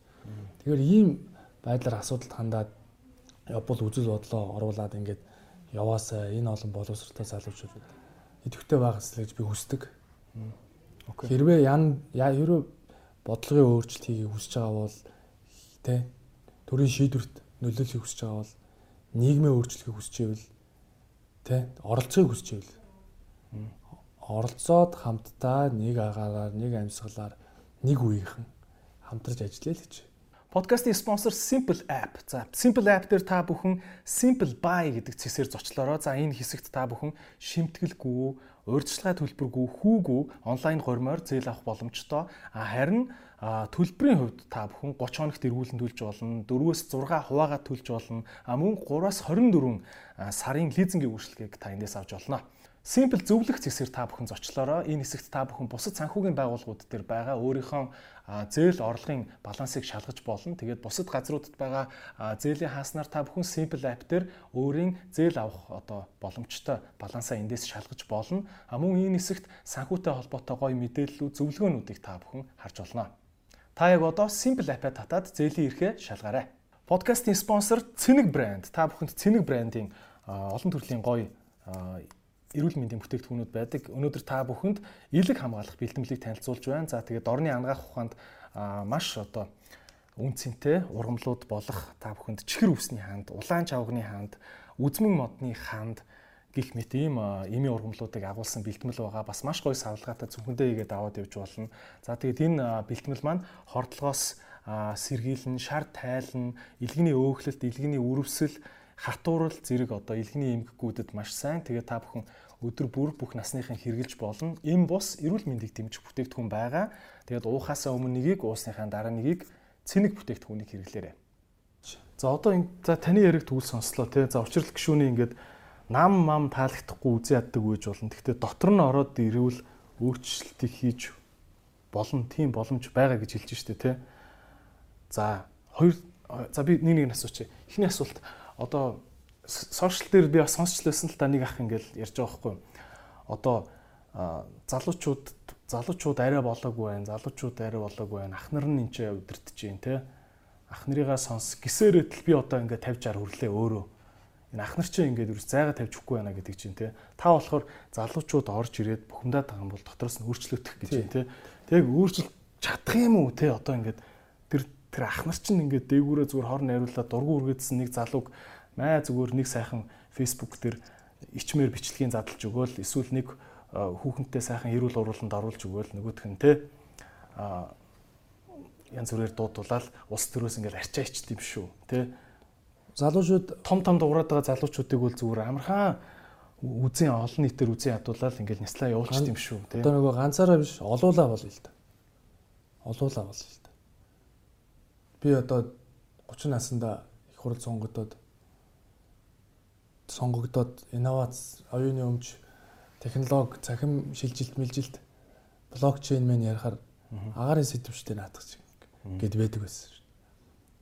Тэ. Тэгэхээр одоо энэ парламентод жишээ нь арай залуу хөшүүд орж ирээд нэмэгдээд ойлгохдаг хүмүүс нэмэгдээд эхлэхээр уур амьсгал арай өөр болж байгаа. Яг нэг агаараар ярьдаг нэг үеийнхэн тухайн цаг үе өөрчлөнө Тийм биз. Тэрнээс биш тэр дээд үеийнхний үзэл бодлыг ойлгуулж өөрчлөнө гэж бол байхгүй.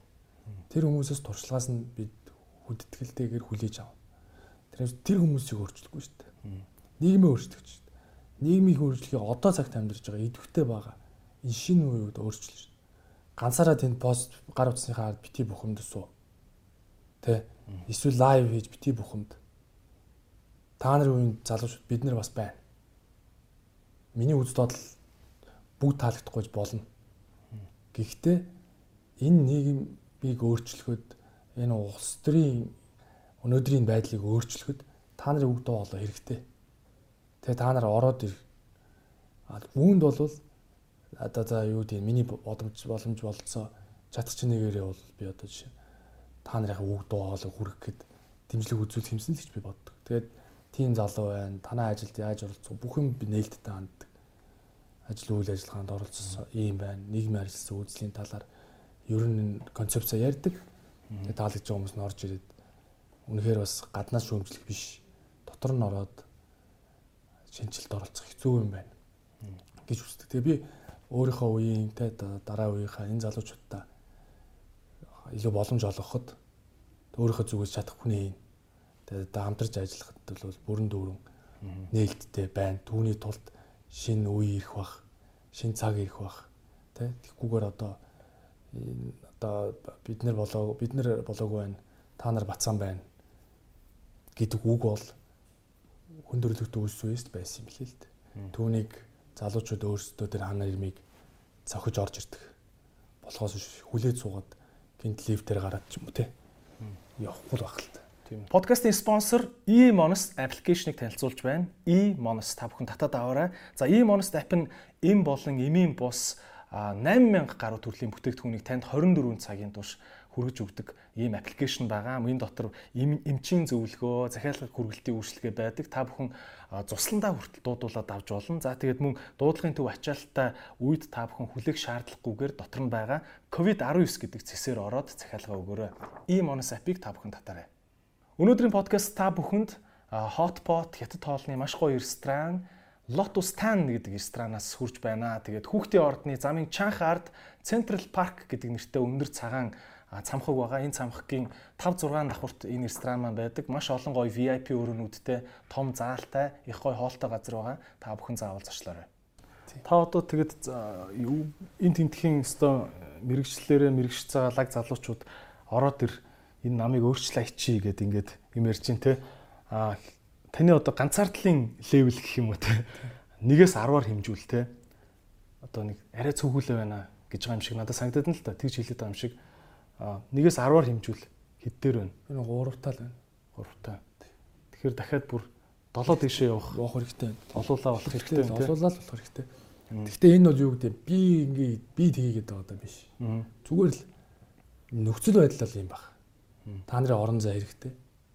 Тэгээ энэ орон зайг та нар өөрсдөө бий болгоно. гэж л би бодоод байхгүй.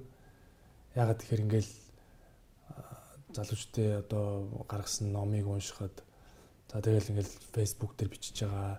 За янз бүрийн нийтлэлүүдийг уншихад бас бахархдаг.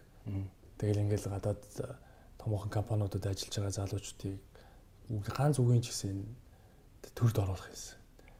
Ядаж мэрэгжлийн холбоо байгуулад ингээд оруулах юмсан. Үг дуу хоолойг өргөж хийсэн. Бид нар энд нэрээ арай л алей юм яриад суугаад байна да гэж бас хаа боддог лээ. Тэгээ арай л чимэл юм да гэдэг шиг те. Одоо нэг дэлхийн шаал өөр зүг рүү явж хахад бид нэр тест зүг рүү явж ийн гэхээр амар ихгүй. Манай урд төрш цахим мөнгө гаргацсан тий. Доллар болохоор бас цахим доллар энэ төр гарцсан. Ерөөсөө санхүүгийн систем, төрийн бүх үйлчлэг бүх юм цахим болоод байхад тий. Амар шүү дээ. Одоо манайх тэгэхэд одоо бол ингээл ковидын юу гэснэ одоо ингээл хөдөө орон нутг мөтгөр юмгод QR мар өгөн байгаад байгаа мөртлөө ингээл цаасан дээр за регистрээ хийх гээл нэг одоо энэ ийм Монголиа ийм Монголиа гараад бас э, үйлчлэгээ нэвтэрч байна. Маш сайн дэвшил болж байна. Одоо бид энэ хуулиудыг гаргачихвал нэлээх өөрчлөлт өгнө. Өөрчлөлт ард түмэнд мэдрэгдэнэ. Ер нь цагим шилжилт гэдэг бол авилгалыг бууруулах шүү дээ. Хүнд суртлыг л бууруулах зорилготой шүү дээ. Манай бол яадаг вэхээр шинэ програм онгоц нэвтрүүлгээр хүн ажилд аваад идэв. Яам болгон дэрэг мэдээлэл технологийн төв гэдэг нь 20 хүнтэй байгуулга болж байна. Тэр чинь болилт. Хүнээ зөвлөх гэж. Хүнд суртлаа бууруулах гэж уг нь цагим шилжилт хийж байгаа шүү дээ. Тэгэхээр хүн нэмэгдээд нөгөө тийм мэддэг хүн хаагаад. Тэгээ мэддэг хүний олоо ихээр нөгөө хэд салин голоод ирэхгүй шүү дээ. Тэгээ нэг иймэрхүү л нэг юм өнөөдөр маргаашаа болгоол хойд дармоогоор урд дармоогоо нөхөөл. Тэгээ ингэтийн биш үү те бас одоо нэг төр дотор дэлхийн ертөнц хаашаа явж гин ямар том юм тектоник шилжилтүүд хийгдэж гин ямар том дижитал хөвсгөл явж гин гэдгийг мэддэг хүний төрлөөгөө ингэж орж чаддгүй болохоор хувийн компаниуд нь ингээл инновацлог байх гээл нэг аятайхан дижитал бүтээгдэхүүн үйлчлэгээ гаргангууд төрийнхэн журам нь тэрийг нь аль болох ингээл хумсан зогсоох гэсэн ингээд хянах гэсэн те одоо дижитал оюутгч нэг юм аппликейшн гаргалаа гэхэд л хэрэглэгчийн бүх мэдээллийн тим тим юмыг улсын тим байгууллагаар хүлээн зөвшөөрүүлж ийм тусгай зөвшөөрөл авч тим дижитал програмаа заавал хянуулах ёстой гэл ингээл эхэлт юм шүү. Тий. Хүнд суртал. Уршаа явах гээд тахна хоньсон зураад ит юм шүү. Тий, Эстонд очисон чинь хүн барыг харагддгүй юм л шүү дээ. Дандаа захимаар ажиллаа хийж байна. Засгийн газрын тий, засгийн газрын хуралд нь хурлынхын танхимыг ороод үтсэн чинь бүх захимаар хийж ивэл гэдэл. Тэгээ тэр чинь тэгэл цаанаа юм. Тэгээ аз жаргалын индексээр дэлхийд 3-т орсон бэл. Тэгсэн чинь тэр чинь аз жаргалтай амьдарч тайван амар амгалан. Тэчнээ сайхан амьдарч байна Тэгэл ер нь тэгэл ядуурл байвал ажил хөдөл байвал угаасаа бухимдал байдаг. Бухимдал байх тусмаа бурууга улс төрч рүүгээ жихэж улс төрчөөс хариуцлах хүлээх нэгх нь ямар ч нийгмийн байх л үзэгдэл шүү дээ. Америкт бол сенатын сенатораа таньдгүй л. Конгрессмен хин юм мэдгүй шүү дээ. Хамаагүй юм чи. Сенат хэн болно уу? Конгресс нь хэн гишүүн хэн болно уу? Амьсгал бэлтгэгдсэн бэмбэгчлийн өмнө л очиод байгаа юм чинь. Амьдрал тэгээд амьдрал нь сайхан юм чинь тэр ямар хамаа вэ? Тэ. Би одоо англи жишээ нь э, ресторанд ажиллаж исэн. Бартендер хийгээд тэгэл өглөө орж ирэл цэвэрлэгээ хийдэг хүн л тэр хамгийн алдартай байсан BlackBerry утсыг барил тэр Burberry Burberry-г нь өмсөл үйлчлэгч ажиллагаараа авчиж байгаа шүү дээ. Тэ. Зүгээр ингийн нэг ресторан зөөгч хийдэг залуу гараал рейнжераа урагнаал явчих гот. Тэгэхээр и төрөнгийн атаархал сонирхол хинд байх. Яг тэгвэл цалин авч ажиллаж л байгаа бол амьдрч болно л гэдэг. Тэ? Тэгээ монголчууд л их юм өсөхгүй байгаа шүү дээ. Авж байгаа цалин амьдралд маань хүрээсэй л гэж бодож байгаа. Тийм тийм. Амьд байгаа цалин. Тэр заавал Америк шиг бол гэхгүй байгаа шүү дээ. Цалин баг мөртлөө хүнсний өргөр хэрэглээний бүтээгдэхүүний үн өсөд байгаа тал дургу байгаа шүү. Цалин баг мөртлөө бензин ийм үнэтэй байгаа бухимдаж шүү авж байгаа цалин амьдралд нь хүртэл байхад сэтгэл хангалуун хин датархаж хэнийг ярьж ийм их улс төр ярих ямар шаардлага. Тэгэл хүн бол улс төрч болчлоо. Ингээл энэ нийгэм инглээ улс төрийг дараа шүүмжилдэг гэдгээс илүү бид яаж байгаа вэ гэдэг бас харах хэрэгтэй л доо. Бухимдаас аргагүй. Бухимдаас. Ядуу багцсан бүх. Ядуур их хэсэг тусам бүр их улс төрч байна. Бүр чих ядуу байх улс төрчдөг. Тийм бах тэ. Тэгээ нөө үзэн ядалтан дээр нь бүр тоглолдог нөгөө нөгөө намынх нь гэх юм уу те тоглохдоо жоохон бохир тоглоом хийгээд штэ. Хөгжил ярьж уралдахын оронд нөгөө хүнийгээ улам үзэн ядуулж өөрөө гарах гэдэг штэ. Тийм буруу тоглолтууд бас гарч ийн те. Тэгээ тэрний чинь үзэн ядалт гэдэг юм тэрний чинь шуурганд ард түмэн хохирол. Тэ. Нэг буруу мэдээллүүдийг аваад. Энэ хүүхдүүд чинь залуучууд чинь улам ингээл үзэн ядаад. Улс төр чи ийм бохир зааваа мөнгө төгрөг янз бүрийн те авилгал авлаа тэглээ инглээ бичлэг гарал. Улам үз ядал. Яаж төрд итгэх вэ? Тэгээ бидний эмээ өвгөнөр бол төрийн мэд сүлтөршөө гэл залбирдаг байсан мэт. Ахмадууч одоо залбирж байгаа шүү дээ. Бидний байга царай гэж бодохоор бас гомдмоор ихгүй. Тийм учраас бол одоо сонгогч нартайгаа уулзахад бас үнэхээр бас боддог шүү. Би бүгдийг шийдэж чадахгүй Гэхдээ хэлсэндээ өрхийг хүсдэг. Яг хуржиж байгаа хийдэж байгаа. Тэгэхдээ би бүгдийг өөрчилж чадахгүй. Ард түмний амьдрал үнэхэр хүнд байгааг мэдэх ёстой, мэдрэх ёстой шүү дээ. Хүнд байгаа шүү дээ. Яаж энэ авж байгаа цалин амьдрал хүрэх юм бэ? Ямар цалин өгчөд юуг биднэрт тэдээс шаарддаг. Тэгэл ботхоор болвол зүгээр тэр устөржөөд байгааг бол буруу гэх зүйл ерөөсөө байхгүй. А зүгээр цөөхөн монголчууд бол илүү нягтрах, илүү хамтрах, сайн яваагаа дэмжих тэ бахархах дээрэс нь нэг юм нэг Монгол омгшил тэр би Монгол хүн гэдэг ингээд нэг босоод ирэхтэй нэг тийм нэг омгшил ирэхтэй шүү дээ. Гэтэ зөв юм дээр шүү дээ. Омгшил чи эвгүй шүү дээ. Гэтэ ингээд нэг үндэсний нэг тийм гоё урам хэрэгтэй шүү дээ. Бид нар чинь нэг тийм гал ирмэлцэл хэрэгтэй шүү дээ. Тэгэхгүй нэг тийм ирмэлцэлгүй идэвхгүй болцоод байгаа байхгүй. Тал талдаа. Өдөр хоногийн өнгөрөөсөн. Яг үндэ бас тийм асар залах уу. Болцоод байна шүү дээ. Тэгэхээр зүр ер нь хүмүүр өөр өөрийнхөө ачааг дааж явбал хүүдэлхий дээр бит хийжээж алдахгүй гэд бэгз явуулангаа хэлсэн. Өөрийгөө ачааг даах л хэвээр. Тэ? Өөрийн ачаа гэдэг бол гэр бүлээ. Тэ бие за гэрээц гэрээц төрөөц гэдэг шиг. Ачаага даах. Тэгжиж өрөөлийн ачааг дэмнэх. Зүйл суралцгал ёстой юм байна да. Бас юу бие биенээ их хайрлахгүй бол болохгүй байна. Ер нь одоо энэ ирчүүд асар хариуцлагагүй байна. Тэрийг бид нар мэдчихл байна. Монголоор дүүрэн одоо бэлбсэн эмэгтэйчүүд үр хөвгтийнхээ төлөө хамаг ачаагаар нуруунд дээрээ үрчээд зүтгэж байгаа энэ эмэгтэйчүүдийг бас яах вэ? Тэ? Ирчүүд гэр бүл болж тоглодог боллоо. Үнэндээ бол суугаа салждаг. Тэгээ нэг баахан сингл эмэгтэйчүүд гэдэг шиг байдалтай. Тэгээд эмэгтэйчүүд хамаг ачааг нурд нүрж байна. Үнэндээ бүх ачааг нуруунд үрж. Тэгээ харахад бид нэр ирчүүд болсныг нуруунд дээр ачаа үрье. Хариуцлагатай байя. Тэгээд бусдтаа бас дэмтэй тустай. Ингэж амьдрах нь одоо бидний бас нэг Монгол хүн Монгол их орондоо сайн сайхан амьдрахад аюул чухал бас ач холбогдолтой зөв бүх бүх зүйлийг зөвхөн дөрөс шийдгээд байх та биш.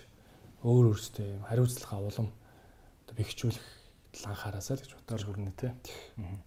Окей за тэгээд учрал гүшүүнтэй нилээн дип тэглээ. Тэ сэдвүүдээр ярьлаа. Гэхдээ а одоо та тэгэд өчнөө олон л өөр ярьцлаганд орох байлгүй те. Тийм ч бас дандаа гол юмнууд ярих гэж бодод.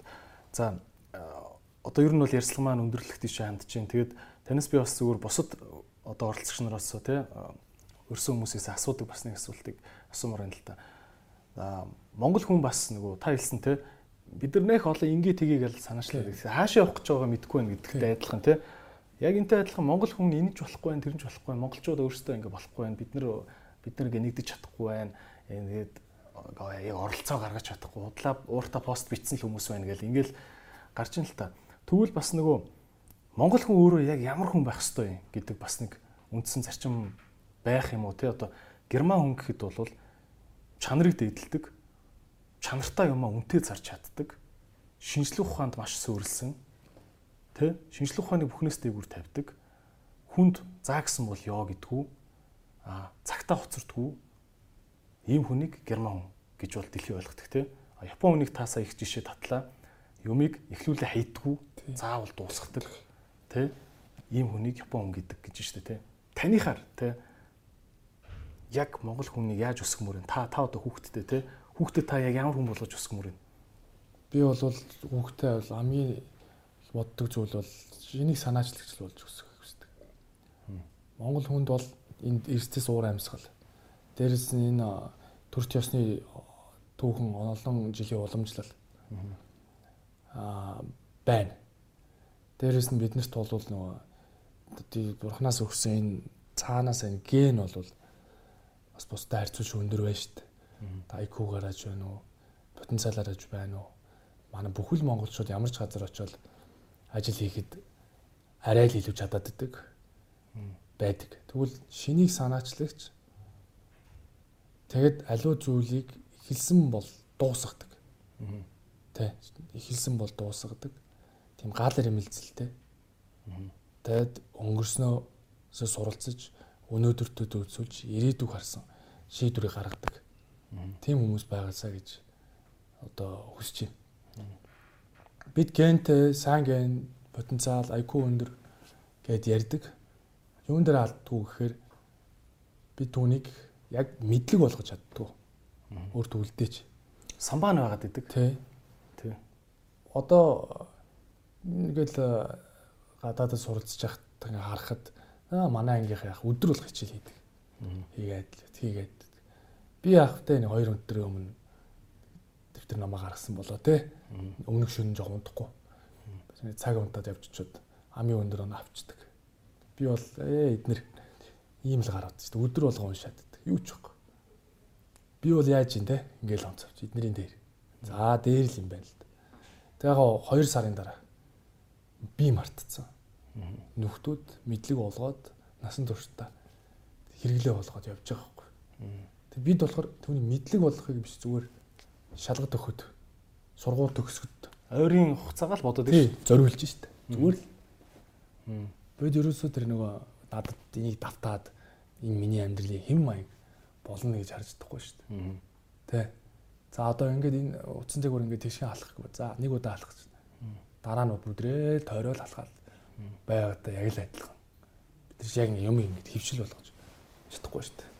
Тэгэхээр л одоо тэр Монгол хүүхдүүд чинь тэгэл мундаг сурдаг гэдэг мэдлэг нь болж өрөөс үлдэггүй. Тэгэхээр бид бол аль болох юм юм ингээд надад мэдлэг болд үлдээсэ. Түүнийг нь үйлдвэрлэлд нэвтрүүлээсэ. Тэгээ мэдлэгээ үйлдвэрлэж сурах хэрэгтэй шүү дээ. Ер нь мэдлэг гэдэг зүйл чинь хэрэглээ болсон зүйлийг л мэдлэг гэдэг шүү дээ. Хэрэггүй зүйлийг мэддэг гэхгүй шүү дээ. Мэдлэг гэдэг бол хүнд хамгийн их хэрэгцээ те амьдралд нь хэрэг болох зүйлийг л сурахыг мэдлэг гэдэг шүү дээ. Тэр бусад юм бол бүгд мэдээлэл шүү дээ.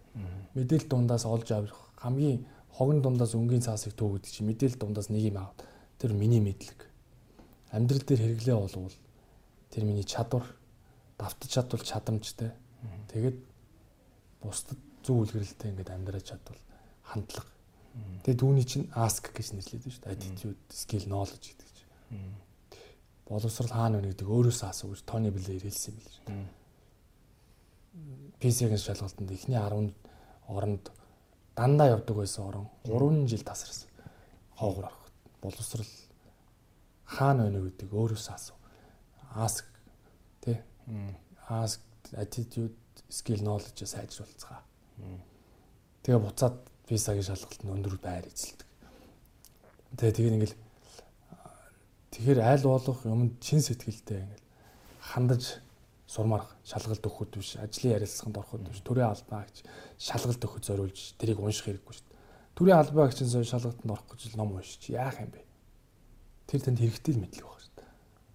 Тэ. Жинхнээсээ л төрийн албаг хаагч болох ч байгаа бол тэрийг уншил та тий. Шалгалтанд л зориулаад байдаг. Тэгээ яах ч ингээд багш нар орж ирэхээр математикийн хичээлийг чи муу үзвэл улсын шалгалтанд ирэх шөнө хөрмөн гэж загнадаг. Математик чамд ямар хэрэгтэй хизээч ярьдаг. Тэгээд энэ гадны сургалтууд ч орохдоо learning outcome гэд орж байгаа үстэй. Үр дүн юу юм бэ? Тэ? Тийм тийм. Би л санаад идэв. Интеграл дифференциал гэж заагаад идэг. Дээд мат гэдэг нэртэй ч байлуу. Нэг л юм мөрөө тэмдэг тавиал dx артан зураал интегралын тэмдэгний урд гаргуул томьёо нь ийм болдог, ард нь гаргуул ийм болдог гэл ингээл заадаг те. Тэгж тэгж чаад яг уу муу заасан гээгүүлтэй. Гэхдээ би тэрийг сайн сурцсан байсан. Гэхдээ бүр сүулт нь Америкт очоод Америкт очоод коллежид 3 дугаар курст орсныхаа дараа өө дифференциал интеграл гэд энэ интеграл гэдэг юмар чинь хэмжихийн аргагүй юм мөрий талбайн талбайгийнх нь хэмжээг нь тооцоолт юм шүү дээ. Тэгээ онгоцны далавч чинь яг тэг дөрүүлчин байдгүй юм байна. Ийм гойлог хэлбэртэй байдаг. Ийм гойлог юмны талбайг тооцоолоход энэ интеграл гэдэг томыг ч ашигладаг юм дээ. Мангар хэрэгтэй юм байсан дээ.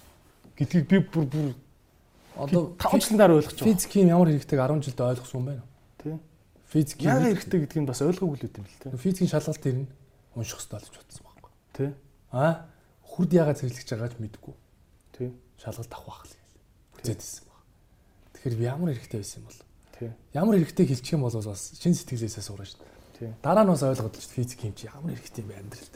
Тий. Шал балаа хийж яах гэж урт юм бол. Тий. Аа. Тэгэхээр ерөөс бид нэр энийг яах гэж зааж байгаа. Нэг чи яагаад мэдэх хэвтэй гэдэг. Хүүхдүүдтэй ч гэсэн хэлмээр юм шиг бол одоо санагдаад хүн хүслэр бэлддээр явдаг. Түрүүн би хэлжээс би ингээд бага ингээд бас орхос өмнө ингээл 5 6 настайдаа ингээл хүүхдээ яах вэ дуртай юм аа яриад аав ингээл бичээл за шүлэг чи уншиж өгч юм бол. Тэгэхээр аав байхгүй гэж гинт шүлгийн санаа орохоор бичих гэхээр бичих үс мэддэг. Туйлын хүсэл бичих үсэх сурал гэж бодсон байхгүй. Тэ тэрэлдэг шиг хүний шалтгаан шалтгаан заавал хэрэгтэй шүү дээ юмд. Яах гэж ингэх гээд байгаа юм бол. Тэ тэгэхээр бид нар бүх юмыг хуульчин сонгоно ч гэсэн хуульч шалгад өгөхгүй л дайраад байгаа. Тэгээ би бас гайхаад байдаг шүү дээ. IELTS TOEFL өгсөн зүү тогтыг ажиглаж байгаа усцсан л гэдэг. Яа чи яаж вэ? Англиар ярьж чадахгүй шүү дээ. Гэтэ өндөр оноо уссан тэгээд. Яагаад вэ? Тэр нөгөө нэг сургуульд орох гээд оноо үзүүлэх гээд байгаа. Тэрээс юу сурвэ гэж тэрийг шалгалт өгөхгүй шүү дээ. Насаараа ярина гэж бодохгүй шүү дээ. Тий. Зүгээр яах вэ? Нэг үзүүлээл юунд орч. Сургуульд орч. Гээд. Гэхдээ ер нь бол нөгөө нөгөө сурхан чухал болохоос яаж сурах нь бас чухал биш. Яаж сурах аргыг бол янз бүрээр болгоно шүү дээ. Болгоно. Одоо тэр та чиний хийж байгаа аргаар Тийм. юу гэдэг чинь хүрхэлтүүд сам шүү дээ. Тийм. Зарим хүн босож юм цээжилдэг. Тийм. Зарим хүн уншиж тий. Тийм. Зарим хүн нүдэл цээжилдэг. Тэр цээжилсэн л байх хэрэгтэй. Тийм. Тэгээ ял юу лээ ялахын тулд ялагдах юм байвч эцсийн тулаанд бол ялцсан л байх хэрэгтэй. Тэ. Ер нь бол ялах л ёстой. Гэхдээ яаж гэдгийг өөрийнхөө онцлог тохируулаад тэгээ Монгол сөгжих ёстой. Ямар аргаар гэдгийг бол ямар ч аргаар хийж болно те гэдэг шиг ийм л сонгох ёстой. Окей. За тэгээд учрал гişүнд маш их баярлалаа. Хэдүүлээ хоёлоо бас гой гой сэдвүүдээр ярьлаа. Тэгээд энэ дугаарыг үзэж байгаа хүмүүс бас шеэрлээрээ тэгээд тий аль болох олон залуучуудад бас залуучууд гэлтгүй ер нь олон хүнд хүргмээр байна. За тийм болохоор тэгээд та та бол сошиал дээр хийдэгтэй байдаг тий. Аль аль юун дээр хийдэгтэй байдаг? Facebook дээр л баг шний уучрал нэм усргээ пэйж. Учрал нэм усрыг англиар бичсэн мэт үү? Тий. Аа. За тэг бүгдээрээ бас учрал гişүнийг дагараа тэгээд аа тий нэг ус төрчөөд байлгүй бүгдээрээ Монголоо бас гоё болгоё гэдэг талаас нь нээлттэй ярилцдаг байя. Би тэр бол камергүй л чөлөөтэй ярьсан шүү дээ. Гэдэг шиг мэдрэмжээр. Тий. Тэгэхээр нэлээл чөлөөтэй л ярьлаа. Тий. Баярлаа. За баярлалаа. За.